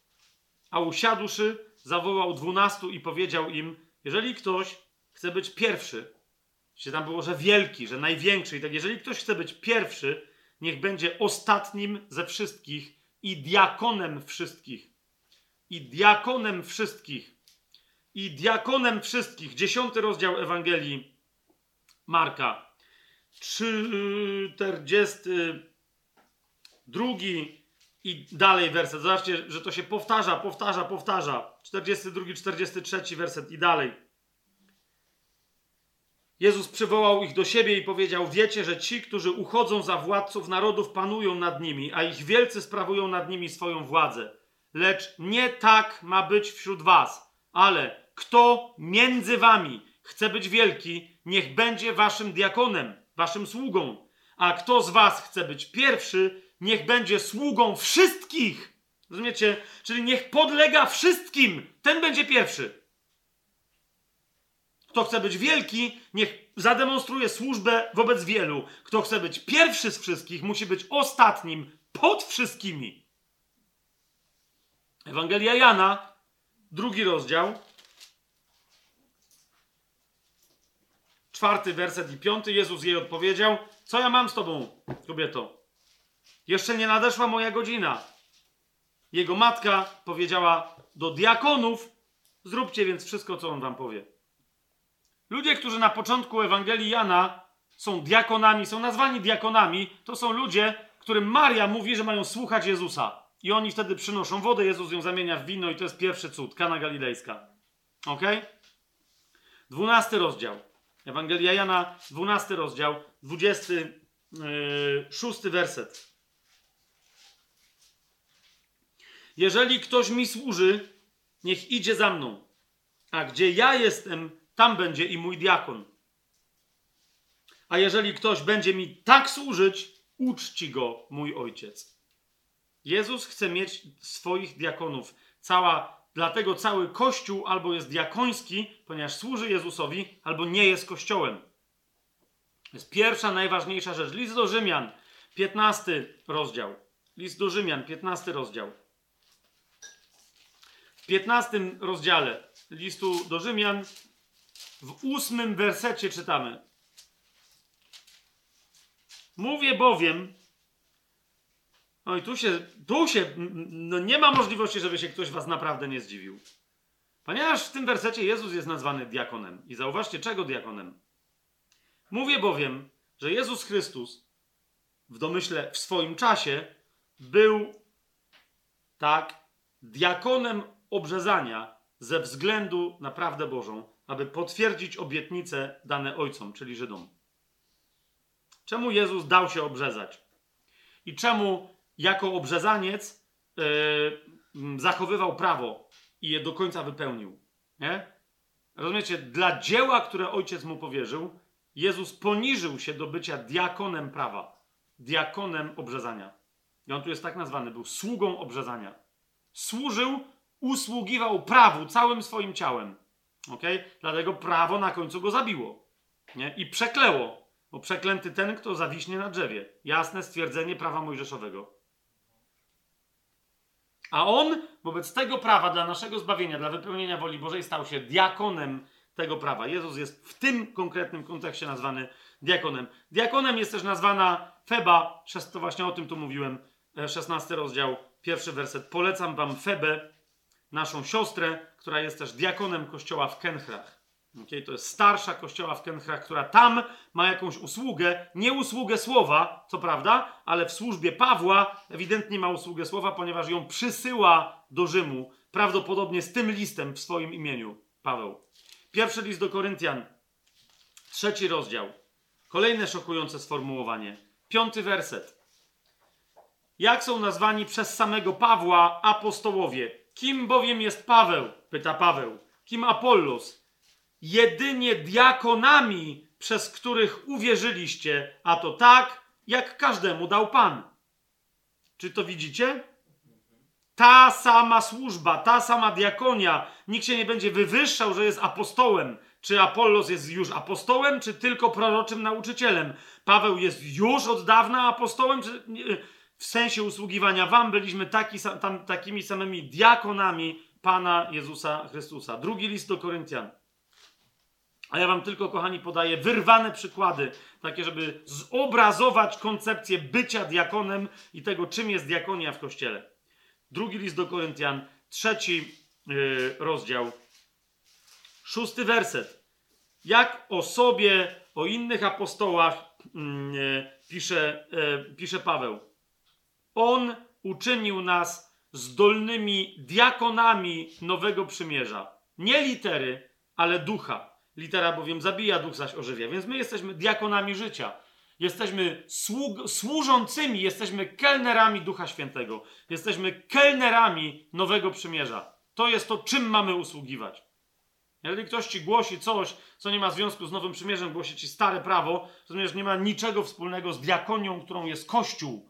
Okay? Ze służbą, którą jest Kościół, bo ona jest służeniem czemu tylko i wyłącznie nowemu przymierzu. Amen?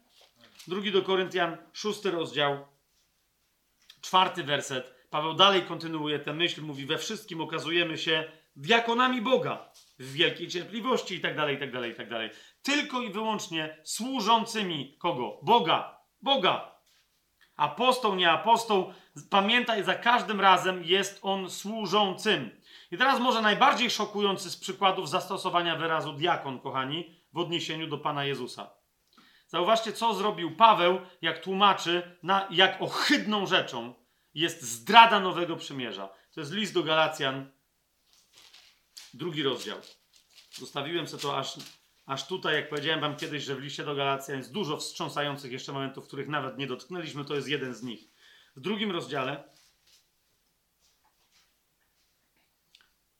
w szesnastym y, wersecie, mm, Paweł pisze, wiedząc, wiemy, że człowiek nie jest usprawiedliwiony z uczynków prawa, ale przez wiarę w Jezusa Chrystusa i my uwierzyliśmy w Jezusa Chrystusa.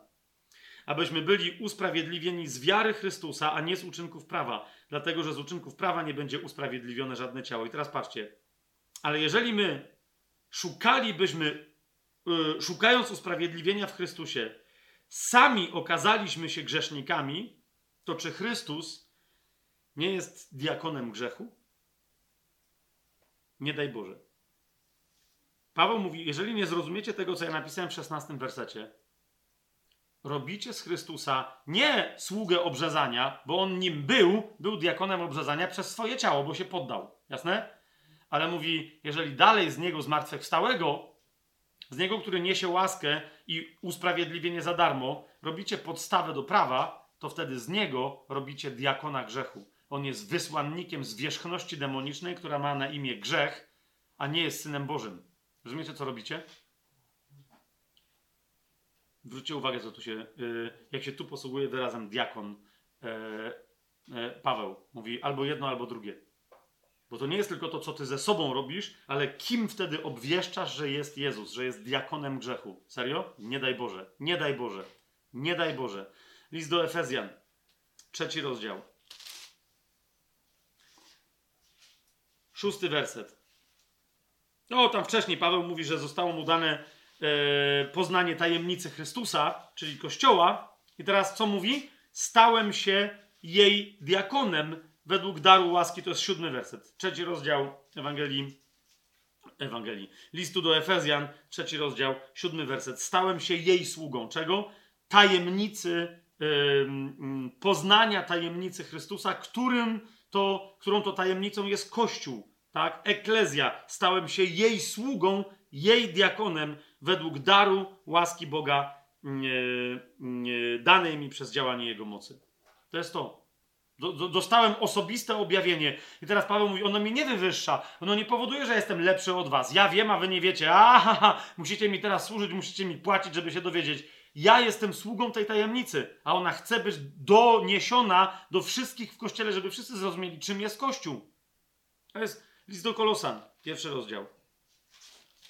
Ta sama historia będzie. List do Kolosan, pierwszy rozdział, 23 werset. Paweł mówi o tym, że głosi Ewangelię, która jest głoszona wszelkiemu stworzeniu pod niebem, której to ja, Paweł, stałem się diakonem. Rozumiesz, to jest to. Ludzie nie mają ci usługiwać, bo ty do nich przychodzisz z dobrą nowiną.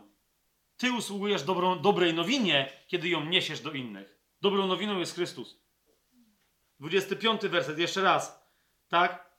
Yy, yy, w 24 wersecie Paweł pisze, że yy, dopełniam dla jego ciała, czego z udręk Chrystusa brakuje w moim ciele, dopełniam dla jego ciała, którym jest Kościół. Teraz patrzcie, co mówi. Jego diakonem, czyli Kościoła, stałem się zgodnie z zarządzeniem Boga. Całego Kościoła. Więc jeżeli w pewnym momencie możesz zobaczyć kogoś, kto jest pierwszym w Kościele, to jest Paweł.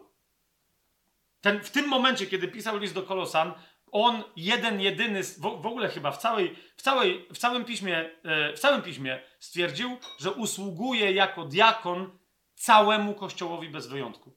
Czyli wobec tego, co Pan Jezus powiedział, ten jest pierwszy, kto usługuje wszystkim, kto jest diakonem dla wszystkich, nie? Paweł to napisał ja jestem diakonem całego Kościoła. Teraz widzicie, e, dlaczego miał tak wielki wpływ na Kościół? Ponieważ on naprawdę, naprawdę usługiwał każdemu w Kościele, nie miał się za wyższego od kogokolwiek w Kościele, wbrew temu, co niektórzy e, próbują Pawłowi e, przepisywać. I wreszcie pierwszy list do Tymoteusza. Pierwszy list do Tymoteusza.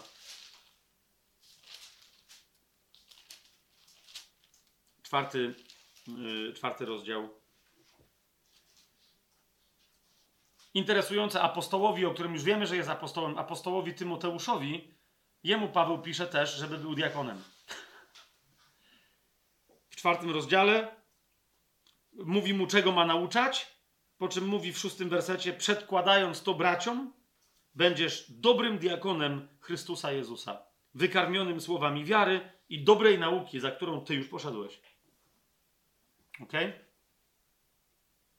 Kochani, e, wybór diakonów w kościele jest także wyborem episkopów. Czy to jest jasne? Episkopowie, nadzorcy są wybrani do tego, aby usługiwać kościołowi, aby go wizytować, aby kurować, kuratelować, nie wiem jak to nazwać, zdrową naukę w kościele. Czy to jest jasne? Ich diakonią jest pilnowanie czystości yy, nauczania w kościele. Tak? Każde inne zadanie w kościele, począwszy od zadania karmienia ludzi, każde inne zadanie w kościele jest tak samo ważną diakonią, jak nauczanie w kościele. Mamy to? Mamy to, czy, czy, czy nie bardzo? Posłuchajcie, otwórzmy sobie Dzieje Apostolskie, szósty rozdział. Y, Duchu Święty, proszę Cię, daj nam oświecenie. Ja nie, nie umiem, nie, wiecie, widziałem często, jak ludzie na to patrzyli wzruszali ramionami. Rozumiecie, że, że pierwsi starsi w Biblii, którzy zostali wybrani przez apostołów, to są ludzie do obsługi stołów. Ok? To są diakoni, którzy nie mają głosić Słowa Bożego. Dlaczego? Bo apostołowie mówią, potrzebujemy diakonów, do robienia innych rzeczy niż głoszenie Słowa Bożego, abyśmy mogli my zostać diakonami Słowa Bożego.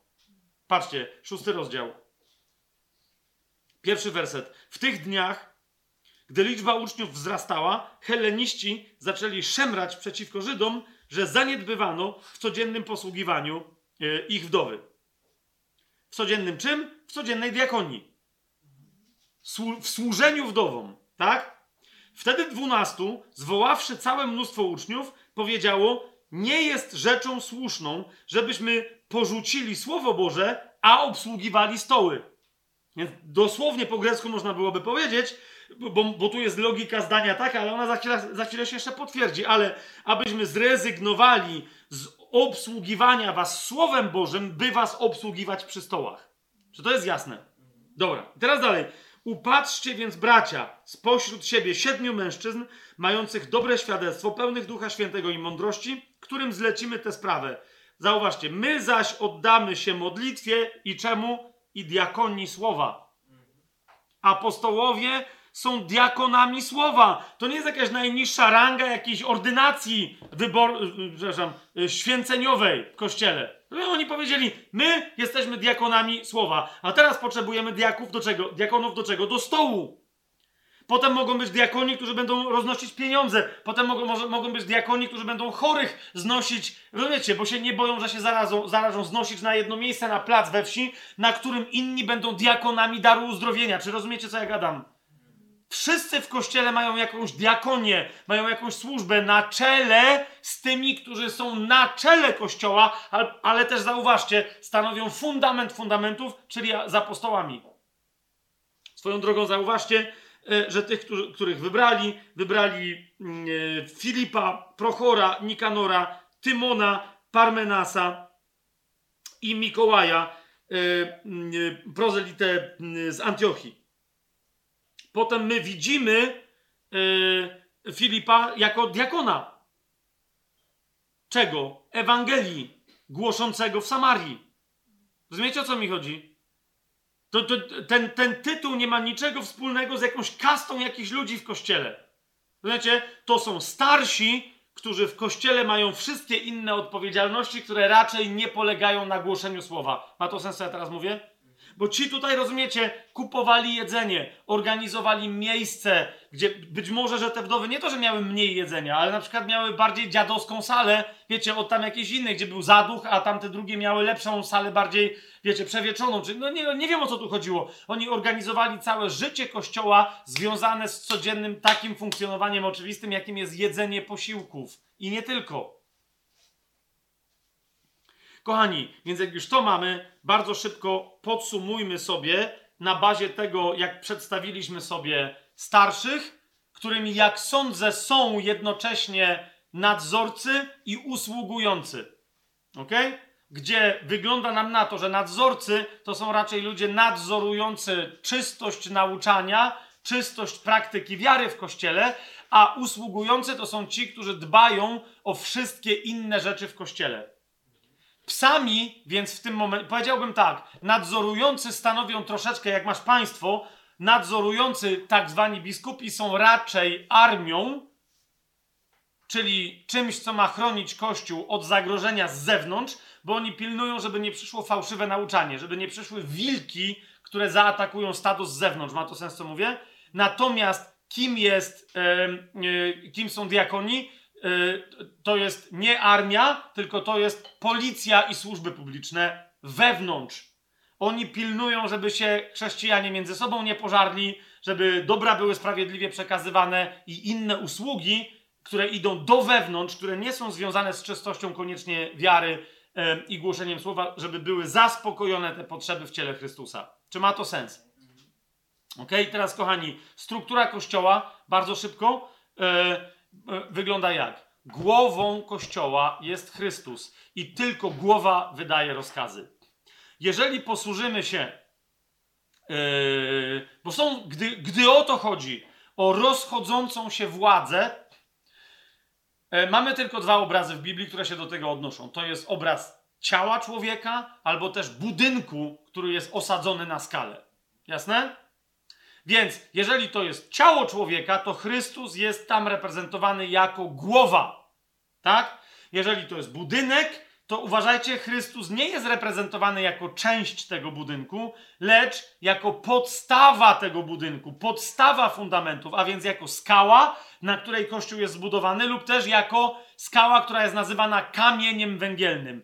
Nie chodzi o to, że to jest kamień, który się wydobywa, można tam zrobić kopalnię i to będzie węgiel. Chodzi o to, że to jest skała, na której się opierają tak zwane węgły, czyli kluczowe kąty całego budynku, które stoją na podporze, która nie jest z piasku, czy z błota, czy z czegoś. To ma sens? Więc kamień węgielny to jest coś, co daje podporę wszystkim ścianom nośnym i kątom, w których się łączą ściany nośne danego budynku. Tak? To jest to. Więc Chrystus jest albo głową, albo też kamieniem węgielnym, lub też skałą, na której cały Kościół jest zbudowany. Jasne? Jak wewnętrznie uorganizowany jest Kościół? Kościół wewnętrznie posiada trzy warstwy służby, które nie mają władzy, ale mają ewidentnie e, specjalny dar przekazywania rozkazów od Pana do całego Kościoła. Nie do pojedynczych ludzi, ale do całego Kościoła. To są apostołowie i równoważący ich w służbie prorocy i nauczyciele. Ale przede wszystkim apostołowie i prorocy. Tak? List do Efezjan sobie otworzymy i tylko bardzo szybko w liście do Efezjan to przeczytamy. To jest drugi rozdział. My, jako budowla Boża, w drugim rozdziale jesteśmy w 19 i 20 wersecie tak opisani. A więc nie jesteście już więcej obcymi i przybyszami, ale współobywatelami ze świętymi i domownikami Boga. Do tego stopnia domownikami Boga, że Bóg se dom zrobił z was. Więc wy jesteście żywą budowlą, tak? Jesteście jako ta budowla. 21 werset mówi, że, że jesteście całą budowlem, budowlą zespoloną, która rośnie w świętą świątynię w Panu. Ale jako ta budowla jesteśmy na czym zbudowani? No, na skalę Chrystusa, wszyscy to powtarzają, ale na tej skale co jest położone?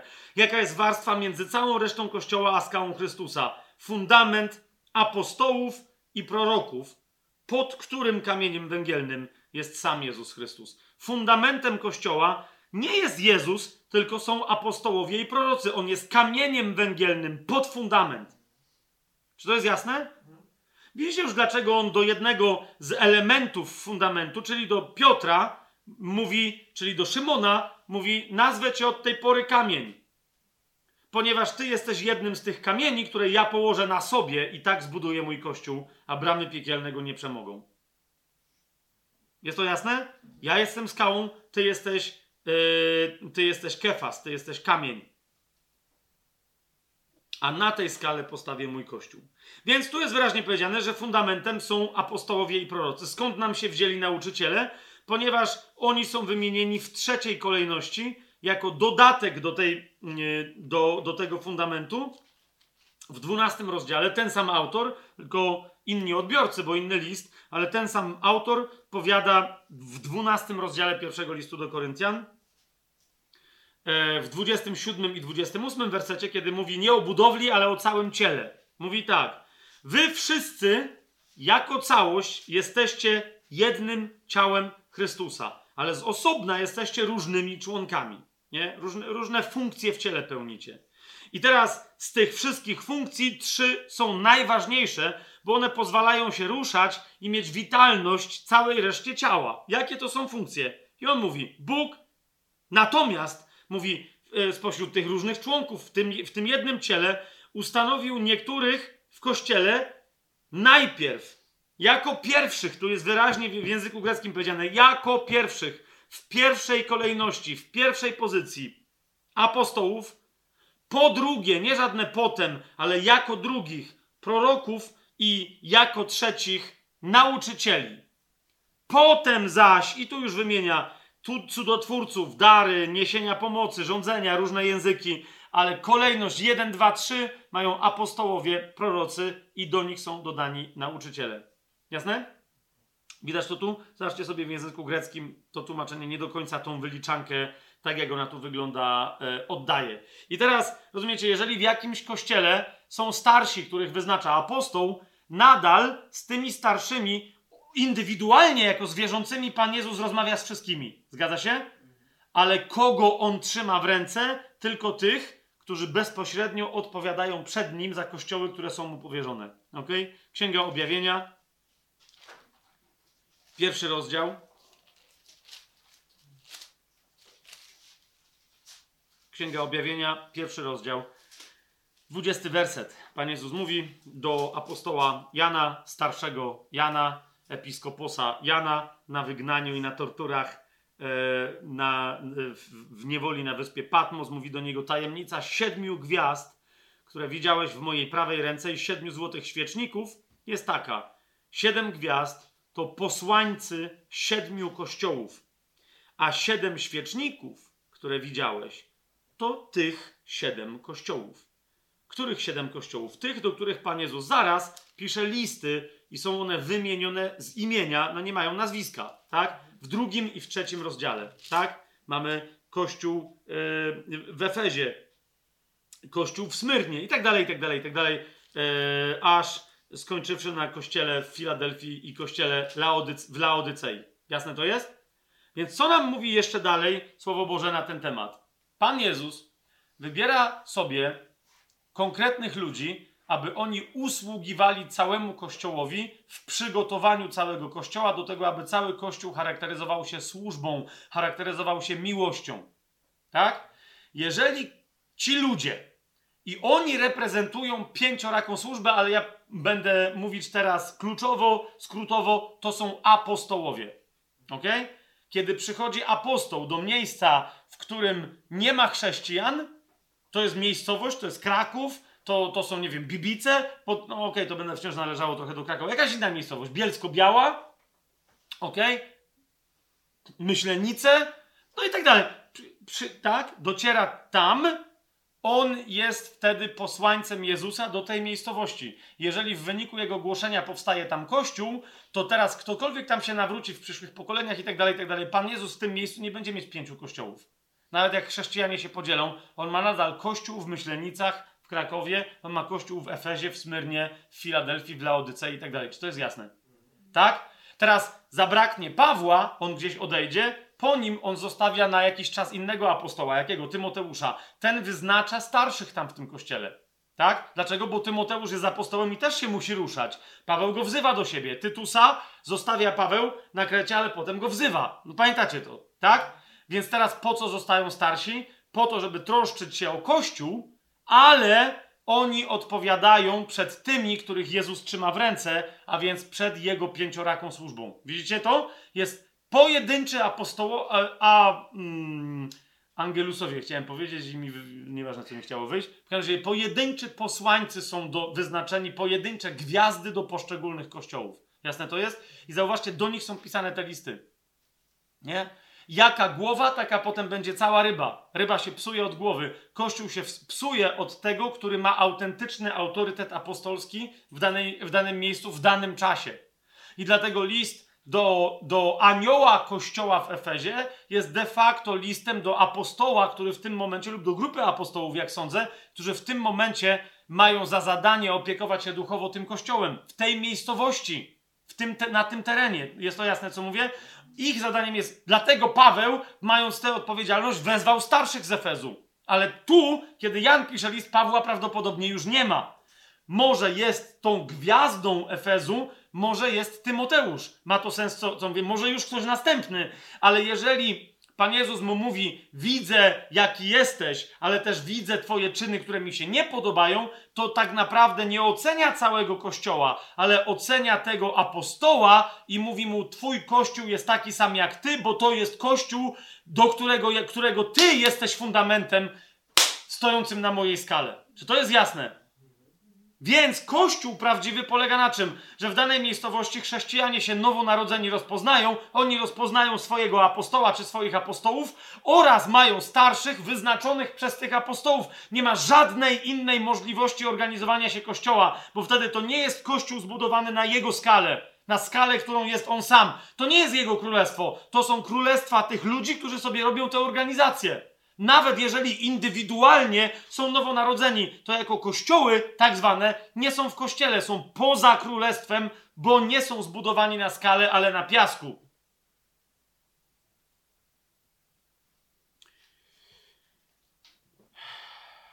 I tu mógłbym jeszcze 50 następnych cytatów podać, ale rozumiecie, to jest to. Ciało Chrystusa jest jedno i kiedy mówimy o kościele uniwersalnym, o kościele powszechnym, czyli o kościele katolickim, to mówimy tylko i wyłącznie o jednym. Katolicki znaczy powszechny. Katolikos w, Grece, w Grece znaczy powszechny. Mówimy o ciele Chrystusa, które jest wszędzie na całej ziemi. Jedyny podział, jaki jest możliwy w ciele Chrystusa, to jest podział nie na denominacje, zbory, coś tam, nie na kościoły domowe. Musimy to sobie wybić z głowy. Rozumiecie? Jedyny podział, jaki Pan Jezus ma, jest podziałem dokładnie geograficznym. Gdzieś mieszkają ludzie, oni zwykle są w jakichś skupiskach. Dane skupisko ludzi, którzy mieszkają w jakimś geograficznym punkcie, jest jego ciałem, jest jego kościołem lokalnym, na mapie ciała Chrystusa, ponieważ mapą ciała Chrystusa jest cała zamieszkała ziemia. Tak? Wiecie już dlaczego, skoro cała ziemia ma być ogarnięta przez ciało Chrystusa, nie może na ziemi być morza w Jego królestwie. Już wiecie czemu? Ponieważ mapa ciała Chrystusa dotyka zamieszkałej ziemi. Morza nie są zamieszkane. Morza będą musiały oddać swoich zmarłych i tak dalej, i tak dalej. To no, nie będziemy teraz znowu tego rozważać. To jest to. Cała ziemia należy do Pana. I morze nie może mu jej odebrać. Morze, oryginalnie ziemia tak wyglądała. Nie było żadnego morza na ziemi. W pewnym momencie to przyszło na ziemię, e, wydobyło się morze z podziemi i spadło e, z ponad nieba, bo to były dwa zbiorniki e, wodne ogromne, jedne, jeden podziemny, drugi nad ziemią. Coś uderzyło w ziemię, rozwaliło ten, to coś, co można byłoby nazwać zbiornikiem nad ziemią. Może to było jakieś, wiecie, jakieś, jakieś pasy lodu czy coś, ale to coś uderzyło w ziemię. Biblia mówi wyraźnie, że wytrysnęła woda z podziemi, uderzyła w całość tego zbiornika nadziemskiego i on cały, razem z tą wodą, co uderzyła z ziemi, zaczął spadać i tak się zrobił potop na ziemię, bo ta woda już nie wsiąknęła z powrotem pod ziemię. Nie? A nawet jak zaczęła, to zasadniczo zaczęła cyrkulować, pojawiły się chmury, stąd mamy tęczę. Biblia to wyraźnie, dokładnie opisuje. Ale kiedy Pan przyjdzie, zmieni się cała geografia, również pogoda się zmieni, atmosfera się zmieni. Nie, znowu nie wiem, jak będą wyglądały chmury, ale morza na pewno nie będzie. Biblia o tym bardzo wyraźnie mówi. Ok, cała ziemia będzie zamieszkana. I teraz, w, tak jak ona jest zamieszkała teraz, tak yy, yy, tam Pan ma yy, swoje kościoły. Tak, Pan miał siedem kościołów, y, które stanowiły o tym, jak funkcjonowała cała tak zwana Azja Mniejsza. Tak?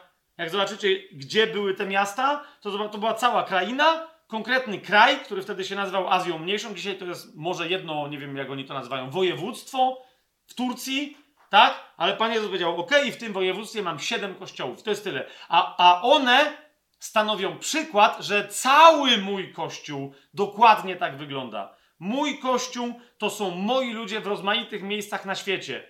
To, że oni mówią, że są baptystami, że są w polskiej diakonii ewangelicznej, która zdaje się już nie istnieje, ale to nie wiem, to może powiemy następnym razem, jak wy mi powiecie, jak się sprawy mają, bo mnie już dawno w niej nie ma. Okay? To, że ktoś jest u wolnych chrześcijan, należy do bezdenominacyjnego czegoś, należy do służby takiej czy innej, bardziej niż do jakiegoś kościoła, to wszystko nie ma sensu i nie ma znaczenia. Jedyny kościół, jaki Pan ma, to jest kościół w Krakowie, kościół w Katowicach, kościół w Warszawie. Może kościół na Śląsku, może tam wszystkie naraz yy, te miasta Pan widzi. Nie, to, to czy musieliby rozeznać ci, którzy tam mieszkają. Każdy inny sposób dzielenia ciała Chrystusa na denominacje, zbory należące do takiej tradycji, innej itd., itd., itd., do kościołów domowych, takich, śmakich, tradycyjnych, charyzmatycznych, to wszystko jest atak przeciwko Bożej myśli na temat tego, jak ma wyglądać oblubienica. To jest przyczynianie się, to jest ranienie ciała Chrystusa, jego oblubienicy, przyczynianie się do tego, że ma siwe włosy, jak to młoda dziewczyna jest, że ma umorusaną suknię, upaplaną krwią i innymi rzeczami i ma zmarszczki na całym ciele, a my mamy dbać o nią, jak mąż dba o żonę, tak jak Chrystus o Kościół, żeby nie miała żadnej zmarszczki. Tylko teraz powiecie, no dobra, ale jak kiedyś nie było chrześcijan i, i, i, i, i czy było mało, rozchodzili się apostołowie, przychodzili do miejsc, gdzie nie ma chrześcijan, to wszystko było prostsze, prawda? Absolutnie się z tym zgadzam. A teraz co? Są ci chrześcijanie, mają tradycję dokładnie tego podziału, który jest dowodem braku jedności w ciele Chrystusa. Nawet jak mówią, że rozpoznają innych chrześcijan, mm, rozumiecie, jeżeli ludzie mówią, że rozpoznają innych chrześcijan w ciele Chrystusa albo w swojej miejscowości, Moje pytanie brzmi to, czemu w takim razie wspólnie razem z nimi nie mają poznania, kto jest apostołem tego miejsca albo kto to są apostołowie tego miejsca? Czemu, drugie moje pytanie, nadal pozwalają sobie na to, żeby mieć jako przywódców, jako rządzących i to na starotestamentowy sposób, jako swoich pastorów, biskupów, presbiterów, diakonów, Mianowicie ludzi, którzy dyrygują ich życiem, czemu się godzą na to, żeby ich mieli, skoro tych ludzi nie wyznaczył żaden apostoł, bo nie potrafią żadnego takiego wskazać. Więc to, że ludzie mówią, ja rozpoznaję innych jako chrześcijan, na to mówię halleluja, ponieważ ty jako nowonarodzona osoba rozpoznajesz inne nowonarodzone osoby. Ja też. Rozumiesz? Ale cała reszta jej nie rozpoznaje. Nie rozpoznaje ludzi, e, oni mogą się gromadzić jako nowonarodzeni chrześcijanie w Krakowie, mogą mieć 50 zborów, mogą mieć coś tam. Ja nie rozpoznaję tych zborów jako zborów. Ci chrześcijanie tam się gromadzą. Czemu? Jeżeli oni się gromadzą i poddają swoje życie pod czyjeś autorytety ludzkie, czego Pan nigdzie w Biblii nie nakazał, to moje pytanie, czemu tak się dzieje? Kto, i, kto im dał to prawo? Pan Jezus? To więc to są apostołowie? To czemu nie usługują całemu Krakowowi, tylko usługują jednej denominacji, albo wręcz w ramach jednej dominacji, jednemu zborowi, jednemu kościołowi domowemu czasem? Dlaczego tak jest? Kto im, kto im, kto ich posłał do tego? jaki apostoł ich wyznaczył do tej pracy, lub jeżeli pokażą, to jest tego człowieka rozumiem jako apostoła. Czemu reszta Krakowa go nie rozpoznaje jako apostoła dla Krakowa? To jest apostoł Krakowa, czy to jest kto? I czemu Kościół nie wie o nim jako o apostole w innych miejscach? Jeżeli on jest apostołem dla Krakowa, to dla jakiego jeszcze innego miejsca? Apostoł nie może być przywiązany do jednego miejsca. Może na chwilę się do niego przywiązać, ale nie ma usługi wobec jednego miejsca. Apostoł prorok czy nauczyciel mają usługę tylko i wyłącznie uniwersalną dla całego ciała Chrystusa. Nie, nie ma lokalnego nauczyciela czy lokalnego apostoła w tym sensie. On może lokalnie na jakiś czas osiąść, ale jego usługa jest uniwersalna dla całego kościoła. Na tym polega pięcioraka, tak zwana pięcioraka, de facto trojaka służba. Więc jeszcze raz, no, no to powiecie, no to jak? No to czyli jak teraz to zamieszanie uporządkować? Najpierw, kochani, musimy naprawdę radykalnie uświadomić to sobie, a jak sobie to uświadomić, to następnie podjąć decyzję, jaką, żeby stanąć poza tą strukturą. Po prostu. Nie tylko nie należeć do żadnego kościoła, nie być poddanemu czy poddaną żadnemu pastorowi, yy, jakkolwiek by się ci ludzie nie nazywali. Ktoś mi ostatnio przysłał, że ktoś tam, jacyś ludzie się mianują jakimiś przyjaciółmi przymierza, kimś tam, do, dowodzicielami, czyli dusz ludzkich, jakimiś. O mój Boże, co się wyprawia? A się kończy tym samym. Czyli mów mi wszystko, co się dzieje w Twoim życiu. Płać mi dziesięcinę. Albo jeszcze coś.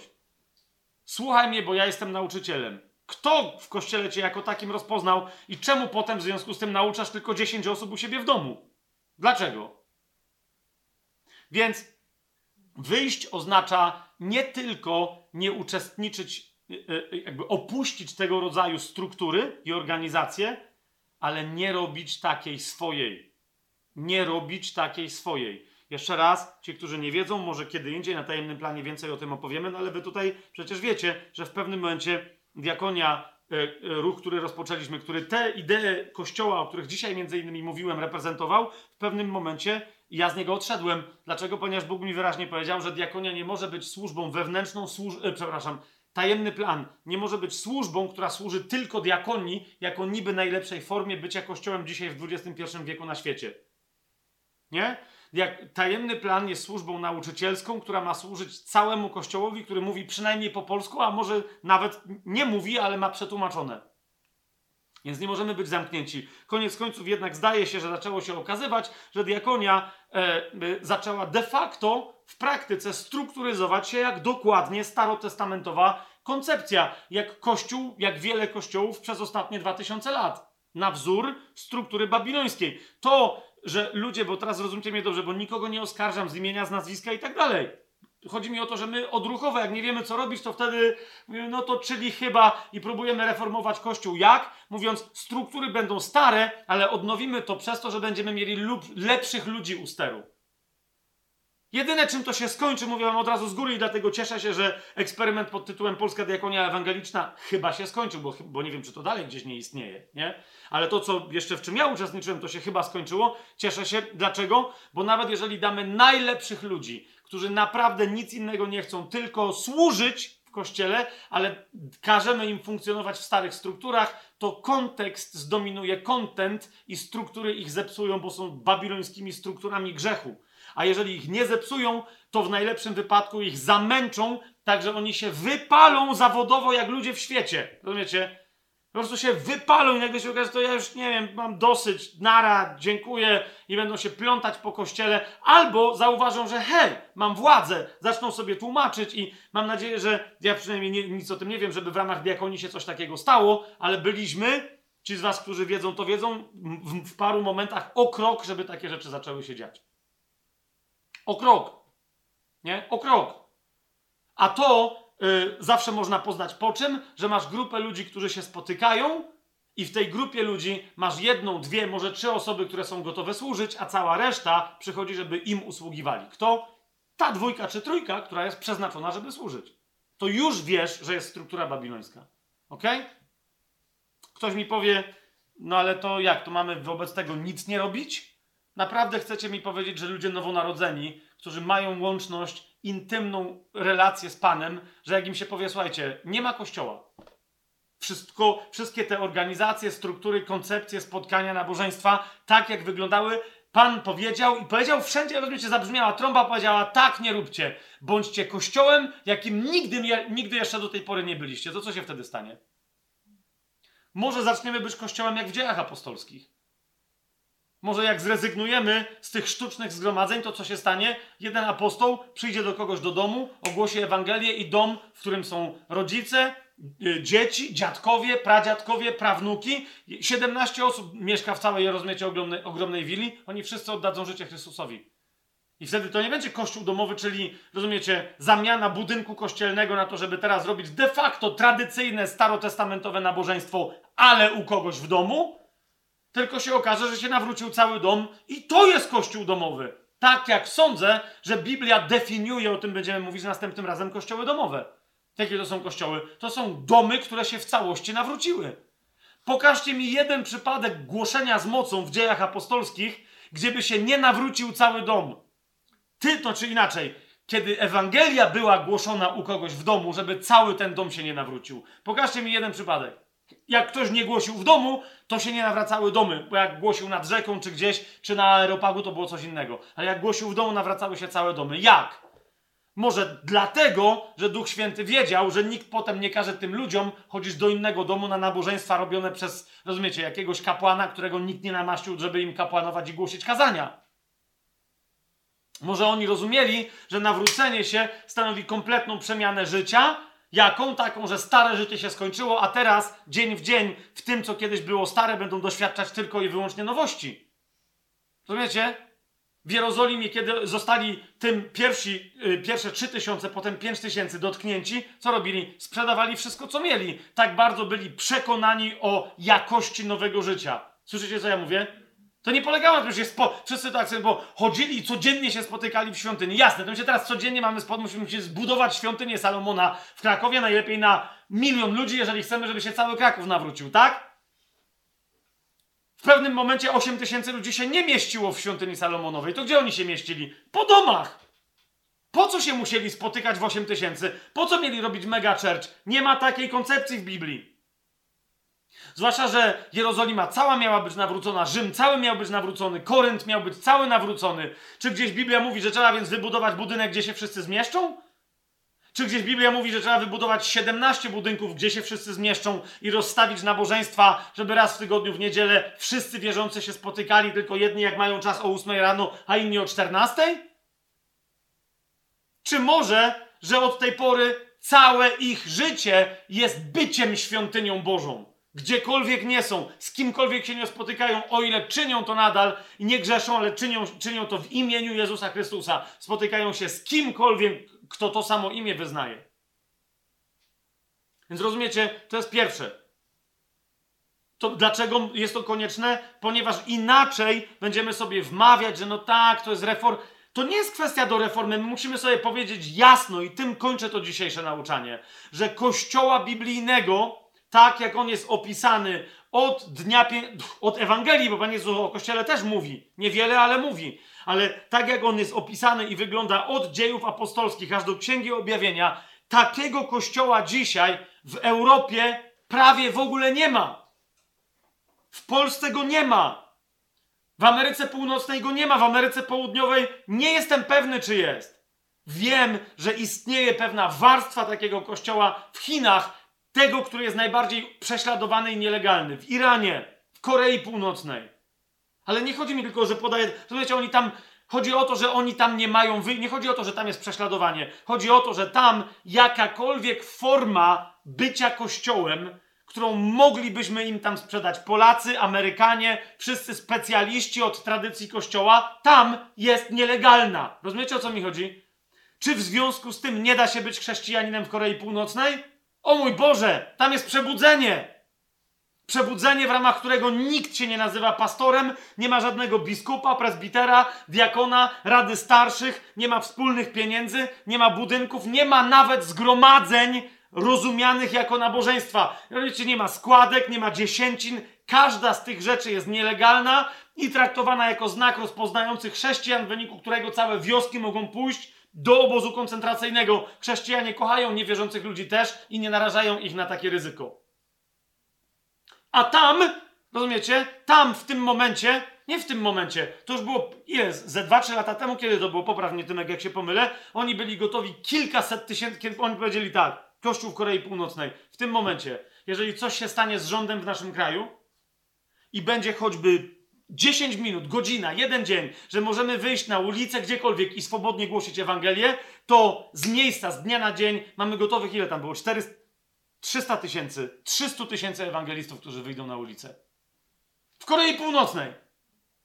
My w Polsce nawet nie wiem, czy mamy 60 tysięcy w ogóle ludzi przyznających się do tego dzisiaj, że wierzą ewangelicznie, a oni nie są gotowi wychodzić gdziekolwiek, bo są zajęci kłóceniem się po internetowych forach i opluwaniem siebie nawzajem, albo udawaniem świętoszków, czyli oczernianiem jednych drugich, ale publicznie mówiąc, nie, ja wszystkich chrześcijan kocham. Niemniej mój zborek w mojej miejscowości to jest to. Cała reszta, ja ich kocham, no ale cóż jak nędzarze. Kapujecie? Więc my musimy powiedzieć, Kościół wreszcie, i, i tu rozumiecie, dlaczego powiedziałem na początku, że tu się zacznie wojna domowa? Ponieważ my dzisiaj musimy powiedzieć, jeszcze raz, tak jak mówiłem ostatnio i wielokrotnie, ale to musi być jasno powiedziane. Ludu mój, wyjdź z Babilonu. Wyjdź z niej czym prędzej. Nie po to, żeby robić ulepszony Babilon. Nie rób, jeżeli, jeżeli nie wiesz, co masz robić, to nie rób tego, rozumiesz, czym skorupka za młodu nasiąknęła. Nie rób tego to lepiej nic nie rób. Ale rozumiecie, jeżeli będziemy wiedzieli, nie, nie chcemy naśladować tej starej formy, to co mamy teraz robić? To zaczniemy się kochać. Zaczniemy służyć. Wreszcie Bóg nam pokaże Kościół, o jakim zawsze marzyliśmy. Powstanie olbrzym, którego świat wreszcie zacznie się bać, ponieważ zobaczy moc nadprzyrodzoną, która będzie przez nas, przez nas działać i autorytet Pana, który jest większy od tego, który jeszcze jest w tym świecie, ale nawet tego świata nie jest Panem ponieważ Jezus go zniszczył. Więc dziś, widząc jak wygląda, rozumiecie, kim są ci ludzie ponazywani biskupami, diakonami i tak dalej, zobaczcie, takiego kościoła na tym kontynencie nie ma. Takiego kościoła w tym kraju nie ma, więc przestańmy udawać. Jeszcze raz, ja rozpoznaję biblijnie wierzących chrześcijan w wielu różnych zborach, denominacjach i tak dalej, ale niech to będzie jasne. Nie, dla mnie to jest koniec. I możecie się ze mną nie zgadzać, nie musicie się ze mną zgadzać, ale mówię, to jest mój postulat tego nauczania. To jest, jeżeli doszliśmy tutaj, to jest czas najwyższy powiedzieć koniec tolerowania tych organizacji, struktur, grup przez nazywanie ich kościołami. To nie są żadne kościoły, to nie ma niczego wspólnego z kościołem. Nawet jeżeli to usługiwało jakoś ciału Chrystusa niegdyś, nawet jeszcze pięć lat temu, to dzisiaj już takiej funkcji nie pełni, ponieważ dzisiaj Pan chce podnieść w końcu czasów swój jeden zjednoczony Kościół. Jedno ciało cudownej, przepięknej, przepotężnej Jego oblubienicy, która będzie rozpoznawać tylko i wyłącznie tych, którzy mają namaszczenie apostołów, pięcioraką służbę, a oni będą wyznaczać wszystkich posługujących na rozmaite sposoby tak, jak to będzie potrzebne. Gdzie? W kościołach miejscowości nie będzie żadnego innego podziału. Powiecie, ok, program jest świetny, ale na razie jest tylko negatywny i trochę destrukcyjny. Wyjdźmy z kościołów i nie robimy tego, co wszystkie te kościoły tak zwane robią. Tyle? No nie. Możemy zrobić jeszcze więcej, znacznie więcej. Istnieją w Biblii modele, które pokazują, jak nie macie tego wszystkiego, nie wiecie, kto jest apostołem, gdzie jest pięcioraka służba i co robić, to w takim razie ja wam pokażę, co robić. Troszeczkę to jakby zdradziłem, ale następne nasze spotkanie i ostatnie, które będzie poświęcone pasażowaniu, to będzie, to będzie jedna wielka, mam nadzieję, biblijna odpowiedź na pytanie, jak nie mając biblijnie funkcjonującego kościoła. Mamy mnóstwo biblijnie wierzących ludzi w Polsce, ale nie mamy wizji, jak wygląda kościół biblijnie funkcjonujący, biblijnie ustrukturyzowany. Jak w ogóle tego nie mając, nie mając historii czegoś takiego, tylko historię walk i tworzenia se klubików różnych teologii i praktyk religijnych, jak mając tylko to doprowadzić do powstania pierwszego zjednoczonego kościoła Krakowa, może pierwszego kościoła, nie wiem, Warszawy, jedynego chrześcijańskiego, biblijnego kościoła w Warszawie, w Krakowie, w Szczecinie, w Lublinie, w Sopocie, w Gdańsku. Jak to zrobić? Jak to zrobić, żeby wszyscy się pogodzili, żeby się rozpoznali? No to może już tylko może Pan Jezus musi wrócić wszystkich w łeb czepnąć. Czy co? Czy to jest możliwe w Duchu Świętym? Jest, to jest możliwe. Najpierw przestańmy robić to, co przez dwa tysiące lat nikomu niczego nie przyniosło, bo jest systemem babilońskim skazanym na porażkę. Teraz, co robić? To następnym razem.